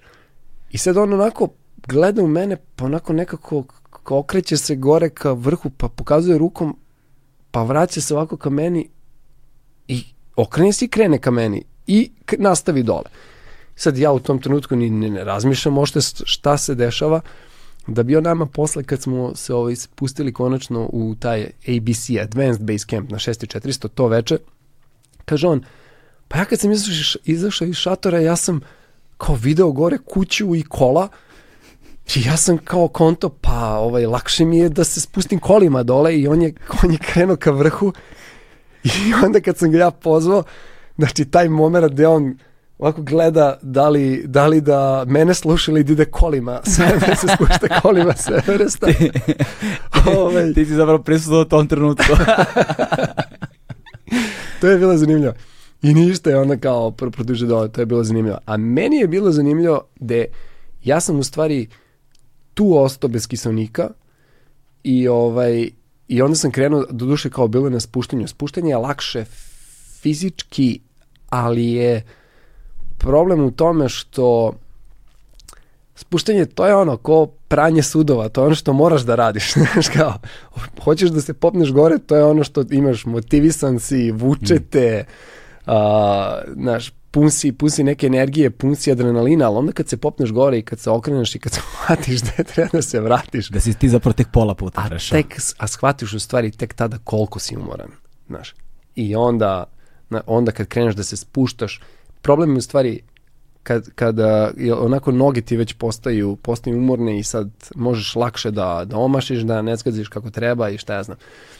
Međutim, to je meni krenulo, to je meni krenulo, ja se onako spuštam, ok, nemam kisonik i ovaj, a tu sam negde na ono 8 i 8 i 100, tako nešto. I ovaj, i u jednom trenutku ovak, čujem kao trubu. Ovaj, I kao, ona truba kao iz uh, onaj, uh, kao onaj rog iz budističkih manastira Aha. što, što monasi sviraju. I sad ovako okrećem i kao nema nikoga, kao jel sam poslednji i samo je bilo ono, ali kao nek, neko čudno mentalno stanje, da ja kao svestan sam da to nije, da, da, da ali bilo je ono sam kao, opa, počinje, znaš, nekako, i onda Pre, posle- ali prepoznao si da počinje, da. Kao, Da, da, da. Detektovao si taj Da, da. I posle sam čuo da me, da me ovaj, da me neko zvao ono kao Miloše, Miloše i, i ovaj, i sad se onako okrećem opet gledam i kao, wow, kao, to je to, kao, znaš, kao, dešava se, znaš. Mm. Tako da, ovaj, to je... A se zabrineš u tom trenutku da se uplašiš? E, znaš šta, nekako si toliko već razvaljen i toliko si u, da te realno poli ovo za sve, znaš. I jer, nemam pojma, ču, čudno je, čudno je, znaš, tu ima tih nekih, tih, tih, uh, tu stvari, naj, najveće strah je, čovjekov strah je strah od nepoznatog. Mm. I to šta čovjek, kako, šta može da, a, koji scenario može da napravi, šta tu, ne znam, sve može da se izdešava i toga se u stvari najviše plašimo. Ovaj, ali nekako kreneš da radiš stvari nekako, ne znam, drugačije, znaš, o, tu si oku, za, zaokupljen si Da. nečim konkretnim, tako da nemaš vremena. Di, di. Ajde, hajde sad da prođemo. Šta treba jedan običan prolaznik da uradi da bi mogao se popne na Osim, Everest? osim što treba da, da ne koristi lift. Tako, to je prvi korak. Da, Prva, da. prva stvar je prekineš da koristiš lift. Da. Dalje? Pa, iskreno, uh, treba da počneš da se baviš, stva, uh, treba, da, treba prvo da imaš dobru, um, da si dobro fizički pripremljen u smislu da imaš dobru izdržljivost. Znači da, da pripremiš telo na, na taj kao endurance, uh, to je onako izdržljivost. Da. Dakle, uh, trčanje, bicikl, naravno planina, ovaj, najbolje je u stvari, uh, najbolje je da, da što više odlaziš u planinu. Najbolje je u stvari da se što više krećeš u planini, da, da hodaš, je. ali ako već nemaš tu mogućnost, onda, onda ovaj, onda treba da se treba da pripremiš telo da, da ovaj može da funkcioniše u uslovima gde nema dovoljno kiselnika. To ti je po meni najbitnije. Čak tehnika, naravno da je bitna, mislim, rekao bih i najbitnija, ali možda imaš dobru tehniku, ali ako nisi dobro pripremljen džabe, jer to je maraton u stvari. Da. To je nešto što traje, ovaj, znači, mis, naša ekspedicija je trajala dva, mes, dva meseca, čak i malo jače, aklimatizacija, mislim da je trajala 40 dana. Znači, mi smo 40 dana samo pripremali telo da bi mogli da funkcionišemo na toj visini. Dakle, kada bi čoveka sad stavili na, na, ovaj, na, na krov sveta, na Everest, znači on bi u roku od, ne znam, od 10 minuta pao u komu i u roku od 15 minuta je ono, gotov. Znači jednostavno Znači, nije, kada bi mene sada teleportovao na Everest, Da, da, da. ja bih za 15 minuta bio mrtav. i ja isto i svi, znaš, jednostavno ne možeš, to, to je ono, neko moraš, da- moraš da se adaptiraš, ovaj, treba ti, treba ti vremena za to i ta, ta adaptacija je jako interesantna, ovaj, pozaboravljao sam dosta stvari, znaš, ali to nije samo, nije, taj mehanizam adaptacije nije samo, ne znam, ono kao, kao povećao mi se broj crvenih krvnih zrnaca, pa je kao transport kiselnika sad ovaj, zbog toga lakši, ne, nego tu ima toliko nekih ludačkih mehanizama sa nešto krvna plazma tamo. Zaboravio sam čitao sam ovaj tu sam kupio jednu knjigu ovaj High Altitude Medicine i to je ono kao jako zanimljivo šta se u stvari u telu dešava prilikom boravka boravka na visini. Jer recimo nije samo problem nedostatak nedostatak kiselnika. Znači gore uh, evo daću ti primjer imao sam onaj sat koji je ovaj merio 300 milibara pritisak.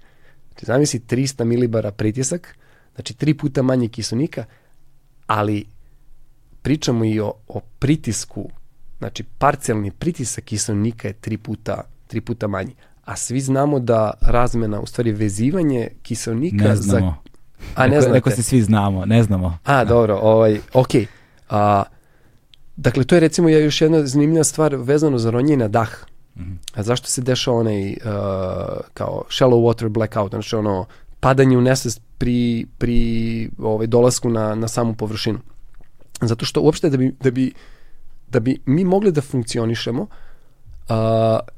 znači parcijalni pritisak i parcijalni, šta je parcijalni pritisak? Ajde da znači, objasnim. ajmo ovako, imamo ukupni pritisak uh, smeše, u ovom našem slučaju vazduha.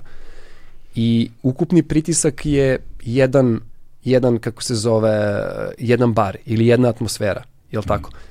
E sad, a, koliki je pritisak svake komponente te smeše, a, znači imamo ko, ko, ko, e, se izračunava u odnosu na procenat u, u, U vazduhu.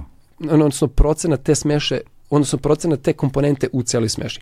Dakle, ako imamo, uh, koliko imamo, 70% azota, ali tako, 16% kiselnika, ako se ne varam, ovaj, onda ide ovo 10% je valjda ugljen dioksid, ali tako, i ovo ostalo je, su ostali, kako se zove gasovi, ali tako, mislim da nisam pogrešio, nebitno. Sve u svemu, Pravim se da znam. da, da, parcijalni pritisak, pritisak kiselnika će biti 1, uh, 0,16, je li tako? Znači, kada sabereš parcijalne pritiske svih komponenti, dobijaš ukupni pritisak ove... Od jedne atmosfere Tako je, bara. tako je. okej. E sad, da bi uopšte moglo da dođe do vezivanja kiselnika za, uh, da, do, do, u, u alveolama, mora da postoji taj razlika u, u, u, priti, u, u parcijalnom pritisku kiselnika i tog pritiska u, sa druge strane. Jednostavno, naš, Da, crvena krvna zrnca vezuju kiseonik. E. tako je. da? Znaš ti recimo kad odeš u, u, u ovoj, uh, u barokomoru, Da. oni Hi- ti podignu, hiperbaričnu komeru. hiperbarično, znači šta urade? Podignu pritisak, jel tako? Mhm. Kada podignu pritisak, mnogo se brže i ovaj, vezuje. I još ti roknu kiseonik unutra, znači povećana koncentra koncentracija kiselnika, tako da ti u stvari mnogo lakše vezuješ ovaj uh, kiseonik za svoj, za svoj krvotok. Mhm. E, a ovdje imamo obrnutu si- situaciju. Imamo situaciju gdje je pritisak niži od o, dosta niži, tri puta niži, tako da M nemamo kiselnika dovoljno, imamo ga tri puta manje, M je još pod nižim pritiskom, tako da je to sve kad se sabere, to je stvarno dođe... Teže, se, teže se vezuje zapravo. Tako je, tako je. Znači, tako da u, u, cel, znači, to je ono, M što ga imamo malo, M što dišemo na prazno, znači, to malo što uzmemo ne možemo da iskoristimo kako treba, znaš. I onda se sad tu dešavaju razni, razni mehanizmi u, u ovom organizmu koji nam u stvari pomažu da bi se da bi se to sve ovaj Adaptirali. tako je To, tako to, je, to je ta čuvena aklimatizacija. aklimatizacija I sad da. recimo, ajde sad da idemo korak po korak. Baš Da. me, za, baš me Ajde. zanima, stićemo do aklimatizacije, pre toga uh, go, smo govorili o tome prestaneš da ideš liftom, potom počneš da voziš biciklu i da trčiš, onda je počneš, vjerojatno- počneš da se baviš spo, počneš da, da, da, da budeš aktivan ali, ali, ali preva, prevashodno aerobnim sportovima. Aerobnim dakle, onim što, što, što, oni, oni koji su zaduženi za izdržljivost zapravo. Dakle, znači da voziš biciklu, da trčiš, um, ne znam da li je to plivanje neke kako ne super Pliv- to, sigurno to, da, i da, da. onda počneš polako da boraviš u prirodi, da se, da, ono, na brdima, planinama, Sve treba odmah da počneš da boraviš u prirodi pa da, Znaš, da, to. Treba I, da I koliko, koliko dugo to, recimo, radiš, a to je relativno znaš. zavisi od osobe do osobe. To je relativno, znaš, ima raznih slučaja. Ja čak mislim da a, ako pričamo, da, može čak da se desi da uf, ima i, i znaš šta, to je prva stvar, moraš da pripremiš telo.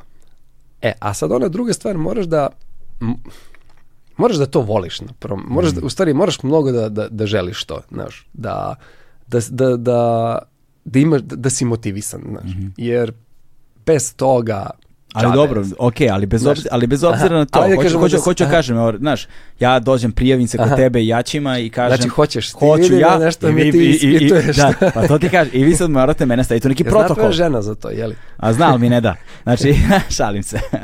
Ona bi prva išla, vrate, tako da ićemo zajedno. Dakle, pojenta je u tome, uh, vi biste mene morali staviti u nekakav protokol. Da, Zanima me šta je protokol. da. Pa, e, ja, ja bi te, znači ono, naj, na, organizovao bi ti trening, znači mislim da je to, da je to mnogo bitno. Pa da, ali znači, šta je da- trening, to me zanima. A, ne sad ovako, znači ja, ko- konkretno kako sam se ja, uh, znaš šta je meni problem? da, problem je što uh, moj, Nikako da dođemo do toga. da, da, moj lifestyle je takav bio da Tebi ne treba trening, ja ti tako samo živiš. dao, da, dao malo jači gas pred, eh, pred ekspediciju, znaš.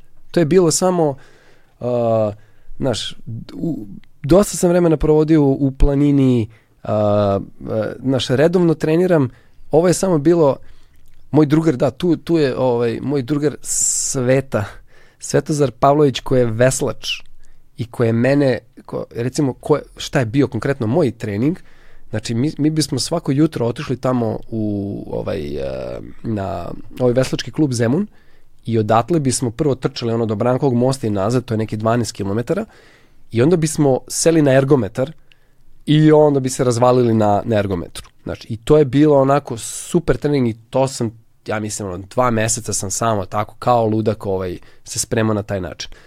Ovaj, tako da, uh, e, ali sad opet, to ne, taj neki uh, boravak u planini je mislim da je esencijalan, znaš, da bez toga čak, čak bi i moglo, ali mislim da ne treba. Mm. Znaš, da nije... Um, Znaš kako meni... Svega, gledaj, svega ima. Da. Znaš, svega ima tamo. Znaš, to je, postalo je, postalo je turizam, znaš. Mnogo nekih ružnih stvari i nekako je... Um, Na kraju dana, pusti Everest. Na kraju, da. na kraju dana Everest ipak Everest. Na kraju da. dana si ti ipak na tih 8 i 800, na da, koliko pa da. si na 8 i 800. Da. Može bude hiljadu turista, a ti si vrate na 8 i 800. Da. Ali ajde sad na to, ne mora bude to, može bude Aconcagua, može bude šta da. god.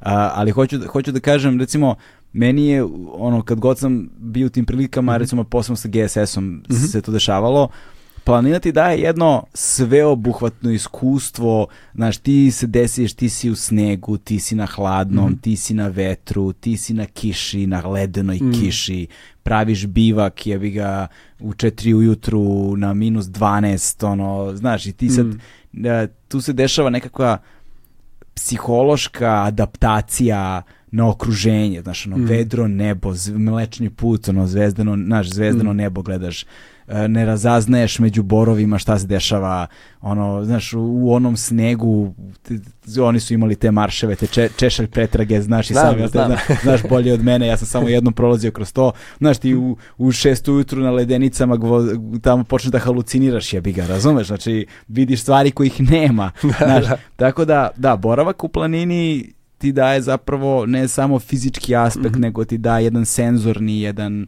ono sveobuhvatni verovatno uh, u kompletni doživljaj onoga što može potencijalno da te čeka. Mm. Ali bez obzira na to, ti verovatno moraš da promeniš neku ishranu, znaš, ti verovatno moraš da, ono, znaš, pretkineš da piješ rakiju. e, a to, to čak mislim da nema veze. Pa znam, znaš, idem ih ja da, da na planini cepaju e, svi.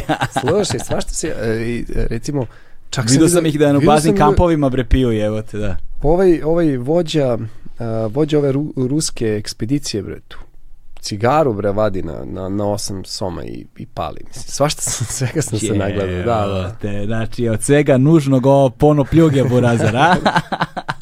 ja sam okay. gledao i Ok, ali, uh, a kako, ok, znači ti si se sad spremio jedan prosek, ajde da kažemo, mm -hmm. uzmemo jednog prosečnog građanina, uh, prosečne konstitucije savremenog da. čovjeka danas, dakle da ima oko 20% te telesne masti, znaš, ono, da. i da nije baš neki idealan uzorak atletskog tipa, dakle morao bi, to je neko ko bi morao da rež, reguliše prevashodno ishranu, morao bi da reguliše taj aerobni trening, dakle se adaptira polako sa nekog hodanja na... Ali najviše, najviše aerobni trening. Najviše od aerobni svega. trening od Znači, jer ti čak, čak i da odlaziš u planinu i da znaš da se možda čak i krećeš po planini, ti ako nemaš snage, ti nemaš šta da tražiš tamo. Znači, ti moraš da imaš, mora, mora da postoji jedan minimum fizičke ovaj, pripreme koji, koji da. je potreban za tako nešto. E, sve ovo ostalo će biti plus. Mm -hmm. Znači, mislim da dve stvari koje bi, ajmo, ajde da kažemo, pošto vidim da me pritiskaš, da, da znači dve stvari. Moraš da, da naučiš da se krećeš u planini, znači da se, da, da se osjećaš onako ugodno mm -hmm. u, u, na, dok se krećeš po neravnom terenu i, ovaj, i pogotovo u, u zimskim uslovima, Dakle, da naučiš da koristiš dereze, da naučiš da čak cepin... Ja ne znam šta su dereze. Pominjali smo ih, to su ovi šiljci na, Aha, na nogama da, što da, se da. da.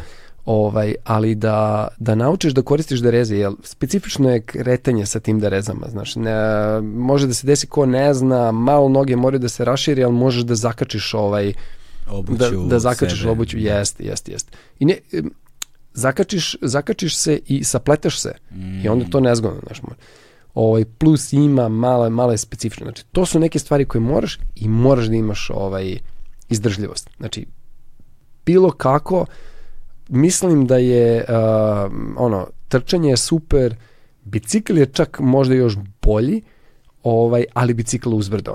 Znači, Mm. i uh, trening koji, a, a, ako bi rekao nešto da, um, ako bi morao da izaberem samo jednu stvar, to bi bilo ono, samo ili trčanje uzbrdo ili bicikl uzbrdo, ali mora da bude uzbrdo. Znači, to po ravnom nije isto. Jasno, jasno. definitivno nije jasno, isto. Jasno. Mislim, kao, ok, ja, ja sad to pričam, a ja sam trčao po ravnom, ali, ali recimo bio je... Ali ti si ceo život u tome. Tako znaš. je, tako je. Znači, meni je trebalo čisto samo da, ovaj, e, znaš, me, meni su noge bile spremljene zbog, zbog bicikla i Zbog penjenja, i zbog penjenja i svega. Ovaj, trebalo mi je samo malo, znaš, ono kao srce da se, da se ojača, znači, taj, u, u tom smislu da se aerobno pripremim i ergometar je stvar koja i, i ovaj, na kojoj smo u stvari radili noge. Mm. Ergometar je ono, sprava, super. da, da. ok. Dalje, sledeći korak. Uh, sledeći korak, pa šta smo rekli? Posle fizičke spreme. Znači sad sam ja fizički Fizički spreman. spreman. Ok, moraš da kreneš u to, u, ajmo da kažemo u planinu. Dobro. Mor, moraš da, da, da naučiš da se krećeš po, po snegu i moraš da, da naučiš tu neku elementarnu up, upotrebu opreme, znači uh, žimara, žimar je sprava koja se koristi, uh, koja se zakači za uže i kako se zove, i sa njom se, sa njom se povlačiš uz uže i spuštanje niz, niz uže.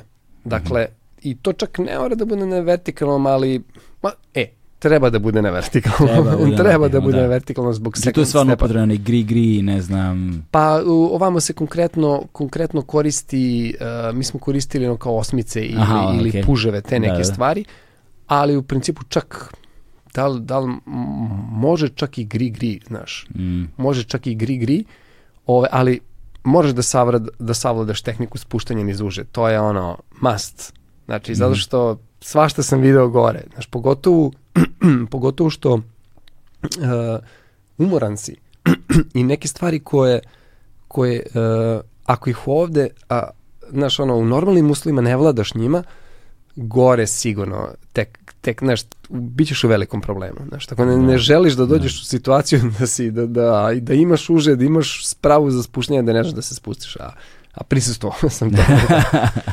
Dobro, ok.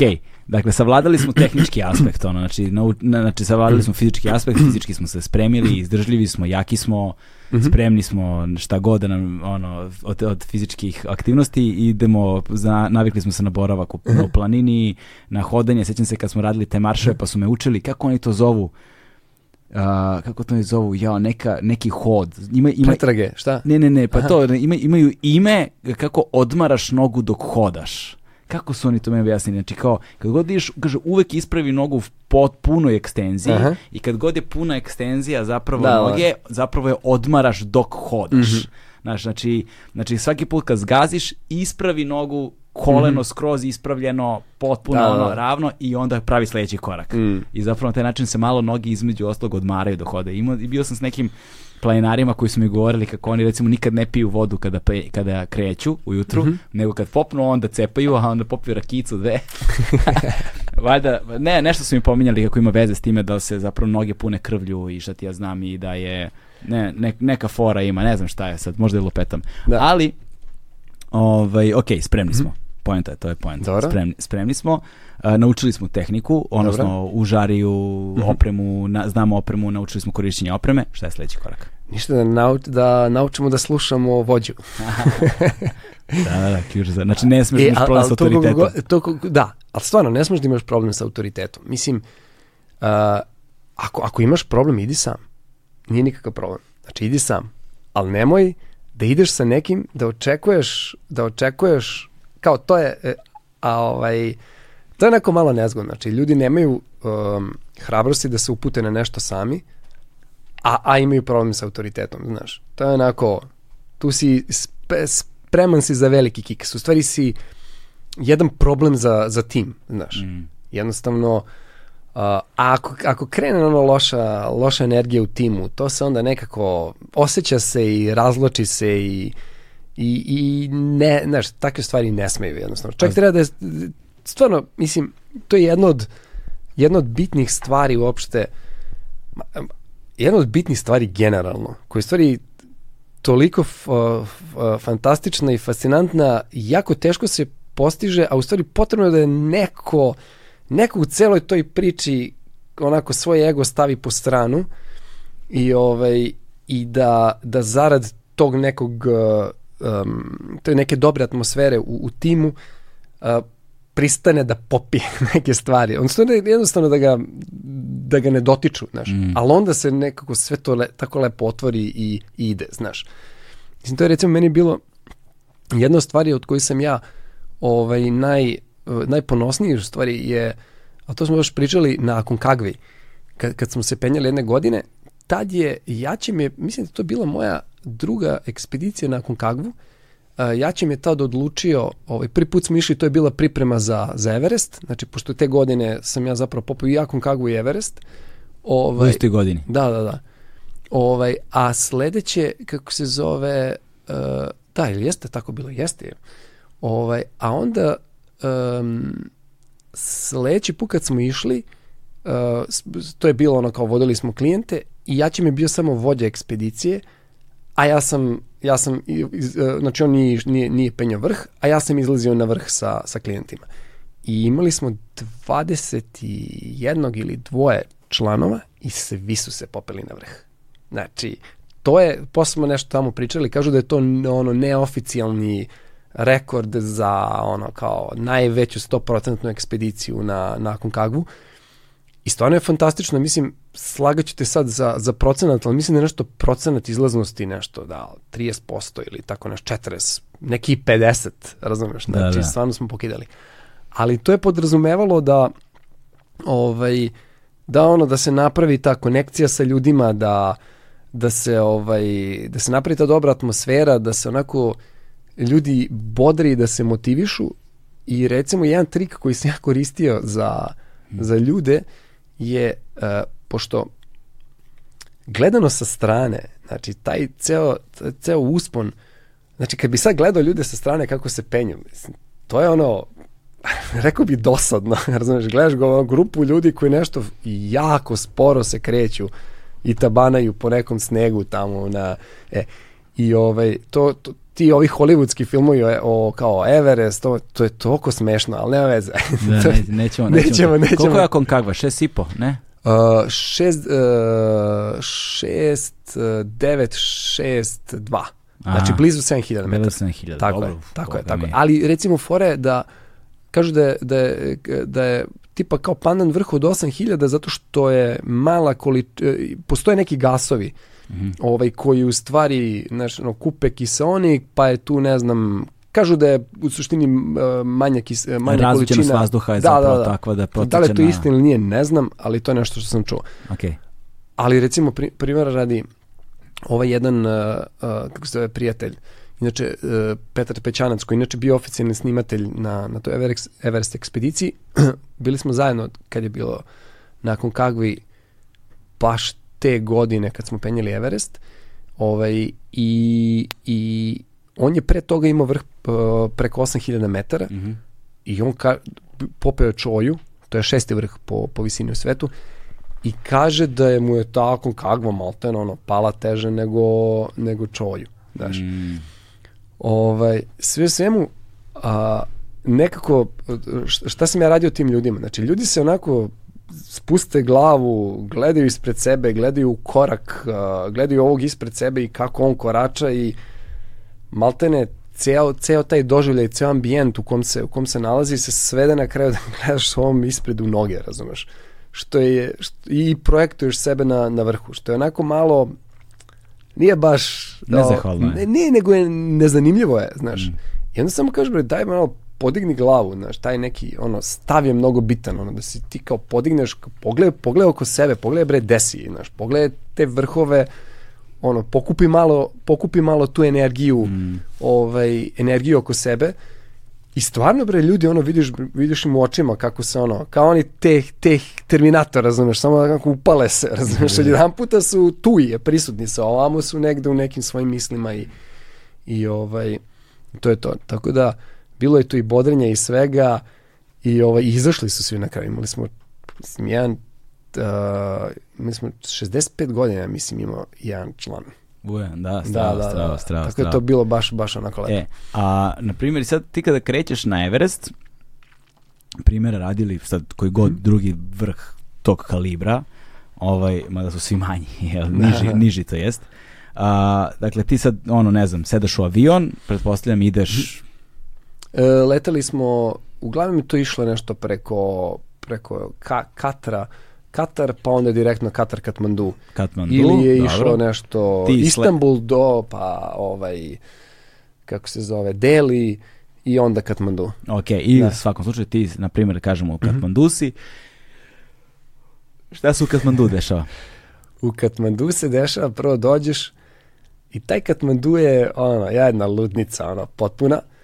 Ovaj, jako je, jako je zanimljiv i ovaj, tamo praktično provede se par dana dok se ovaj ne dok se ne pripremi sva ta papirologija za što je potrebno za, za ekspediciju i uglavnom tu je uvek nešto, fali neka oprema, ideš kupuješ, ovaj, tražiš neke stvari.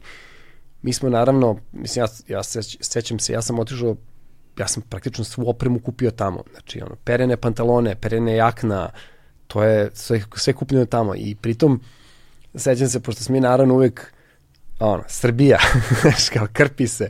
Znači, jakna koja, s kojom se ja penjao Everest i neka, ono, local, local made, Da, da, da. made in Nepal, ono, teška kod tuč, uh, ovaj, ali je ono, radila posao, znaš. Da, da. Nešto tipa, ja mislim za 300, 300 eura smo pokupovali sve, znaš. Uje, da, da, A, to je dosta jeftino da, I onda dođeš, i onda dođeš pa pogledaš ovi Amerikanci, znaš, svi u North Face-evima i onda gledaš to se košta po hiljadu i, i, i kusur, znaš, Da, sve da. je ono Summit Series, Da. znaš, Lagano, Ultra Light tamo vamo. Patagonija, Da, ono. da, Patagonije, Arcteryx i ostale ono igrarije. A ti burazer na buvljaku sa A mi smo ono, bubanj potoka varijanta. Dobro. I onda spakovali ste opremu, spremili Izvini, ste se. izvini, ali ima neku čari u tome. Onda ti dođeš gore i dođeš na ovaj lik, znaš, u North Face-u sedi i nije mogao da popne. Da, da, da, jebi ga na kraju dana oprema. Nije sve u opremi, znaš, ima, ali...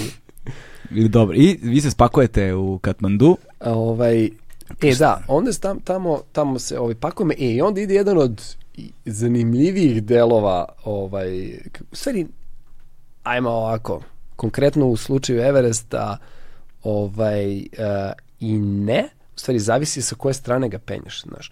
Pošto mi smo penjali sa severne strane, to je podrazumevalo penjanje iz, sa, iz Tibeta. Znaš, što, pošto Everest kad se penje, uh, postoje dve neke, dve neke na, dva najlakša puta do vrha. Jedan je, uh, jedan je taj južni greben, a drugi je severni greben.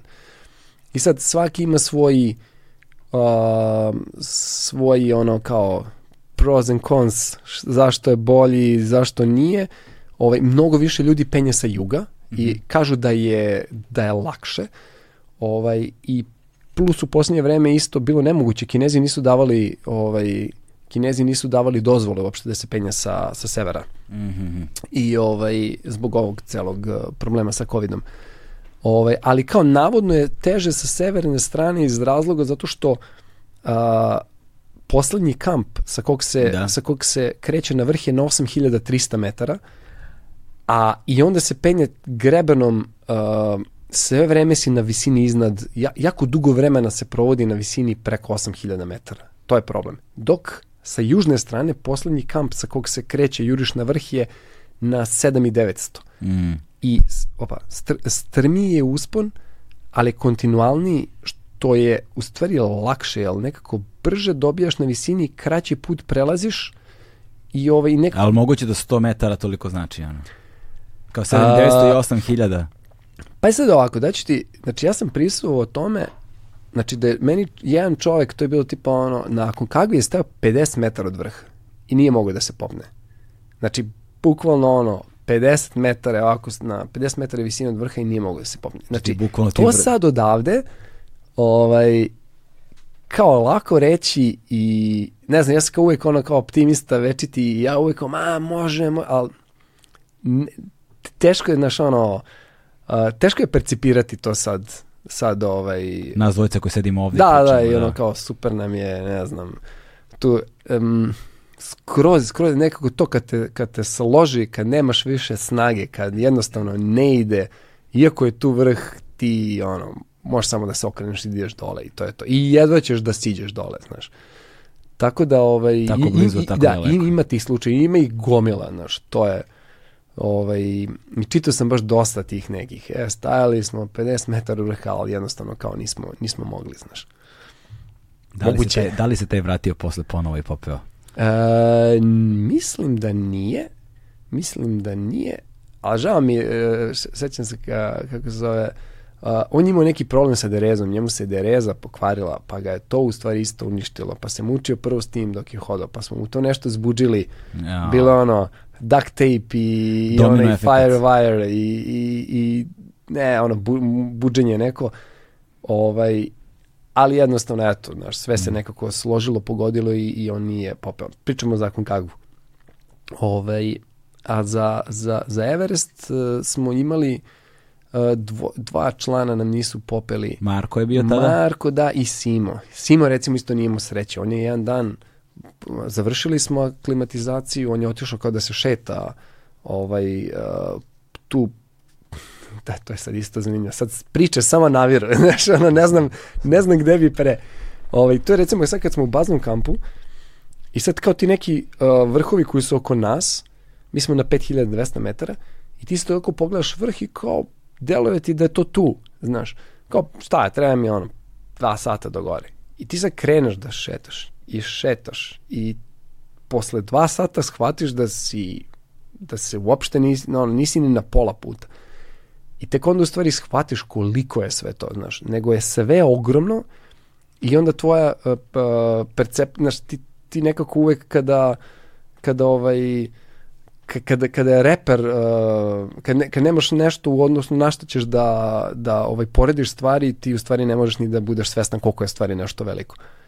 I ovaj, a pošto je sve veliko, tebi se čini, pa dobro, kao, to je o- kao ok, kreneš i nikako stigneš. Tako da on je krenuo nešto da šeta i ovaj i onda na povratku na povratku se nešto sapleo i neki i čak on je rekao da je video neku mačku a biće da je on naletao na snežnog leoparda Uuu. koji u suštini sad vjerojatno bio neki manji ili šta li već ali ovaj sapleo se i nešto prešao mu je kamen preko, preko prsta onako baš je dobro imao Na ruci? da, da, imao dobro nagnječenje i čak i neku ranu i onda je bila, naš počeo malo da mu otiče taj prst i onda mu je bilo frka ako krene gore, em što je loša cirkulacija, em to da će ovaj dobiti promrzline i on je u stvari odustao od od ovaj, evo te, to je da, baš- da, baš da, baš bedak, baš bedak, Baš bedak, da, da, to je da, baš da, bedak. da. To je baš bedak. Mislim, ja, jednost, ali to je onako baš bilo ovaj, i to je to. Mm. A, a, da. A Marko, Marko je, Marko je imao jednostavno, on je slomio butnu kost, ne znam koliko, da on se je, mislim, možete, i to dokle je dogurao je bilo super, s obzirom da on nije čovjek imao vremena da se spremi kako treba, Mm. jer je na nekom takmičenju na Durmitoru ovaj, bila neka trka snowboard i koliko se ja sećam, on pobedi na trci, ulazi na ciljnu ravninu i tipa nešto, neka glupava situacija, ne, da, li na, da mu je neko, ne, postavili su tipa neki stub ili tako nešto, on ulazi kao prvi udara u taj stub i lomi butnu kost. I to je bilo ne znam koliko meseci pre ekspedicije. Ej, ja. I on nije odustao i trenirao je, trenirao, ali, znaš, nije uspeo da, Mm. ovaj, da, Zajebano je, brate, planina i visina uzimaju sve. Ono. Da, da, da, Svak, sve što, samo, samo ljušte slojeve Daću čoveka. ti, daću ti primjer, recimo, na kako se sve uspori u telu. Na primjer, a, nokti, meni ono kao nokti ne rastu, kako, znaš ono, tipa, ne znam, sečeš nokte jednom u par dana, razumeš? Ovde ja posle onog dve nedelje, ne, uopšte mi ne rastu nokti. Sve, kosa mi se proredi, a, nekako telo onako samo samo počinje da, da, da odumire polako, jednostavno ne stiže da se, da se ovaj, regeneriše na, na pravi način. Da, da, mislim, nije nužno možda samo i regeneracija, sad ja, sad pazi ono, evo kao ono, uh, uh, znaš, sad sedimo mi i naučnici i diskutujemo, ovaj, ali ne, ne. Kaži mi kako Znači, je. da je to. Ali, ali ima i tih evolutivnih procesa, znaš, gde je ono, organizam se osloba, oslobađa viškova. evolutivnih u smislu ko ide gore, taj ne zaslužuje da živi. To je Pa ono, ne, Darwinova nagrada. ne, ne to, nego, nego, nego oslobađanja nepotrebnih stvari i viškova, znaš, kao ušteda na energiji. Znaš, zašto, bismo proizvo, zašto bi telo proizvodilo nešto što ne mora da proizvodi ukoliko, Ne, ne, mora, naravno, ukoliko mora naravno. čuva za nešto drugo. da, da, da. Znaš, to je ono, trijaža elementarna, neka ne, ne. evolutivna trijaža, na primjer, šta će ti kosa, ćao kosa. Pa ne, naravno, to je to. Je to Znaš, to. I ima ona, ne znam ko je rekao, e, sam isto nešto pročitao, kaže, ekspedicija od momenta kad si došao na ovaj, u bazni kamp, kao budi svestan da, da je to moment kako kreće sve da ide na dole. Znaš. Dok I to ti ideš to. na gore. Da, da. Kao bukvalno kaže, ta, to je, ti, ti u stvari treba da, da naučiš kako svaki dan da izgubiš, kaže ti ćeš svaki dan izgubiti uh, deo energije. Samo je bitno da naučiš kako ćeš što manje energije da izgubiš svaki dan. I kao e, to je to. E sad, to nas već dovodi do kalo- kalorija, do ishrane. Da. do toga uh, uh, da, da pr- prosto oslikamo ljudima koliko kalorija ti moraš dnevno da uneseš, koju hranu jedeš i na koji način se ti spremaš zapravo za tu visinu, jer znaš, ja se sećam vas kad ste odlazili i onda se sećam vas kad ste došli, došlo trećina čoveka, ono. Da, da, znači da. svi ste došli ko, ono, na- sad neću da pravim neka grozna poređenja, ali ste, Reci slobodno. Znaš, Reci, da. reci slobodno. Ali ali- Sigurno je bilo tako. ali, ste, ali ste došli ono kosti koža, svi do jednog. Jeste, jeste, jeste. Ovaj, pa, pazi ovako, tačan broj kalorija ne mogu da ti kažem. Znači, mi smo uh, u baznom logoru smo imali svog, svog, kuma- o, svog kuvara. Ja neću da kažem kako se zvao, svi su se spredali na račun, ovaj, ne, nije, nije, ba, to ću ti reći kad se ovaj kamere ugase. Da, ovaj, ali ovaj, ima interesantno ime. Ovaj, a, i, I ona me spremao naš dok smo u baznom logoru i to je, to je ovaj, kako se zove, to, to je okej, znaš, mislim, ne mogu da ti kažem tačno koliki je broj kalorija, ali um, kontra, kontra uh, diktorno je to da ti na toj visini, koliko god da se puno trošiš, ti nemaš apetit. Jer ti visina zapravo full ubija apetit. I ti uh, što više ideš, to imaš manju potrebu da jedeš, A, jedeš, a na, moraš da se teraš da jedeš. jedeš na silu? Ko, Da. nar- ko narkoman. da, da, da, da, da. Kad smo već kod zavisnosti. Da, baš on, moraš da se forsiraš. Znači, mi smo u suštini nosili, to su, uh, imali, nek, uh, imali smo neka kao, kao gotova jela, ovaj, ali ne, neki, ne mogu se setiti tačno koji je neki američki proizvođač i baš su imali, ovaj, to je ono kao namensko pravljeno za, Za penjenje. za takve stvari, da. I, ovaj, To je vjerojatno nešto što ima visoku kaloričnost, Pa visoki da, procenat da, proteina, da, što da, je da. ono tu, I- kao što su oni, e, on, ener- energetski, energetske čokoladice, mada čokoladice ne jer tu nema čokolade, Mhm. nego ono, samleveni badem i ne znam, sve presovano i to je ono, kalorijska vrednost, ne znam, jedna, jedna štanglica 3000 kalorija, fazon, Da. što je. u suštini treba da rokaš š, š, s, sve što je što ima puno kalorija. I, i u stvari možda čak najbitnije od svega toga. Moraš da jedeš ono nešto što, što, što voliš da jedeš. Jer gore a, gore je najbitnije da jedeš. Čak na kraju krajeva nebitno šta. Znači, organizam će sve to da spali. Samo je bitno da, da će da bude nešto što će da te tera da ti jedeš. Jer tvoj, kako se zove, tvoj apetit je definitivno Da. ovaj, Što znači da čak i kad jedete visoko kalorične stvari svakoga dana, ono, i dalje se vratiš, izgubio si fazon 20, Jest. ki- 20 kila. Koliko ti nije smršao? 20, nije 20, ali pazi ovako. e, Pa ti si sad, ti si mršav as it is, ono, tak, takav kakav si, ti si E sad zamisli mene, znači ja sam ti sad na mislim 83, 83 kila sa 192. da, da, da, a ovaj, a tad, pa ja imam tad sam- 83 kila, a tad sam bio, recimo, ja mislim nešto na 75.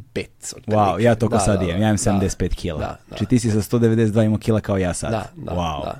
da. Da, da. Sve ti je jasno, Sve sve mi je. je Pa da, jasno. sjećam se kad Da. sam te vidio tad na koštu, vi ste tek došli bili, pio si kosti koža čoveč. To je to, da. Da, neverovatno. Neverova, neverovatno. Meni je to bilo nevjerojatno, ja se sjećam, mi smo se vratili, ja sam prvi dan otišao, uh, otišao na, na trening, na vežbalište, tamo na Košnjaku imao deo na Topčiderska noć, on je amfiteatar i tu ima par nekih, tu ima stena, tu ima prirodna stena, ne znam da to znao.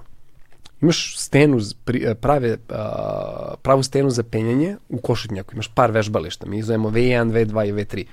I ovaj, taj V3 se nalazi na to, Topčiderskoj noći i sad tamo ima neki kao čuveni smer, za, mislim ono, jedan, klasik, zove se ovaj, blokada.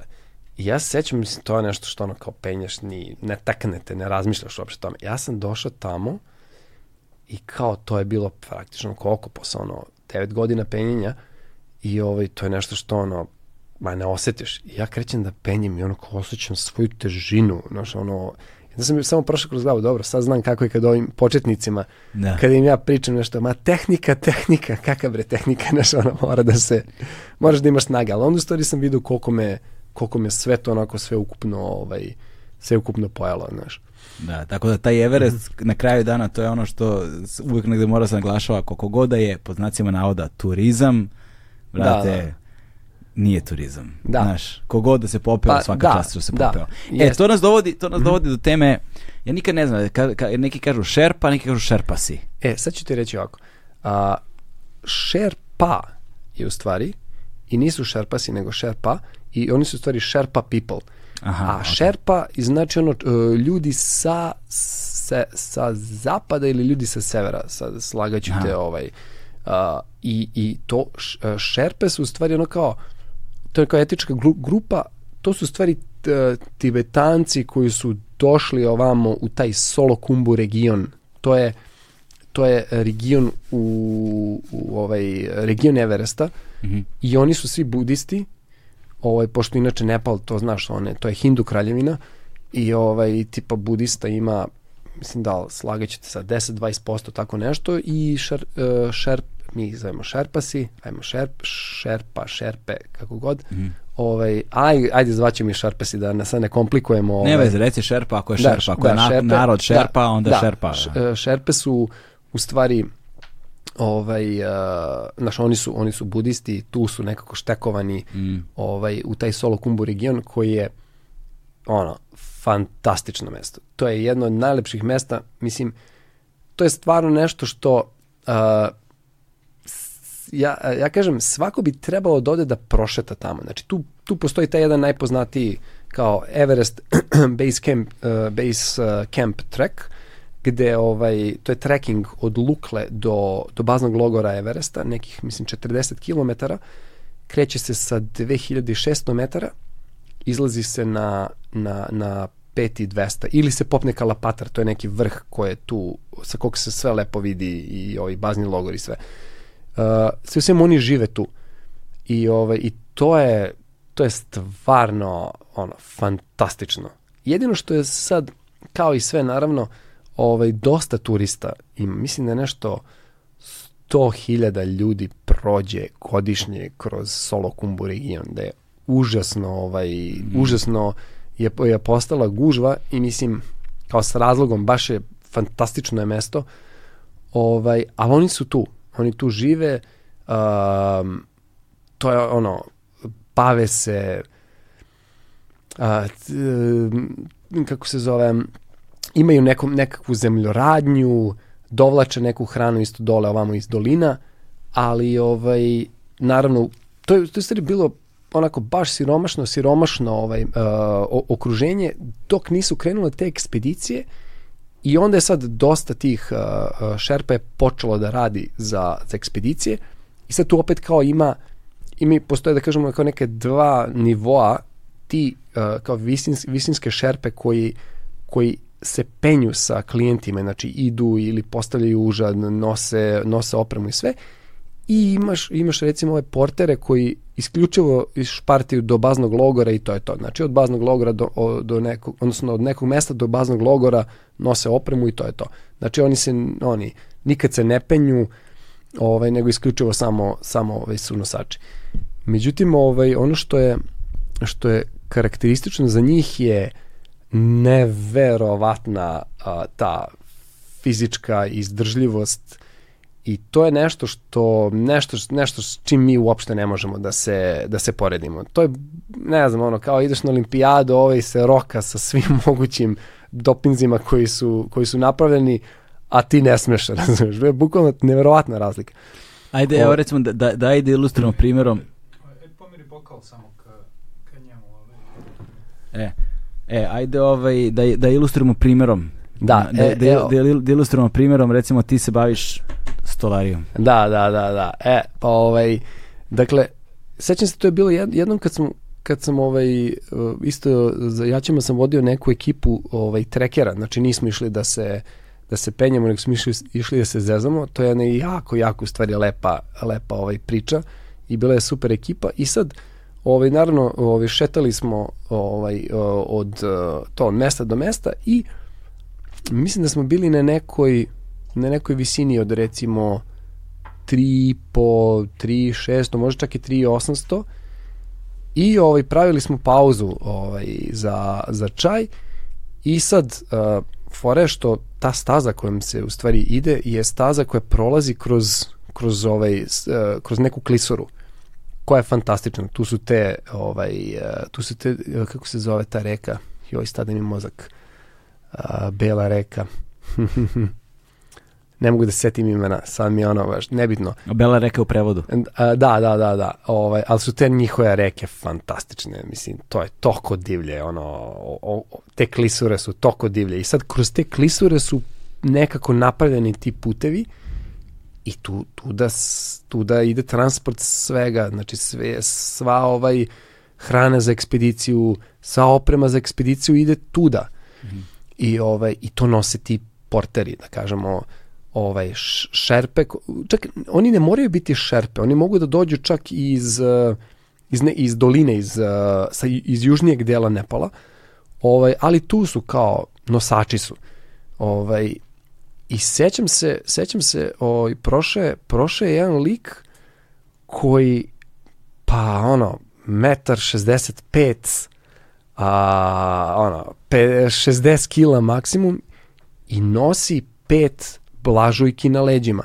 Blažujka je ona vodootporna šper ploča, ono 2,5 metara puta 125, znam to dobro, jer ovaj jer ono se bavim, obožavam stolariju, znači to, mi, to sam ceo život radio i znam da je jedna blažika teška ono oko 25 kila, 25-30 kila i sad kao prosta računica, kao čekaj bre, pa ovaj tip nosi 120 kila na leđima. I sad ovako, me, ni- ništa mi nije jasno. Pre toga sam video, ajde tu još možemo da nagađamo o težinama, ali pre toga vidim tipa koji nosi u, u, ovaj, u korpi, on je nosio pet ovih, uh, pet um, bo- boksova vode, po, po ovaj, uh, po kako se zove, šest, ne, ne, ne, pet po, po 12 uh, litara, to je 60, ne, ima uh, ima šest, ja mislim, znači 72 kila je nosio na leđima. I ja sam tu prvo bio zaprepašćen, kao čekaj bre, on nosi, vuče 72 kile, a ovaj je vuko 120. I ja sad ovako kao, wow, wow, ne mogu da verujem. I oni su prošli pored nas, mi smo nastavili put, onda su oni seli da se odmore I ja sam, ovaj, kad smo došli do njih, ja ovako kao, ajde, kao, moram da, mi smo tu isto nešto zastali, I ja sad onako uđem u priču sa njim, a oni su onako inače s, uh, vrlo su prijatni, uvek nasmejani, onako jednostavni ljudi i imaju neki, imaju neku tu smirenu energiju i tu neku, mislim, kogod, uh, kogod da su siromašni i sve, teško je, teško je opisati taj njihov osmeh i tu energiju kojom, kojom oni u stvari zrače, znaš. I ja sad onako, kao njega pitam, pa kao, koliko, kao, koliko kila? I on mi kaže 120 i onako smeje se osmeh od uveta do uveta. I ja kao, pa mogu ja da probam. I sad onako gleda, njemu je to smešno, a ona kao nije navikao da se sad tu neko sprda ovaj, tako s njima. I ja uzimam, skidam svoj ranac i uzimam to.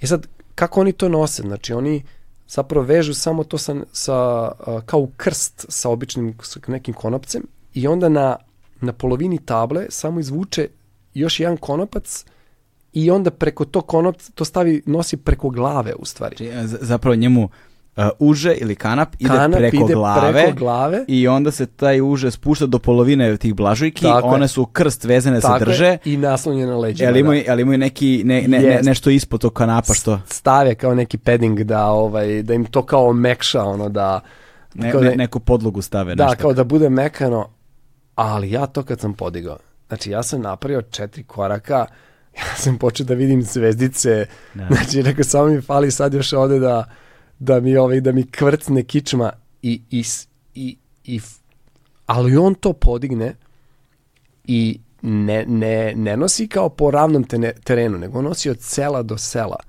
na visini od ono, 3,5, 4 metara, ono, gore, dole, po klisuri i to, on, to mu je posao, znaš. I to je... Mm, Da, to je najgore sve. To mu Mislim, je posao. to mu je kao, posao, radi on svaki to dan. radi, da. I, ovaj, I sad to onako stvarno terate da, da se zapitaš, mislim, s jedne strane kao, a, prvo kao, interesantno je kao št- šta je čo, zašto je čovjek sve sposoban, znaš. I onda kao posle toga ti kažeš, ja, ovo mi je teško, ne mogu ovo, ne, nekako, totalno je absurdno je u stvari. Znaš, kad vidiš takve stvari u životu i šta je sve, šta je sve, uh, zašto je čovek sve sposoban, znaš, koje su mu granice, koje su, mislim, ne kažem da čovjek to treba da radi, mislim, možda po, onako čudno je, znaš, Da. ali, te, ali ti postav, post, ono, bacite, bacite u neko duboko Sad, razmišljanje. znaš šta me zanima? Zanima me da li je da li je neko snimio dokumentarni film o, tim na, o tom narodu?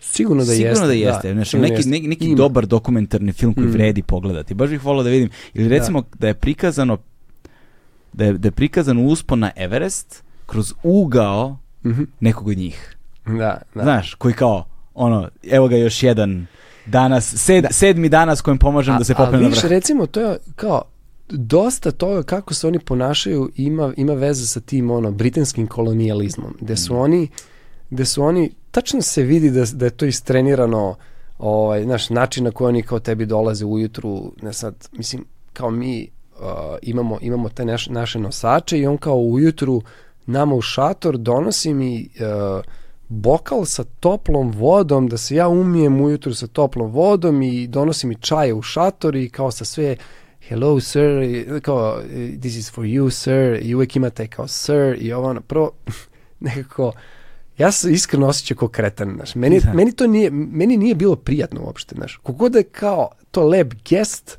Da. mislim da je apsolutno nepotreban, jel ti kao, pa ideš bre da se penjaš, ti si alpinista čoveče, ti ideš da se penjaš na planinu, a ne da se umivaš toplom vodom ujutru u šatoru, to je stvarno kretenski, moram Da, da, da, priznam, da, da. razumeš? A to je, znaš, nismo mi to tražili, oni sami, oni kao, sad to kao, oni tebi... Ho- hospitality. Da, da, da, mislim, glupo, ali dobro, ajde. O, ovaj, tako da, uh, i onda Znaš, recimo... sad, znaš, posta- postavlja se pitanje koji broj ljudi od svih koji su se ikada uspeli na Everest bi to uradio da nije bilo tih, da nije bilo šerpa. A, znači ja slobodno mogu da kažem da to je ono pa 5%, možda čak i možda čak i manje. Mm. Znaš, jer to nije jednostavno nije u redu koliko koliko ovaj ti ljudi ovaj koliko ti ljudi doprinose tim ekspedicijama. A koliko niko ih se- ne potpisuje. A koliko se malo priča o tome. Znaš, to je stvarno to je taka jedna velika nepravda. I, i, i ovaj i to je činjenica, znaš. Znaš, i moram da ti priznam ovaj da da, da to je onako nekako uh, kao ok, ajde, ja sam ponosan, popeo sam se gore, sve to, ali uh, uvijek postoji ono kao način na koji si se ti, na koji si ti nešto uradio, razumeš, kao i, i realno, znaš, ono e, uvijek stoji ta neka mrlja i kaže kao, pa dobro, postoji i, i, i bolji način da se, da se ovo uradi, neko onako više puritanisti, ne znam, Etički. etički, da, da, jel to mislim da to Kao ovi što treduju. da, iz- izlazi, izlazi iz tog uh, iz tog nekog um, iz te neke ideje o alpinizmu, znaš, mm. uošte kao o, o, penjanju, o tome kao zašto ideš gore, znaš, da li, kao ideš nekako da istestiraš sebe, da vidiš gde su ti granice, onda se postavlja pitanje, pa čekaj, da li je to tvoja granica ili, znaš, kao zašto to radiš ili tako, mislim, postavljam mnoga pitanja. Tako da, ovaj, užasno cenim ljude koji, koji ovaj, uh, koji, koji idu na ekspedicije, ono, peš Da. Šarpasa, to je, ono, jedan procenat ekspedicije. Ti recimo imaš čak, znači ti reći, uh, imaš svake godine se dodeljuje um, Zlatni cepin, to je kao najprestižnija nagrada za, za ovaj, dostignuće u alpinizmu I, ovaj, I tu se sve to gleda. Znači, tu se gleda ono, kako si ti, kako si ti otišao na ekspediciju. I tu glavno vidiš ekipa. Tu, ta, to vidiš neverovatne stvari. Vidiš ovu dvojcu, ima neki, ja, ovaj, taj, uh, uh, Sean Vilneva i ovaj drugi, uh, kako se bre zove, stade mi mozak, nebitno, gde su penjali neku stenu tamo u Grenlandu, pa oni frajere uvoti sednu na jedrilicu, pa sa, sa nekim ono, sa nekim tipom koji je kao neki stari mornar koji je kao, to treba da odgledaš taj dokumentarac, to je Sailing Grenland. I sad oni piče ovaj prvo, o, da li su sa Islanda krenuli ili, ili negde iz Norveške, pa a, to, opa, to je na, na Grenlandu taj uh, Baffin Island. To ti je, to, on, on je poznat po tome što ima gomilu sten, recimo El Capitan o kom smo pričali, Mhm. oni kažu uđeš u dolinu i, i imaš ono 20 El Capitana, znaš. Ali je to ono, večita zima, znači stene su neverovatne ovaj, i fora je što ti moraš da pristaneš nekako brodom i tu te ostave i to je ono, dogovorimo se, dolazimo po tebe za ono, mesec dana i ti sad klaj klaj. Naravno, svi nose ovaj, one sprejevi i puške ili gomila belih medveda i njih dvojica su sami ono, došli tamo sa jedrilicom, izbacili stvari, onda su danima samo prenosili opremu ovaj, do baznog kampa i sve i onda su penjali neku ludačku stenu od ono, da, kilometar i po dva kilometra visine. ovaj, i, i, i, I recimo takve stvari, takve stvari, znam, zvuči blesavo skroz, Ne, ne, ali, ali, nisu, ali nisu jednake kao i ovaj... ž- Naravno, ne mogu. I, i sad recimo, interesantno ti sad kad bi, kad bi nekome rekao, kao, kao šta si to popeo, kao koliko je to visoko, znaš, kao, nije sve u tome koliko je nešto Da, kao visoko. kilometar. Kao, Da, da, da, znaš, nego šta je potrebno, koji je, koji je skill, slika se da, posmatra, koji je da. skill, znaš. Jer ovaj, a, i, i sad ima, ne, neko je jednom rekao, to je baš onako interesantno za taj alpinizam, da, da u stvari a, a, maltene to je, to je ono, ranije su bili kao, kao ta istraživanja, znaš, pa ti sad ono, kao, sedneš u brod, ja, ja sam to obožavao da čitam, meni je to bilo ono, super, ono, ono, trka za južni pol, ovaj, Scott i Amundsen i ja, ja sam uživao u tim stvarima, znaš, i to je stvarno bilo, oni krenu, sednu onaj brod, krenu, pojma nemaju da će da se vrate, kad će da se vrate, koliko će njih da se vrati i to. Ovaj, ali toga danas zapravo nema više toliko. I ovo je, da kažemo, jedan način da ti u stvari se potpuno diskonektuješ o- od svega i da ovaj da nađeš ono neki svoj neki svoj challenge i da jednostavno Da. Neka, ne, neka- nekako mi deluje da su i, dva izazova ono sledeća civilizacijska u tom kontekstu su s jedne strane morsko, odnosno okeansko dno. To je kao Mhm. jedna stvar, jer mi zapravo ne poznajemo uopšte ništa. ništa, ne znamo To je ništa. recimo zanimljivo, Ne- znaš što je podatak, sad James Cameron je zaronio ovdje sad uh, u Marijanski rov pre nešto nedavno. Znaš ne znam, ne znam, ne znam, nemam Da. pojma. Pa to, je- Iskreno nemam pročitaj- pojma. da, to, to, to ti je jako interesantno. Recimo, Marijanski rov, znači čovjek je prvo, čovjek je prvo sletao na mesec, pa je tek onda zaronio u, u, ovaj, u Marijanski rov. I, I to je bilo nešto interesantno, taj, taj batiskav zove se Trst, napravljen u Trstu i ovaj i testiranje testiranje baš u Jadranskom moru. Znači on je inače ono spustio se na najdublju tačku u Jadranskom moru. Tu su ga testirali, onda su ga spakovali i odneli i sa njime su se spustili ovaj u Marijanske rovi. I i to se spustio taj tip koji se zove August Picard, koji inače držao i, i, i, i Guinnessov rekord u naj, e, najvišem letu balonom i napravio batiskav po principu balona, gde si imao ovako kao veliku, imao si dole čeličnu kuglu gde su se oni spakovali, a gore je bio ovako jedno, jedno ogromno telo koje je bilo napunjene, napunjeno sa benzinom. I mm. sad, praktično, benzin, pošto je lakši od vode, on je pravio taj kontrabalast i oni su se u tome spustili u, u Marijanski rov 60, ne, znam, kad, kad, je, kad su let- sletili na mesto? 63. ali tako? Uh, ne, uh, 69. Devete. 69. 69. 20. avgust 1969. Da, da.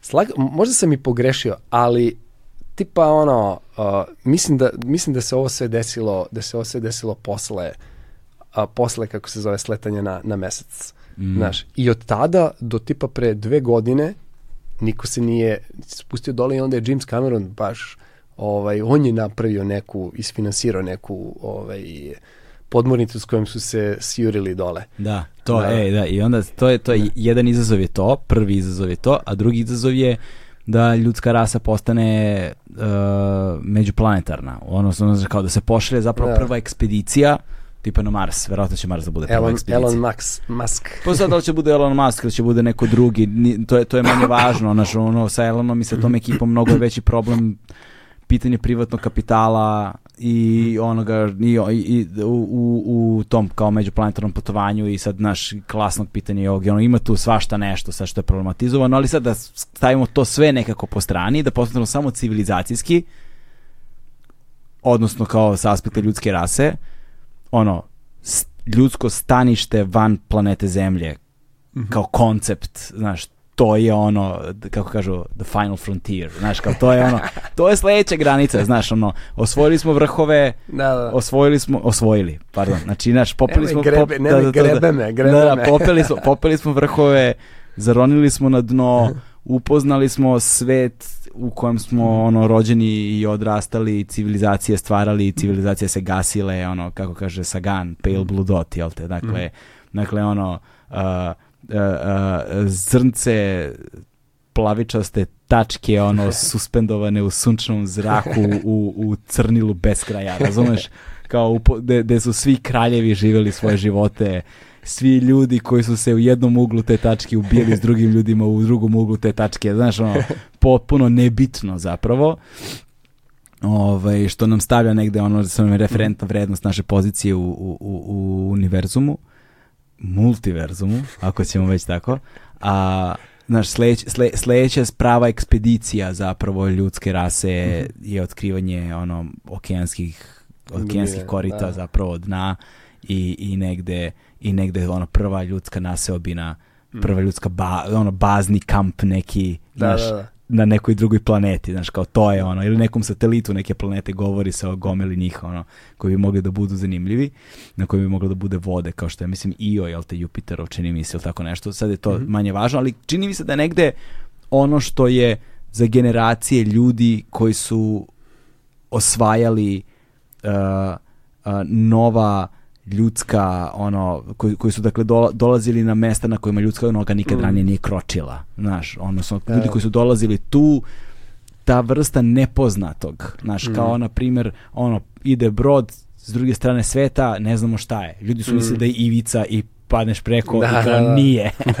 Znaš pre nego što, pre nego što smo znali da je, da je planeta okrugla razumiješ Da, u, tom, da, da. u tom kontekstu ovaj, nekako čini se da je ta vrsta nepoznatog ovo znaš, ovo, da je ovo sledeće na neki, Mm. Da. na neki način i, Moguće, moguće. Znaš, i dok mi tehnološki, civilizacijski, na svaki mogući način ne budemo došli do tačke da možemo to da probamo kao sa nekom s nekim nivom kalkulisanog rizika, jel te, to je, mora to da bude, prosto ne možemo da šaljamo tek tako, jel te? Ovaj, ne, znaš, to, to o, možemo da se postavimo samo onome što znamo trenutno. Mm. Ovaj, ali sad da, da, da, da vratimo malo loptu na domaći teren, jel te? Ajde, ajde. A, to sam te isto pitao bio. A, u sve ovo čemu govorimo, znaš, da li je 8B plus ili je Everest, znaš, ili je a, ovo ili ono, znaš, i pomenuli smo koliko različitih disciplina unutar samog penjenja kao krovne, Da, da, da. kro- krovne stvari ima. Znaš, koliko puta si se našao u zaista rizičnim okolnostima? Mhm. Šta ti je bilo zaista opasno? Da li si se nekada našao baš ono ujebote, zajebana Da, da, situacija? da, da.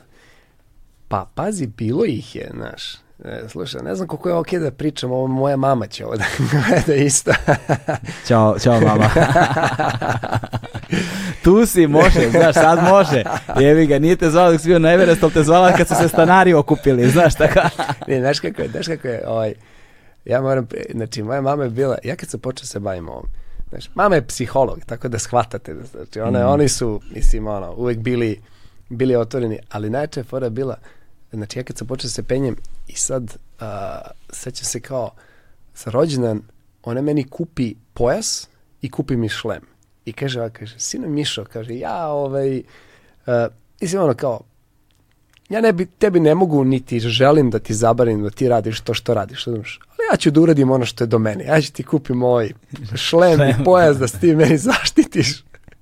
A kaže, a ostalo, ostalo je na tebi. Je. Teško je biti roditelj. Da, teško da, je da, biti da, da, roditelj. da, da. Teško je biti roditelj. Znaš, ono, već projektujem, znaš, i puno sam, brate, teško je biti roditelj. Da. Ovaj, pa bilo je, pazi, bilo je situacija, znaš, ovaj, imali smo, mm, mislim da je jedno onako od ozbiljnijih stvari koje se desilo, u stvari to kad smo, kad smo jačim ja prvi put ovaj, 2004. godine išli da penjemo taj a, kabru, a, to je vrh u, u Nepalu i to je ta ekspedicija se zvala Serbian Way i pošto ti u principu kao glavno kada se uh, to je bila neka tradicija kao kad se popne neki prvenstveni smer znači uh, ili ne, neki vrh kad se, kad se prvi put popne ovaj taj put kuda, kuda si se penjao, uvek mu daš neko ime, znaš. I onda po Himalajama imaš, te ne znam, Polish Way, uh, American Way, bla, bla, bla. Čak ima i, i, i jugoslovenski put, sad je slovenački put, ali to je ovaj, zapravo Neverastu. Uh, zapadni, zapadni greben Everesta je 79. Ovaj, je urađen prvenstveni uspon, kako se zove, još iz one stare Jugoslavije. I to je bio jedan od najtežih uspona na Everestu tada, interesantno. Ha, zvao se Jugoslavian Way, sad se zove Slovenački Way. Da, da, mislim da. Slovenian da, Way. Slovenian Way, da, da. da. Promenili su penjači bili Svi Slovenci. su bili Slovenci, realno. Da, da. Bio je jedan, bio je jedan uh, Hrvat, možda još jedan, ali realno sve Slovenci. Oni su stvarno, znači u, i u alpinizmu i u penjenju oni su stvarno nevjerovatni. Pa Alpi, Alpi su im tu, kultura im je takva. Znaš šta je fora? I italijanima, i švajcarcima, i francuzima, i Jeste. nemcima su Alpi tu. Ali ovi su mali, ali iz nekog razloga imaju, imaju taj neki... Jeste, zaista, ja sam živio u Ljubljani jedno vreme i, i ono što je meni recimo bilo poražavajuće, pošto koliko sam ja, s- 2005. godine sam imao 23.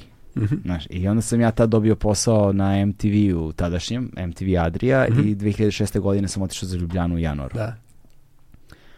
I ono što je za mene bila tada, znaš, ja 23-godišnji Beograđanin idem u Ljubljanu, znaš, moje očekivanja, šta ću ja da radim i doživim tamo u odnosu na ono što sam dobio, Šta, u petak, u petak u dva su svi pobegli na planinu i nema nikoga. pa ne u dva, ne u dva, ali recimo Ljubljana, Da. petkom u osam uveče grad Duhova. Da, da, da. Grad Duhova, Da, nema da. nigde ništa, Da, da, da. mrtvo. Mislim, Svi u govorim, govorim, govor- govorim iz ugla jednog 20-godišnjaka iz Beograda. Da, znači, da.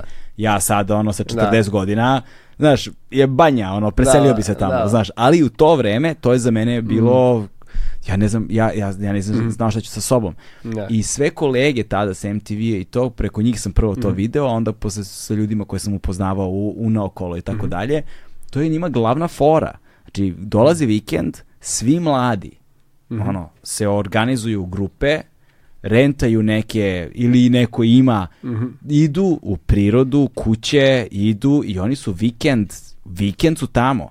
Ono, usponi uz brda, planine, to, znaš, t- te stvari, to je njima toliko normalno. Mm. To, to je deo kulture, to je prirodno, to se podrazumeva. Kao da si slovenac, da nisi to radio, kao da, ono, Da, da, da, jeste. da si živeo, brate, znaš, kao, Zato ne vole da dolaze u Beograd, jer im je ovde ono to... to Ovde je da, zabava. Da, ovde je zabava. aha, ovde je zabava, da, da, ono, za novu godinu, znaš. da, da, da. Ne, da, ša- šalim se, znaš, ali, ali, ovaj, ali da, oni imaju u odnosu na nas značajno razvijeniju tu kulturu, značajno, Mm. Definitivno, značajno, definitivno. znači kod nas seoski turizam, etno turizam i tako dalje, tek sad dobija polako na značaju, Mm. posebno zahvaljujući pandemiji. Znaš, pandemija je nekako usmerila nas je na, ka tome, nužnost nas je negde na neki način naterala i počela su ta mesta da žive i vidiš to sad kako bi želeo da kupiš zemlju negde, video bi da je sad to malo teže nego što je bilo pre dve, tri godine. Ali, ovaj, a to sam ja u 2005. 6. u Sloveniji to bilo već ono uveliko normalna stvar, znaš, kao, ne, znači, to, ti vidiš da to čak nije ni skoro, nego generacijski. Mm. Generacijski, tako da da, razumljivo je. Da. Nego Ka, da ka- kako su to dobili, ne znam, ali da. Tako da bio je Jugoslavian Way, E, da. O, koji je, zapravo Slovenian Jest, Way, e, pardon. A ovaj naš, ovaj naš je bio Serbian Way. Aha. E, I kako se zove, ideja je bila da se popne taj, to je zapravo nepopit vrh, barem te informacije koje smo mi ovaj, dobili da niko, niko, nije, niko, ni- niko se nije popeo na taj vrh, a vrh 7400 metara. Uje, buta, nije, Znači ti dan danas Ne znam da li je još uvek, da li ga umeđu vremena neko popeo ili ne, ali fora je što to je bilo u, u tom jednom delu, a, to je istočni deo Nepala, na granici sa Sikimom, sa, sa indijsk, indijskom pokrenom Sikim. Ovaj, jer tu, tu ide, kako se zove, um, to je, to je ta, znaš ono da, da, kako se Indija podlači, nebitno, istok, istok i tu se nalazi treći, naj, treći najviši vrh na svetu, Kanchenjunga. Prvi je Everest, drugi K2, a treći Kanchenjunga. Ima ga u ovaj, 14 Peaks. Da, da, da, da. Ovaj, Pogledajte te dokumentarac, ima ga na Netflixu. da, odličan je. Svi stvarno treba da pogledaju Stvarno treba, da. dokumentarac, da. vide. Šta smo sve pomenuli do sad? Pomenuli smo Free Solo, Alexa Honolda, Da, pomenuli smo. 14 Peaks, ova dvojica, kako smo rekli se zove? Uh, The Dawn Wall. The Dawn Wall, Da, da, da. Šta I smo ima, ima dobar, ti treba da ogledaš The Valley Uprising. The Valley Uprising. Da, Valley, da li je The Valley ili, ili Da. samo Valley Uprising, mislim da je samo Valley Uprising. I još jedan si nešto. pomenuo, za koji si pomenuo, nešto si pomenuo. Zaboravio sam nešto Ne znam. Nema veze. I, Ali Serbian Uprising Way. moraš da pogledaš. Valley odličan je. odličan je. Ovaj, I kao ideja bila da se popne taj prvenstveni smer. Znači kad smo došli tamo bilo je malo zbiljnije nego što smo ovaj nego što smo mislili da će biti. to znači? Pa pazi, a slika koju smo mi imali, naš, to je malo bilo ovaj, čudno da, da ovaj, mi smo imali kao idemo da popnemo taj vrh kao 7400, kao imamo i imamo to, a na slici to što nije izgledalo tako, znaš, kad dođeš uživo, pff, znaš, mnogo, mnogo ozbiljno. Tipa, stena je visoka 2600 Ni- ni- metara. Niste imali dobru betu.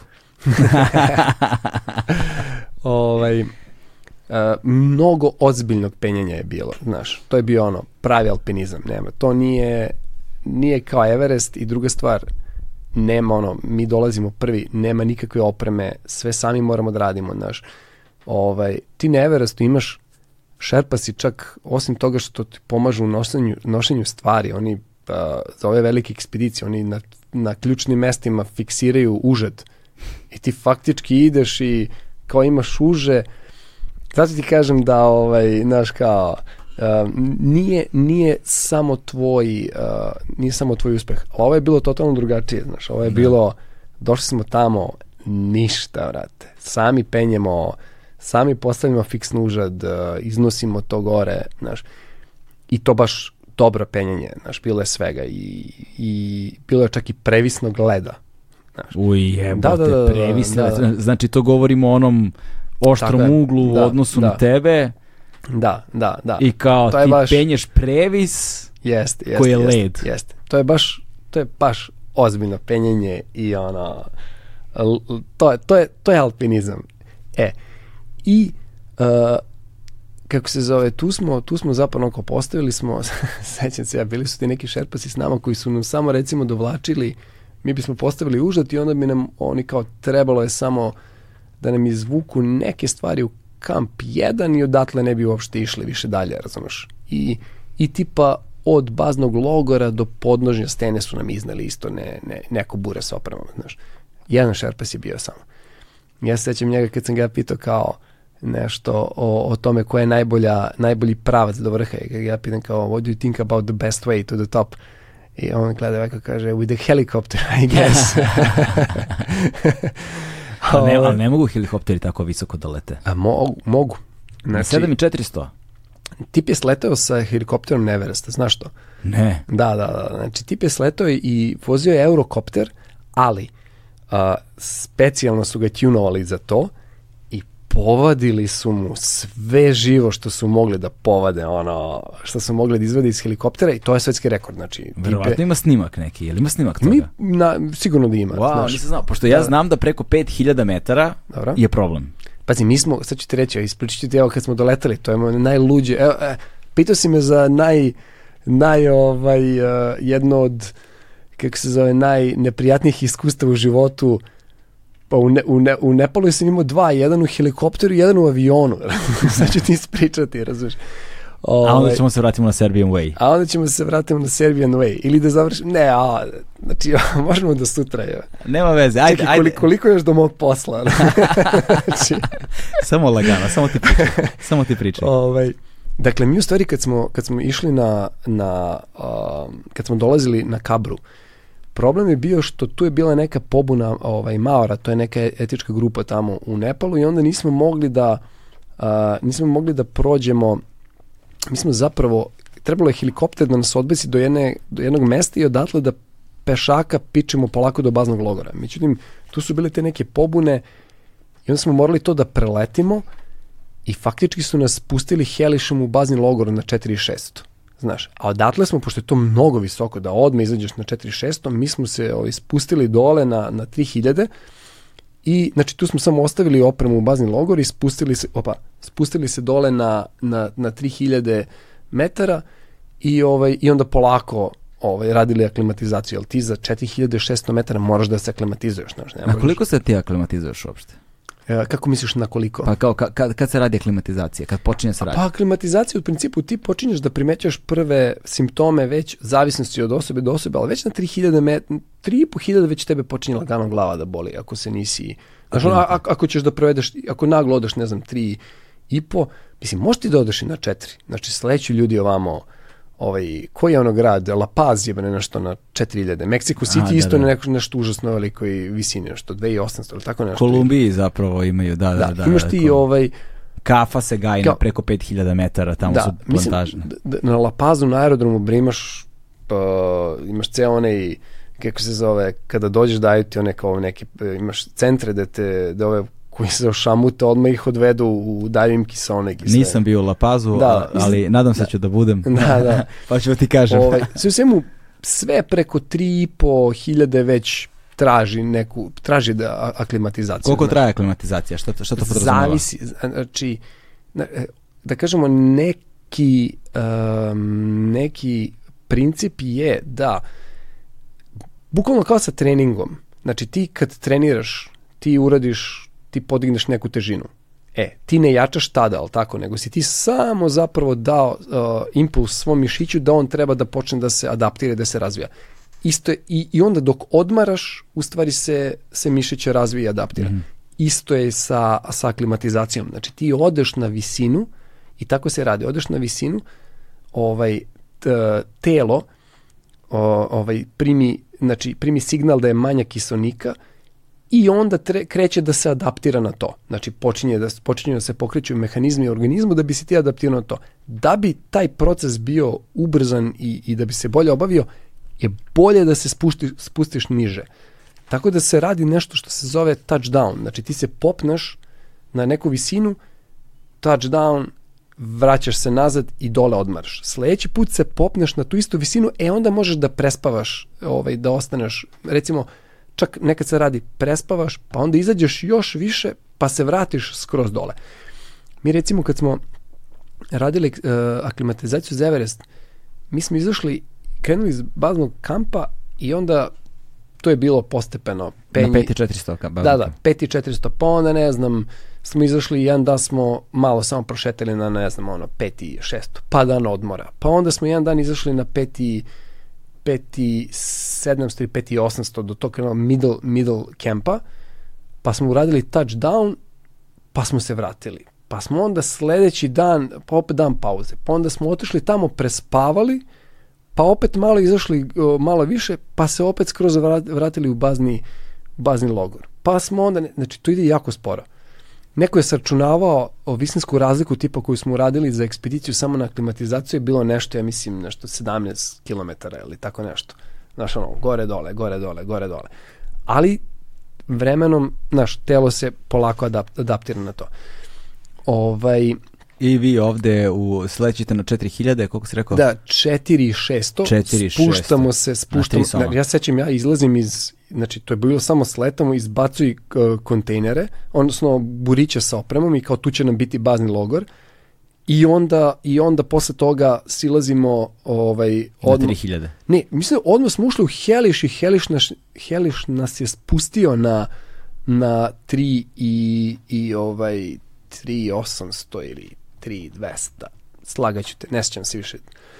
Ovaj, davno je bilo, 2007. je. Ovaj, I e, ja se sjećam to kad smo izašli prvi put na 4 i 6. I ja ovako, a to je bilo znači, ja pre, to je prvi put u mom životu da sam ja bio na, na ovaj, ne, ne, ne 2007. 2004. Uje. Da. Ovaj, to je bio prvi put da sam ja bio na toj visini u, u svom životu. Znači, nikad u životu nisam bio na visini, ono, a, preko tri soma. Znači, Da. to je ono. I izlazi mi ono kao, wow, znaš, a mi smo direktno iz Katmandua spičali tamo. I, ovaj, I taj let helikopterom je bio, znači, pošto limitirano je bilo koliko, koliko, ovaj, koliko kila, kila sme da uđe u helikopter, znaš. I a naravno, sve je skupo, sve košta, pogotovo helikopter tamo. I ovaj, onda smo mi tu nešto naš budžili, pa smo na kvarnu ubacili, na, realno smo pretovarili helikopter, znaš, mislim, ne znam koliko je to bilo, nije mnogo, ali je realno bio pretovaren heliš. I pazi, i to, znaš koji heliš, onaj Mi 8, onaj, to ti je onaj Bucko, to je, ovaj, mi- mislim da ga, mislim da ga ni mi ne više nemamo, mi smo ga izbacili iz upotrebe. Ovaj, to je onaj teretni helikopter, onako što je kao iz, uh, ima ovaj, buckasto telo i onako tanak, on je Da, da, da, smešno da, da. izgleda. Pravi, pa ruski dizajn, onaj pravi, znaš. E, i sećam se, znači, dva pilota su bila jedan, a, jedan, a, kao glavni pilot je bio a, Nepalac, a kao pomoćni pilot je Rus, koji u stvari, koliko sam shvatio, je obučavao ovoga. A, I sećam se taj moment kad mi onako kao prilazimo sad baznom kampu i gledamo mesto gde ćemo da sletimo, mi smo njemu dali koordinate i sad problem u stvari sa helikopterom je taj moment kako on počinje da okreće, jer on je, on može da izađe na visinu, razumeš, ali mu je problem da sleti, znaš, jer on kada on kada se, kada se kreće, znaš, njemu, nije, njemu je problem da stoji u mestu. I, I problem mu je da zaokrene, jer kad, kad okreće onda gubi ugao, nema više toliko silu potiska, znaš. I, ovaj, I on je krenuo da okreće uh, da okreće iznad glečara i ja se sećam taj heliš kreće da se trese ono, ja sam bio u fazonu gotovo je. I ovaj počinje, pilot Nepalac počinje nešto da paniči, a Rus hladan ko špricer i sad nikad to neću zaboraviti. Baš je bilo ono, samo je bilo ovako kao, prepusti meni, znači, i on preuzima komande, znači, pošto imaju one duple komande, ali on je, ne, ne mogu da se setim scene, ja samo znam da je, da je to, da je bilo ono kao, vidi ga Rujka, ono, uzima stvar u svoje ruke, kreće da, da okreće onaj heliš, ja sam bio po zonu, ako se sad ne strušimo, nikad nećemo. Znači, taj se heliš toliko tresao i na kraju sleti on tu, mi poizbacujemo tu opremu, onda je posle bilo lakše da uzletimo, o, jer ni, više nismo bili toliko teški i ništa i kao tu smo sleteli i to je to, znaš. Ovaj, a drugi put je bio Uh, znači na letu od Katmandua, to je kad smo išli, uh, kad se ide na taj trekking uh, za, za Everest, znači leti se od, od Katmandua do Lukle, a Lukla ti je, uh, kažu, naj, najopasniji, najopasniji aerodrom na svetu. Uh, bukvalno je, ta, tako, tako je kategorisan, znaš, znači, mi što Da. imaš ono YouTube, 10 uh, da, da, most da. dangerous, bla, bla, je, E, i, ovaj, i fora sa Luklom je da aerodrom je na 2600, ima pistu koja je dugačka tipa 300 metara, ujevo se. koja je ovako pod nagibom Da. i fora na kraju piste je planina ovako. Imaš kao betonski zid i kao tu je, tu je planina. A ovaj prvi deo gde nalećeš je provalija, razumeš? Tako da ti ga gađaš, gađaš aerodrom, ne smeš da sletiš ranije, a ako, ovaj, Ako si prebrz. ako si prebrzo opalićeš, nema šanse da okreneš, razumeš, opalićeš u brdo. I sve to tako skupo se nalazi okruženo ono, sa gomilom nekih planina. I ja se sećam prvi put, prvi put kad smo, kad smo ovaj, leteli i ovaj, sad ti to onako, znaš, uz- uzaćeš iz Katmandua, to je mnogo lepa scena, znaš, da je onako u jednom trenutku su onako u daljini, ti iz Katmandu u daljini vidiš Himalaje, ali pošto je uglavnom nekako a, vazduh je uvek onako ovaj, vlažan i Nije vidljivost ne, da, da. nije, nije lepa, nije, krist, nije čist, dobra vidljivost. I onda kad uzletiš kako se približavaš i tad puknu Himalaji, tad vidiš ono, fantastično kako se, i, i, i lep, lep je taj brdoviti deo ovoga Nepala gde imaš puno onih terasa gde oni gaja, oni pirinači, mm, krompir ili šta li da. već. I to je sve tako, ono, sve je zeleno. Kao kaskade. Da, onako, da, one kaskade. Sve je zeleno i onda samo u jednom trenutku onako kao u daljinu onako pucaju ti vrhovi, mislim, fantastično izgleda.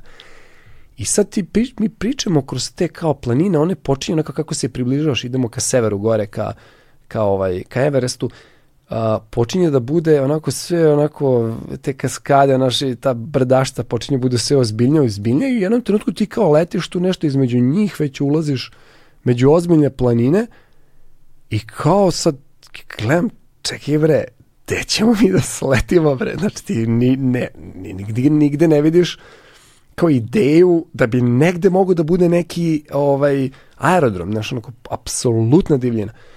I u jednom trenutku je kao, ok, kao spremite se, da, inače ovako, imaš kao stewardessu, znači mali su oni, oni kao charter uh, ovi, uh, avioni od 14 mesta, sve su to charter letovi, imaš kao neku stewardessu i onako na početku leta ti oni daju a, ovaj, vatu za uši da staviš, kao oni propele, propelerci su naravno, i daju ti ovaj daju ti- Heroin da se smiriš. Ne, ne, daju, daju ti i daju ti ovako daju ti, daju ti jednu bombonicu, razumiješ? Možda dve, ne znam, ali je to bilo toliko simpatično. I, ovaj, I sad ta scena ovako gde je kao mi kao pripremite se za sletanje, ja kao kakvo bre sletanje, znaš, i, i fora je što uh, ja, ja sam sedeo ovako tako da uh, kokpit nije imao, nema, nema vrata na kokpitu i onda možeš da vidiš tačno ovaj kroz uh, Da stvar budeš bolja, da. Da, i ja ovako pogledam i vidim u daljini ovako mala pista, razumiješ, i gledam ispred piste provalija, iza piste brdo, razumiješ, i on kao, ovaj frajer mora da pogodi ovo, znaš, kao, to je to. E, i, ovaj, i to kad smo sleteli, to je bilo baš wow. I to je bilo okej. Međutim, koja ti je fora? Fora ti je recimo da kada, kada, a, kad je loše vreme, ti sad recimo došao si, ne znam, odradio si trekking, vratio si se, čekaš, imaš kartu za taj i taj datum, ako je loše vreme, nema aviona. Znaš, to mora, tačno se zna šta je. I sećam se, mi smo se vraćali sa nekog trekinga i i ovaj i sad ono kao čekamo, čekamo, probudiš, ne znam, uglavnom pošto kao ujutru su, ovaj bolje vremenske prilike i ovaj i uglavnom ciljamo te jutarnje letove, međutim nešto u pet ujutru, šest smo na aerodromu, sad sediš i čekaš kad će se pojaviti tvoj avion. A aviokompanije su Buda, Buda Air, Airways, Yeti Airlines, što znači jako su zanimljive. Ovaj, jako zanimljive imena. I sad mi tu kao čekamo, čekamo i ono već prošlo, ne znam, 5-6 sati i ono, ne, mi smo već se pomirili kao ok, neće biti leta danas, kao to je to. I ovaj, i kad u jednom trenutku, bab, sledeći avion i sad kao, a, to je naš avion, kao super straj. I ulazimo mi u avion i sada ovako, ja sedam na, bio sam na zadnjem, na zadnjem mestu i pored mene sedi neki Amerikanac i sad svi se vezuju, razumeš? I treba da se vežeš. Zato služe pojasevi. Ima razlog zašto su napravljeni. Ovaj, naučio sam na, na teži način kreten i ovaj, I sad ovako, ja ovako sednem i svaki put sam se vezao u tom avionu, pošto sam par puta sam ovaj, letao tu. I ovaj, međutim, ovaj put, pu, ovako ja sednem i kao vidim ovaj Amerikanac pored mene, on se nije vezao, kao, a neću ni ja, kao volim ovo. I sad mi uzletimo i sve je okej, razumeš? I tamo negde pred, uh, tipa ono, dve trećine puta kreću turbulencije. I onako kreće avion malo kao nešto da se mrda, mrda i u jednom trenutku udarac gde ovako ja i frajer pored mene smo zalepljeni za plafon od aviona, stewardesa je isto zalepljena, svi ostali su pametni se vezali, razumeš? Znači, ovdje iza nas je bio, seća se, uh, aparat za gašanje, omašio sam ga za, za ono, nisi, ta, i oko sledeći trenutak, pam, ovako padam u stolicu i, i ovako pogledam ovog, znači nas dvojica smo se ovako pogledali i obojica smo uradili isto, ovako tras, isto smo se vezali. I ovaj, i sad ovako kao vezali smo se i ja sad gledam stewardesa koja je, koja ovako kao ustaje, znaš, curio je krv iz nosa i pilot koji se ovako okreće kroz tu, ovaj, okreće se kroz ta vrata i taj, taj pogled pilota nikad neće zaboraviti gde onako se ogleda da li smo svi živi sledeće što ide ono kese, povraćanje, haos u avionu. Znači, Da. haos, pola, pola aviona se ispeglalo. I onda shvatiš funkciju bombone. I, i ovaj, da osveže dah.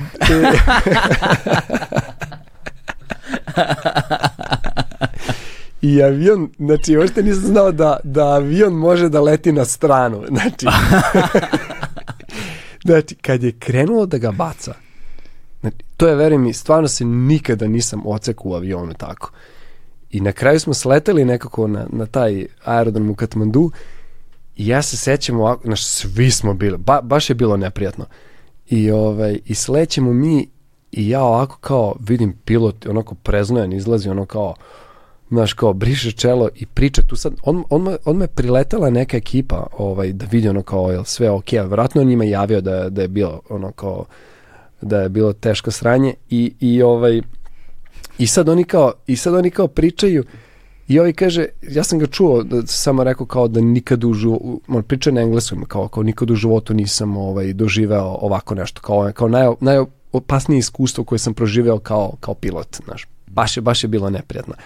A fora je, što ja sad ovog gamera ovako, mi silazimo i ja kao, je kao čoveče, vidi, mi prežive smo ovo ono, I kao, ja kažem, kakve smo budale što se nismo vezali. Ja kažem, ja gledam tebe, ti se nisi vezao. On kaže, a ja gledam tebe, ti se nisi vezao. tako Ja, da, to, to, to, to, ti to. ono, what monkey see, monkey do, znaš. I To, tako to. da, eto ti, šta ono, dve budale jevi ga. I Serbian Bilo, Way, bilo je dovoljno samo jedan da bude pametan. Znaš, ali jedan nažalost nije pametan bi rešio problem, a ovde ono, kad dve, dve budale kad se nađu, to, to ne može da, da bude dobro na kraju. I, I Serbian Way, Serbian Way. Serbian Way, da. Uh, sleteli ste na 4600, 4600, spustili smo se dole, ovaj, lagano smo odradili, u, to je bilo zabavno u, znači tu ulazimo kod nekog veseljaka ovaj, koji ima kao tu lodž, ovaj, koji ima zalepljene, kako je to onako kulturološki interesantno, znači on ima zalepljene one uh, plakate neke, uh, uh, nekih bollywoodskih zvezda, razumeš? I to ono kao koliko, je, koliko one odlepljuju na te bollywoodske filme, pa to je fantastično, znaš. Da, da. I, i, ja, i još jedna stvar koja mi je ostala, znači imaju one niske, a, kao, taj ne, kao sad imaju obično kao dola, onako kao u suterenu u tom lođu je ukopano, kao tu, tu je menza, znaš, kao tu se klopa i nekako izlazi su niski, ali su oni svi mali u suštini, znači mm. sećam se da sam glavom jednom tako opalio u ovaj... e, ali tu je bilo in- interesantno, bio jedan, sećam se na vratima, bio jedan ovaj, kao poster i kao o snežnom leopardu. I, kako se zove, sve neke karakteristike snežnog leoparda, znaš. Pošto ih tamo baš ima dosta, jer taj deo gde smo mi bili je ovaj, jako izolovan. I kad smo na kraju došli do, do ovaj, što, što recimo nije karakteristika ovog Solo Kumbu regiona, gde ima jako, jako puno ljudi prolazi i i, i snežni leopardi generalno ono kao Izbegavaju. Be, izbegavaju tako, beže, beže od, ovaj, od ljudi. I, ovaj, i sećam se, uh, znači, kad smo došli u taj kamp, na 45 dana, da smo, 45 dana, ne, kako, da, tako nešto, da, mesec i 15 dana otprilike trala ekspedicija, za svo to vreme mi smo videli a, prošla je jedna beloruska ovaj a, trekking grupa i proš, prošlo su dva, dve šerpe od neke koreanske ekspedicije koja je penjala Kančengzengu i to je to. To su svi ljudi koje smo videli za mesec i, i kusur. A tipa ovako vreme Koliko je vas bilo? um, znači 4, 5, 6 mislim sedmo, šestorica, da, plus, plus taj kuvar, bilo je se ukupno možda devetorica, tako nešto. Mhm, Cela okej. ekspedicija je bila devet, devet ljudi. I ovaj, I, I sećam se, znači, znači, tamo je vreme jako, jako interesantno, vrlo je ono kao, ba, baš je promenjivo, znači, desi se ono, preko noći ono padne sneg, sutra ujutru grune na toj visini kako tuče sunce, znaš, to, to je strašno.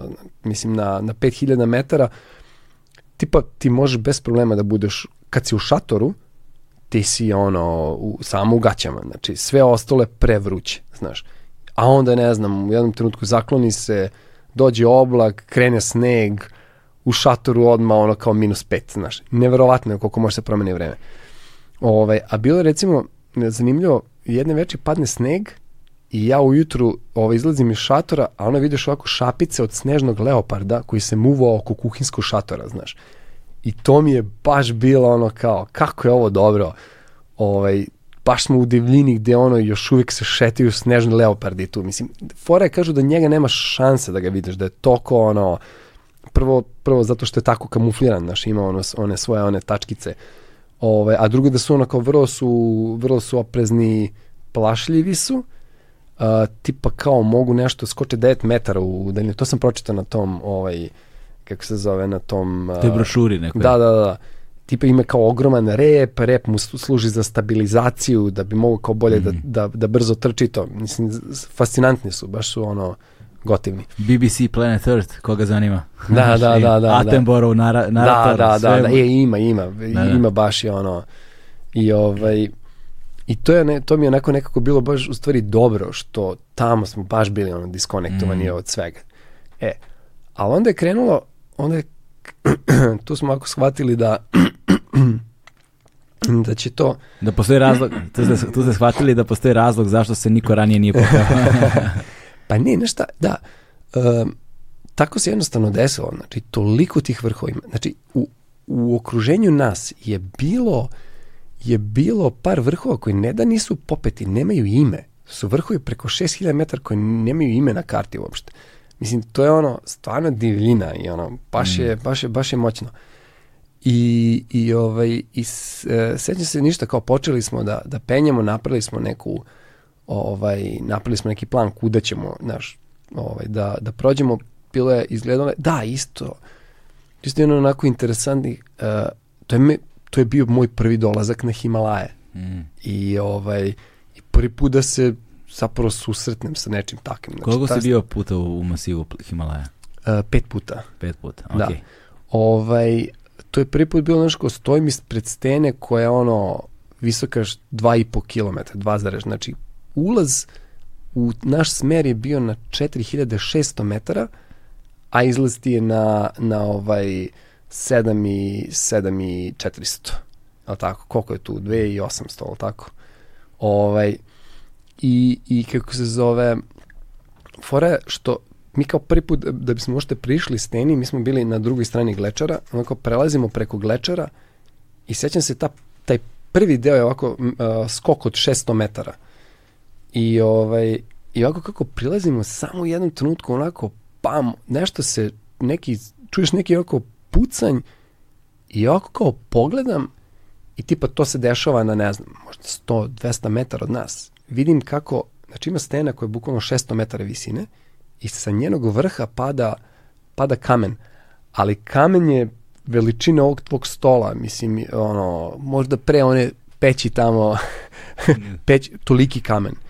I sad kamen inače kad pada ima jako, jako specifičan zvuk. Znaš, mali kamen ima nekako kao, kao neki specijalni efekat iz akcijnog filma, znaš, imaš onako znaš, nekako, ali ovo, znači, taj zvuk, ja sam se naježio i to kad je opalilo dole u, u taj glečer, ta eksplozija, bukvalna eksplozija.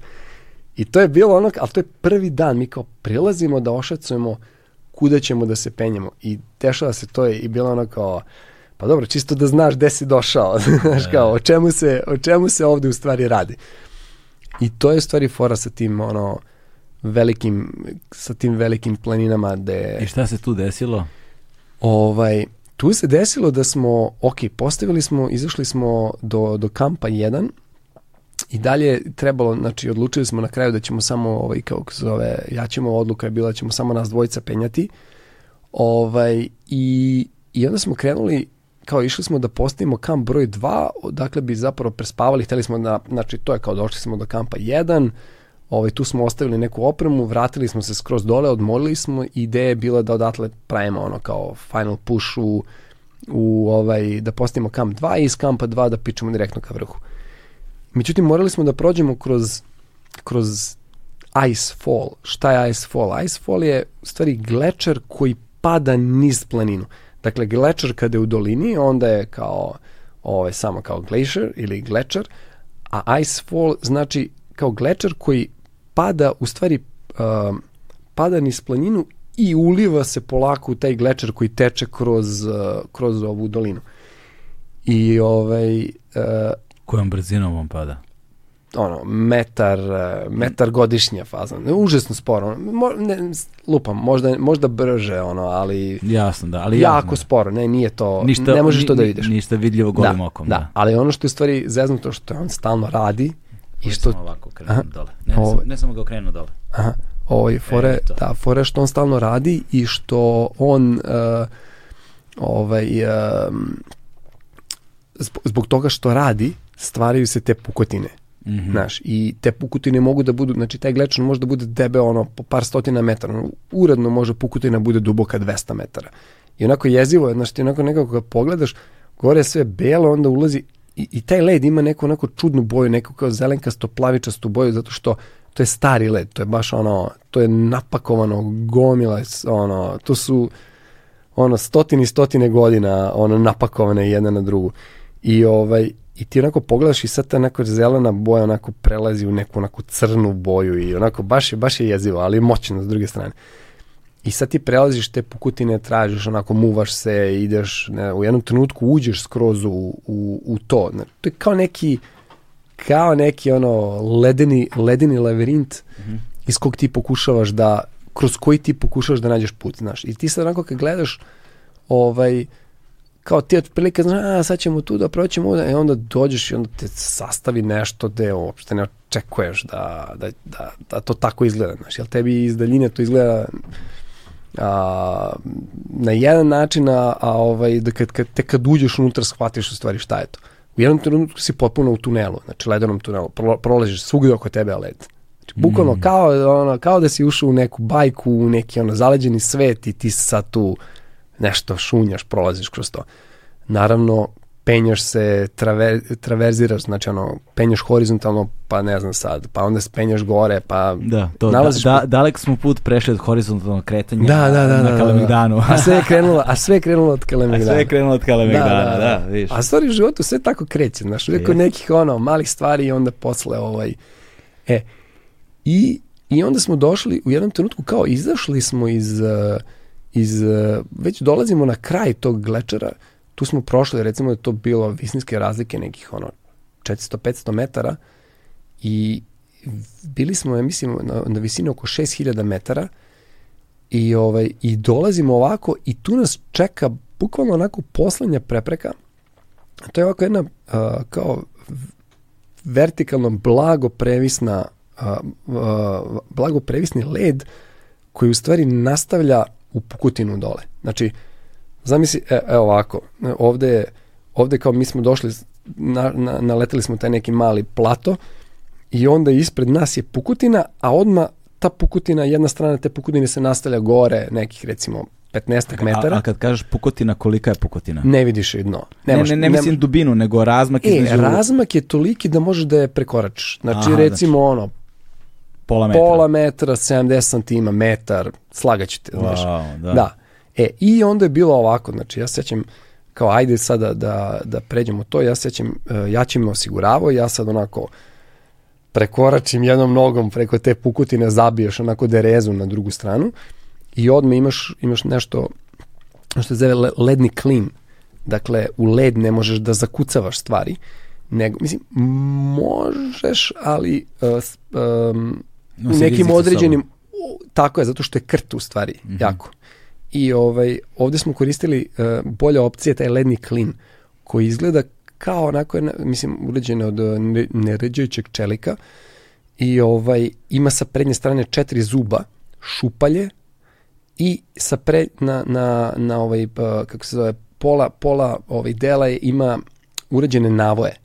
I ti bukvalno ovako uzmeš i samo ga kreneš da, da je navijaš i on polako kako ulazi u, u, ovaj, u led, on, on zapravo kroz tu šupljinu unutrašnju izbacuje taj ostatak. uh, Aha. Da, on drobi polako sitno led, taj navoj ga vuče stalno napred i, ovaj, i, i, i zašafiš ga bukvalno u led. I to je to. I može da nosi poprilično, u zavisnosti gde ga postaviš, u zavisnosti od toga kakav je led, može da nosi jako, jako puno, znaš. Mhm. A to opet, naravno, zavisi i od uslova i od tebe.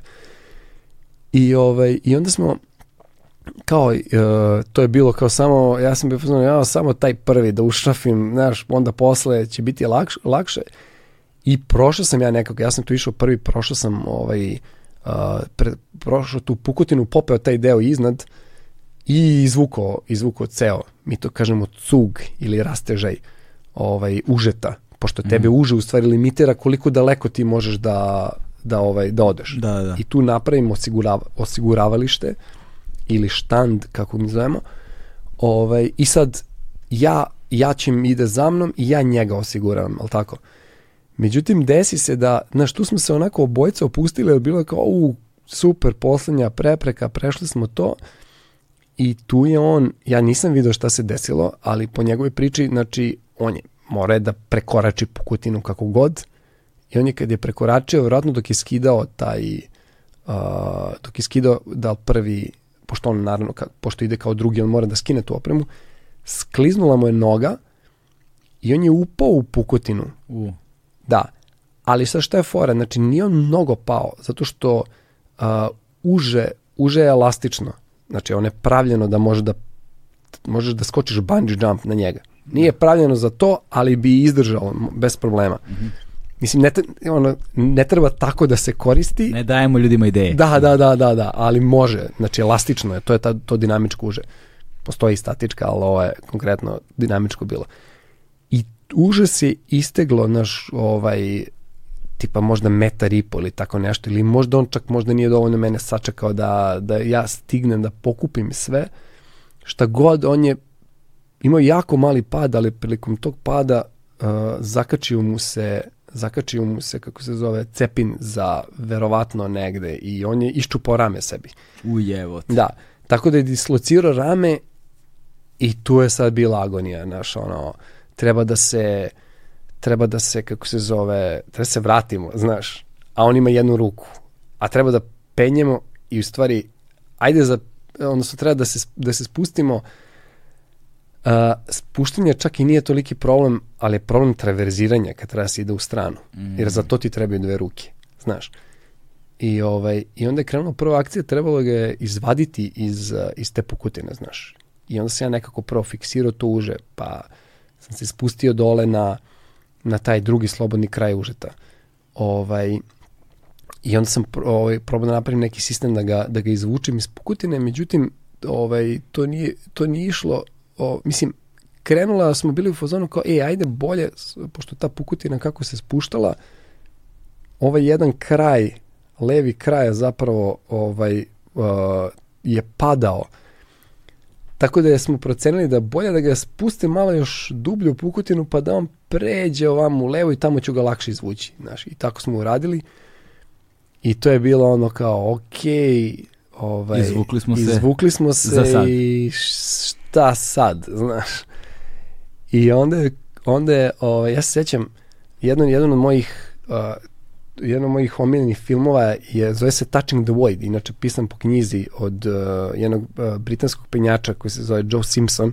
To je, taj film Touching the Void, ajmo, e, trebalo bi ga odgledati, mislim da to je najbolji, najbolji film ikada, penjački, onako vrlo realan, sa dobrom pričom i uh, neverovatna priča o, o preživljavanju, ali ima jedna rečenica gde on kaže o, ista si, slična situacija da smo bili ovaj, da smo, u kojoj smo i mi bili, on kaže ako si ne znam na visini od 6000 i ako ti partner ne znam slomio ruku, nogu, tako nešto kaže, ono, ti si gotov, razumeš, čitaj da si otpisan, znaš, i meni to sad prošlo kroz glavu i bilo ono kao, a, a, a, kao, sad znam kako im je bilo.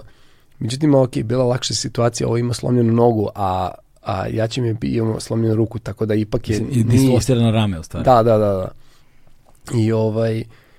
I sećam se, znači, ono kao gled, gledajući njega koji onako, uglavnom se ne žele ni za šta, ali, ovaj, ali kad on je bio u zonu da ga kao baš boli i ono kad vidiš da trpi, sve mi je bilo jasno, znaš.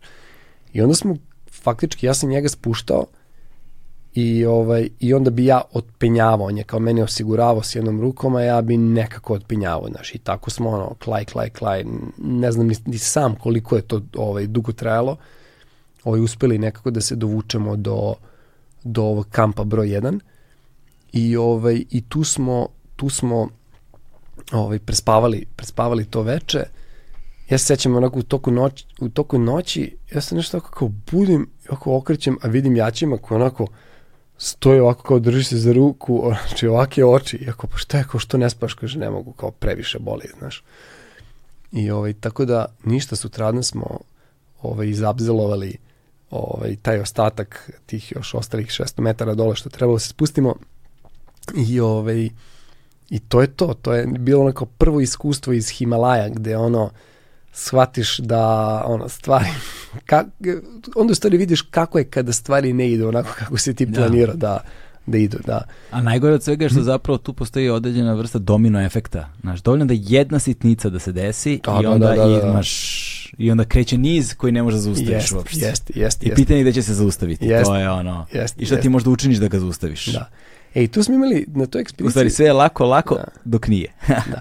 Na toj ekspediciji smo imali isto ovaj, onaj kao jedan close call, a to je bilo da smo...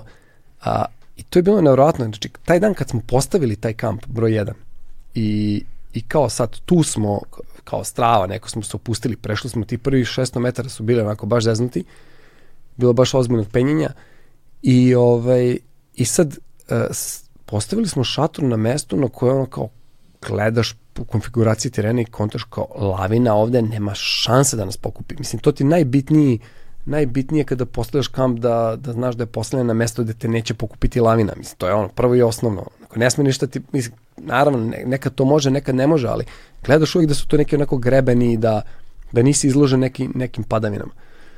I, ovaj, I kao, ok, neće nas tu ništa skupiti. I sećam se taj dan onako bilo neko sunce upeklo, ja u šatoru, znači ja onako u gaćama, bukvalno u gaćama i toplo mi je. Znači, mislim da sam izmerio da je u šatoru bilo 30 stepeni. Znaš, jer ono, 5.500 metara efekat staklene bašte razbija koliko je, ovaj, koliko je vruće unutra. I ovaj, I sad kao dan fantastičan, nema vetra. Onako, čujem onako u daljini nešto, onako, iza grebana nešto huče, neke vetriće, ali ništa strašno. I u jednom trenutku samo onako kreće sve kao, kao u jednom trenutku kao počne onako malo jači vetar, iako ujebate, kao, kao, kao, kako je ovaj vetar pojačao i ovaj i kreće onako sve jače i jače i ja kao šta je bre ovo i u jednom trenutku ko, ko da počinje da pada sneg i ja tu shvatim lavina, znaš. I, i ono, najgluplja reakcija koju sam ja mogu, ja kao krećem, ja znam da, da kako je ovde, kako je ovde šator, mi smo odmah tu blizu te neke stene, iako daj da istrčim kao možda samo da se, znaš, iako kako sam krenuo, A ti u gaćama? Da, u gaćama, razumeš? I ovako kao, samo ovako pogledam gore i vidim da dolazi I onda sam samo shvatio, čekaj bre, znaš, kao, vraćaj se unutra, šta ćeš i, i da preživiš, šta ćeš na 5500 metara u gaćama da radiš, ono, znaš, ono, nemaš ništa, ono, bolje, pa mislim, ne, to je totalno, ono, uđi u šator, pa makar nek si zatrpan sa šatorom, razumeš, tu ti oprema nešto, možeš da, međutim, nije nas, uh, nije nas potkačila lavina, nego ne se samo potkačio taj, uh, znači lavina ispred sebe uvijek baca jako puno snega. Aha. i baca taj, uh, pravi veliki oblak uh, ovoga, mislim, zavisnosti koja je lavina, da li ova uh, vlažna ili ova pršićasta lavina. E, pravi veliki... nisam znao da postoje razlika među lavinama, da, da, da, da, ali da, pretpostavljam postoje, da da. Postoje. Postoje i, i svaka je zeznuta na svoj način. Aha, znaš, okay. da. Ovaj, uh, i, I mislim u stvari samo, nas je dotakao samo taj, taj kako se zove, pršićasti sneg koji je u stvari lavina podizala, je lavina, problem sa lavinom, ona gura ogromnu količinu snega, samim tim i ogromnu količinu vazduha. Mm -hmm. I desi se recimo često da lavina se zaustavila, nije ni stigla do nekog, do nekog objekta, a objekat razvaljan potpuno. Znači, da ga je faktički samo taj vazdušni udar, mm. znači količina tog vazduha samo ono, ne znam, lansirala i bacila, ono zalepela. Mislim, ima tih slučajeva, da ono, ako kao metalni bivak u Alpima koji je ovako 50 metara iznad ovako zalepen za stenu, znaš. To, to, to mi je ovaj... Znaš, meni, meni prva asocijacija na bombardovanje. Da, da, da. Znaš, sjećam se tačno kada grune raketa, pa ide prvo onaj odbljesak, Jest, razumeš jest. to? Da. Znaš, imaš zvuk i, i imaš taj udara, ud, udar vazduha kada Jest, su nam svima jest. pucala stakla, sve, znaš, a ono E. kilometrima daleko od tebe udara. Ali sad je fora u stvari što a, ta lavina je zapravo udarila gore u neki greben i skrenula je desno. I mi, to što je nas dotaklo je u stvari bilo smešno, ono, ništa. Jer mi s- imamo snimak te lavine. Gde ovi dole u kampu, a, a mi, mi smo imali stanicu i mi ugasili stanicu da bi štedili baterije i kreće ta Pametno. lavina, a ovi, a ovi kako se zove, uh, uzimaju stanicu i pokušavaju da, nam, da nas obaveste pokušavaju da nas obaveste i, i sad oni ono u totalnoj panici. Ja kad gledam taj snimak, snimak je jeziv. Na snimku stvarno deluje kao ćao, gotovi smo i sve. Čekaj, ima snimak te lavine, Da, konkretno da, da, da. te koja vas... Baš te velike lavine. Ko je snimao? Uh, dole iz, dole iz ovoga Sony, Sony je snimao, kao Sony Darijević je snimao, on je bio snimatelj kako se zove, ekspedicije i ovaj, baš ima, ima ta lavin. Mislim, možda čak negdje na, na, na YouTube-u ima.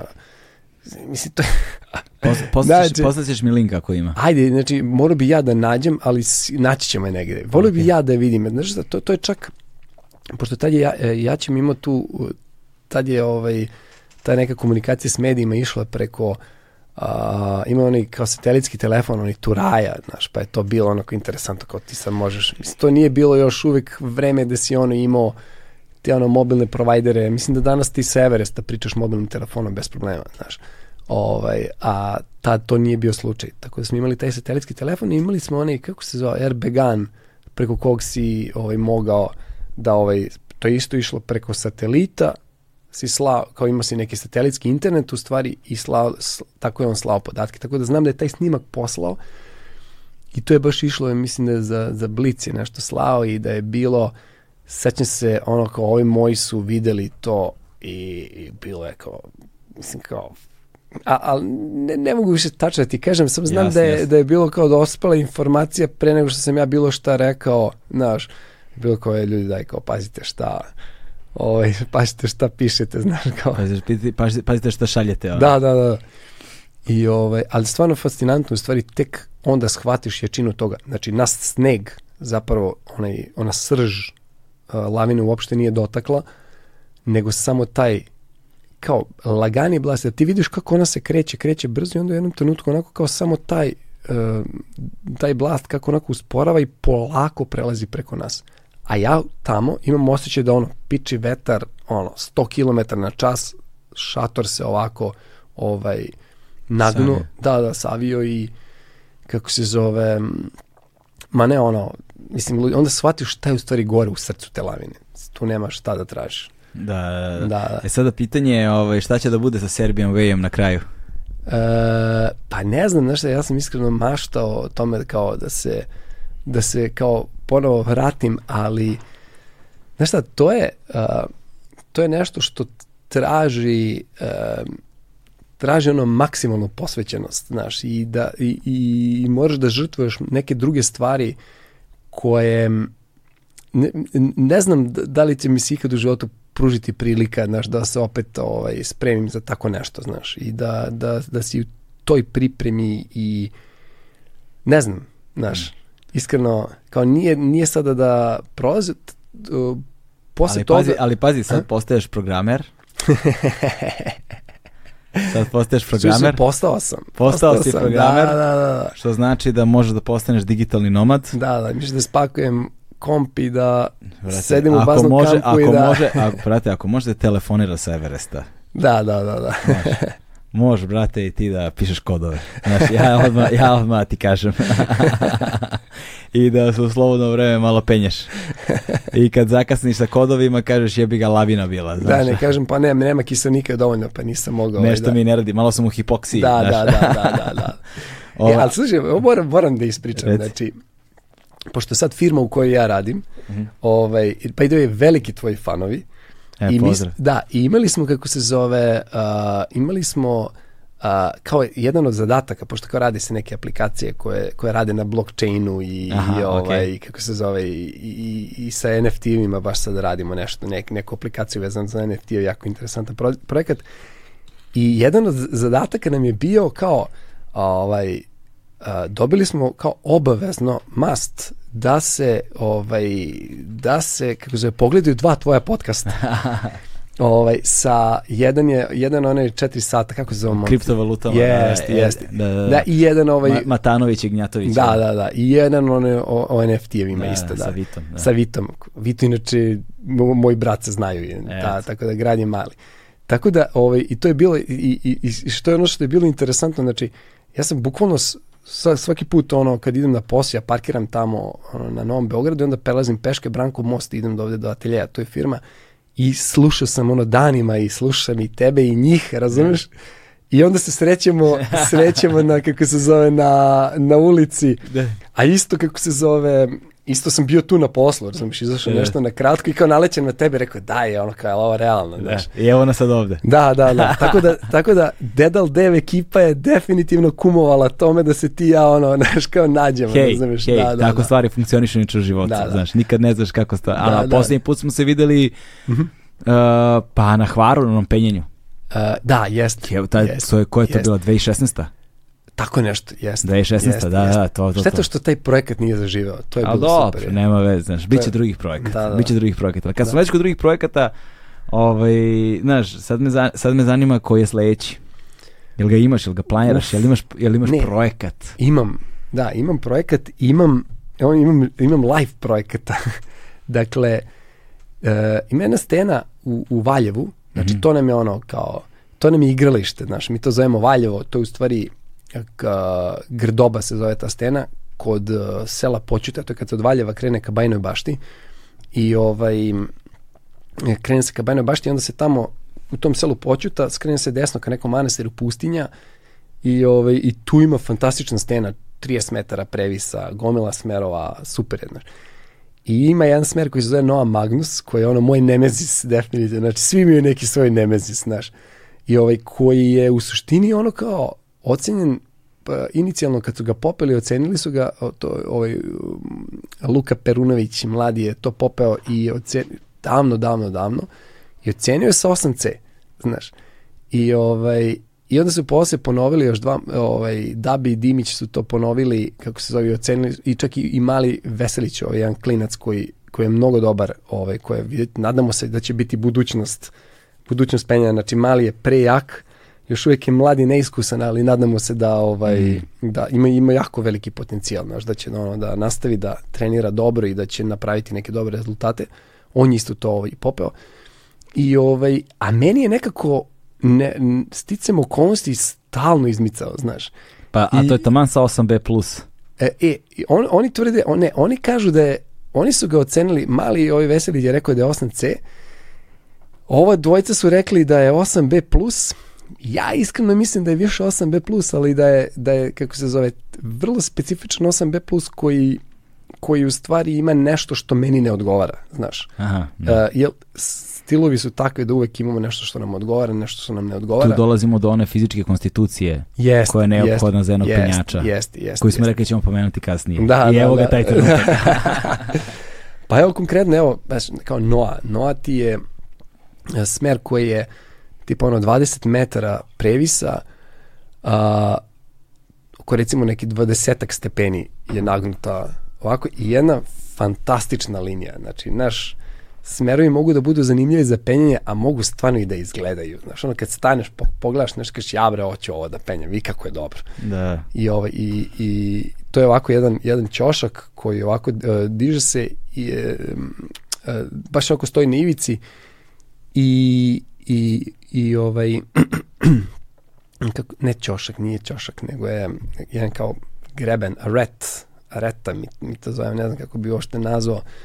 Ovaj, I još da ne, ne daje nikakvu pauzu, znači to je pokreti, svaki individualni pokret nije toliko težak, ali uh, serija onako relativno teških pokreta jedan za drugim bez pauze su nešto što meni generalno kao uh, visokom i relativno teškom penjaču za ovaj ne odgovara. Znači, mm. meni uvek neka, znaš kao, par pokreta teško, pa onda nešto malo lakše samo da mogu da da ovaj odmorim podlaktice, jer podlaktice su te koje se koje su u stvari najviše pune ovaj koje, koje, koje otkažu, znaš, i on, bukvalno ruka se samo ako otvori, ne možeš ti tu više ništa da držiš, samo jednostavno, ne možeš da, ne možeš da, da imaš kontakt sa stenom nikako.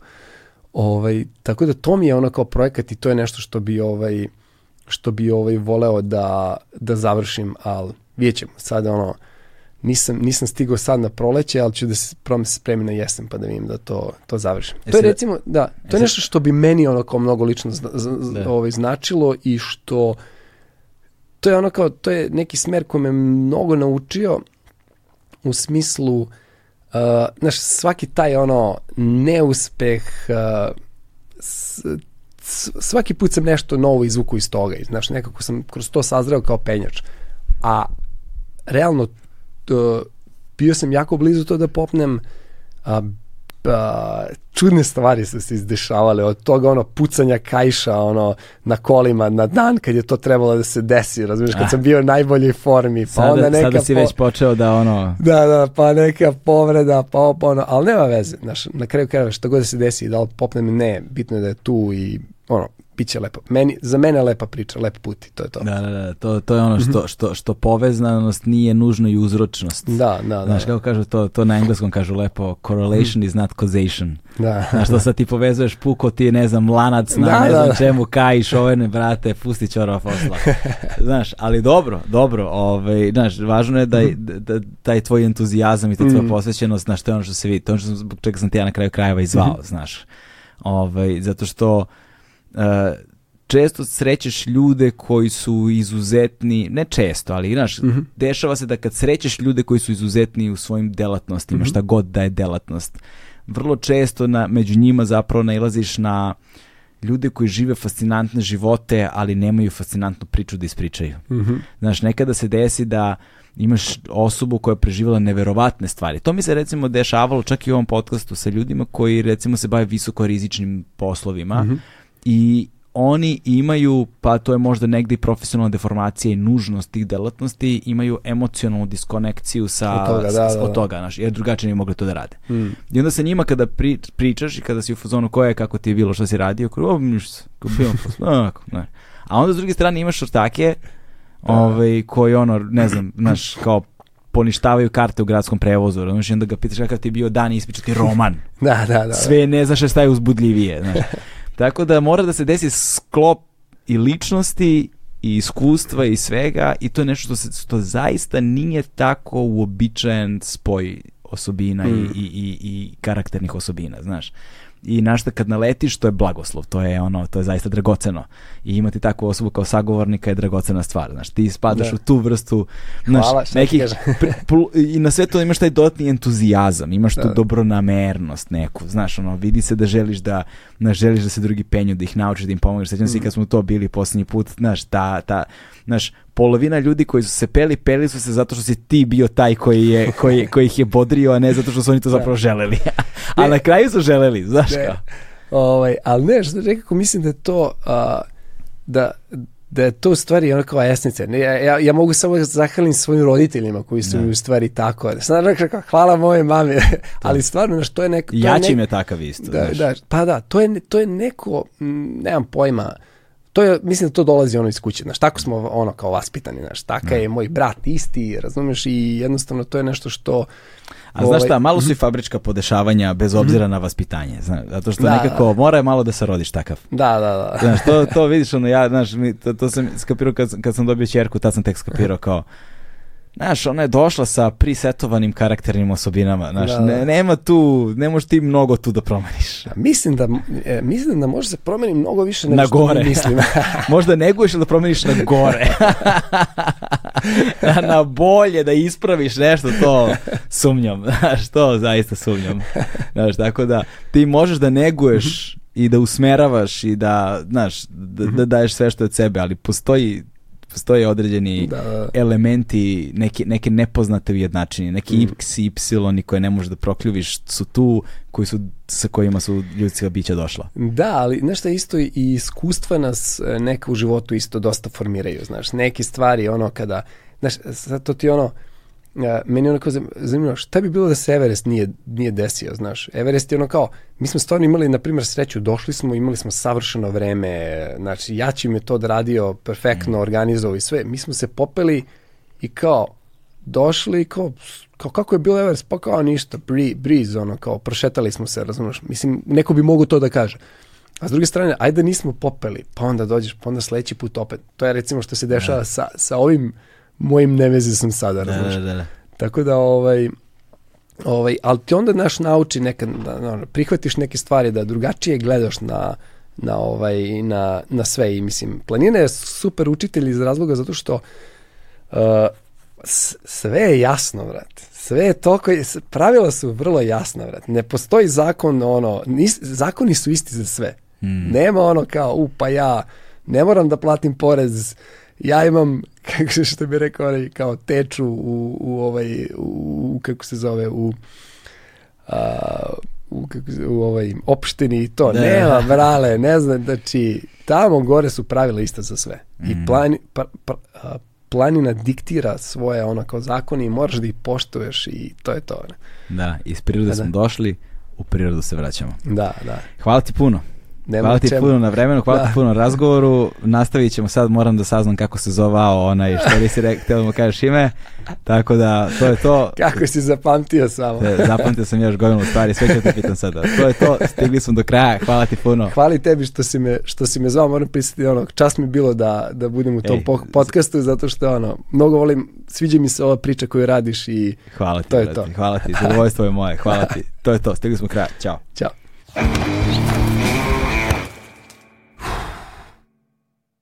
Hmm.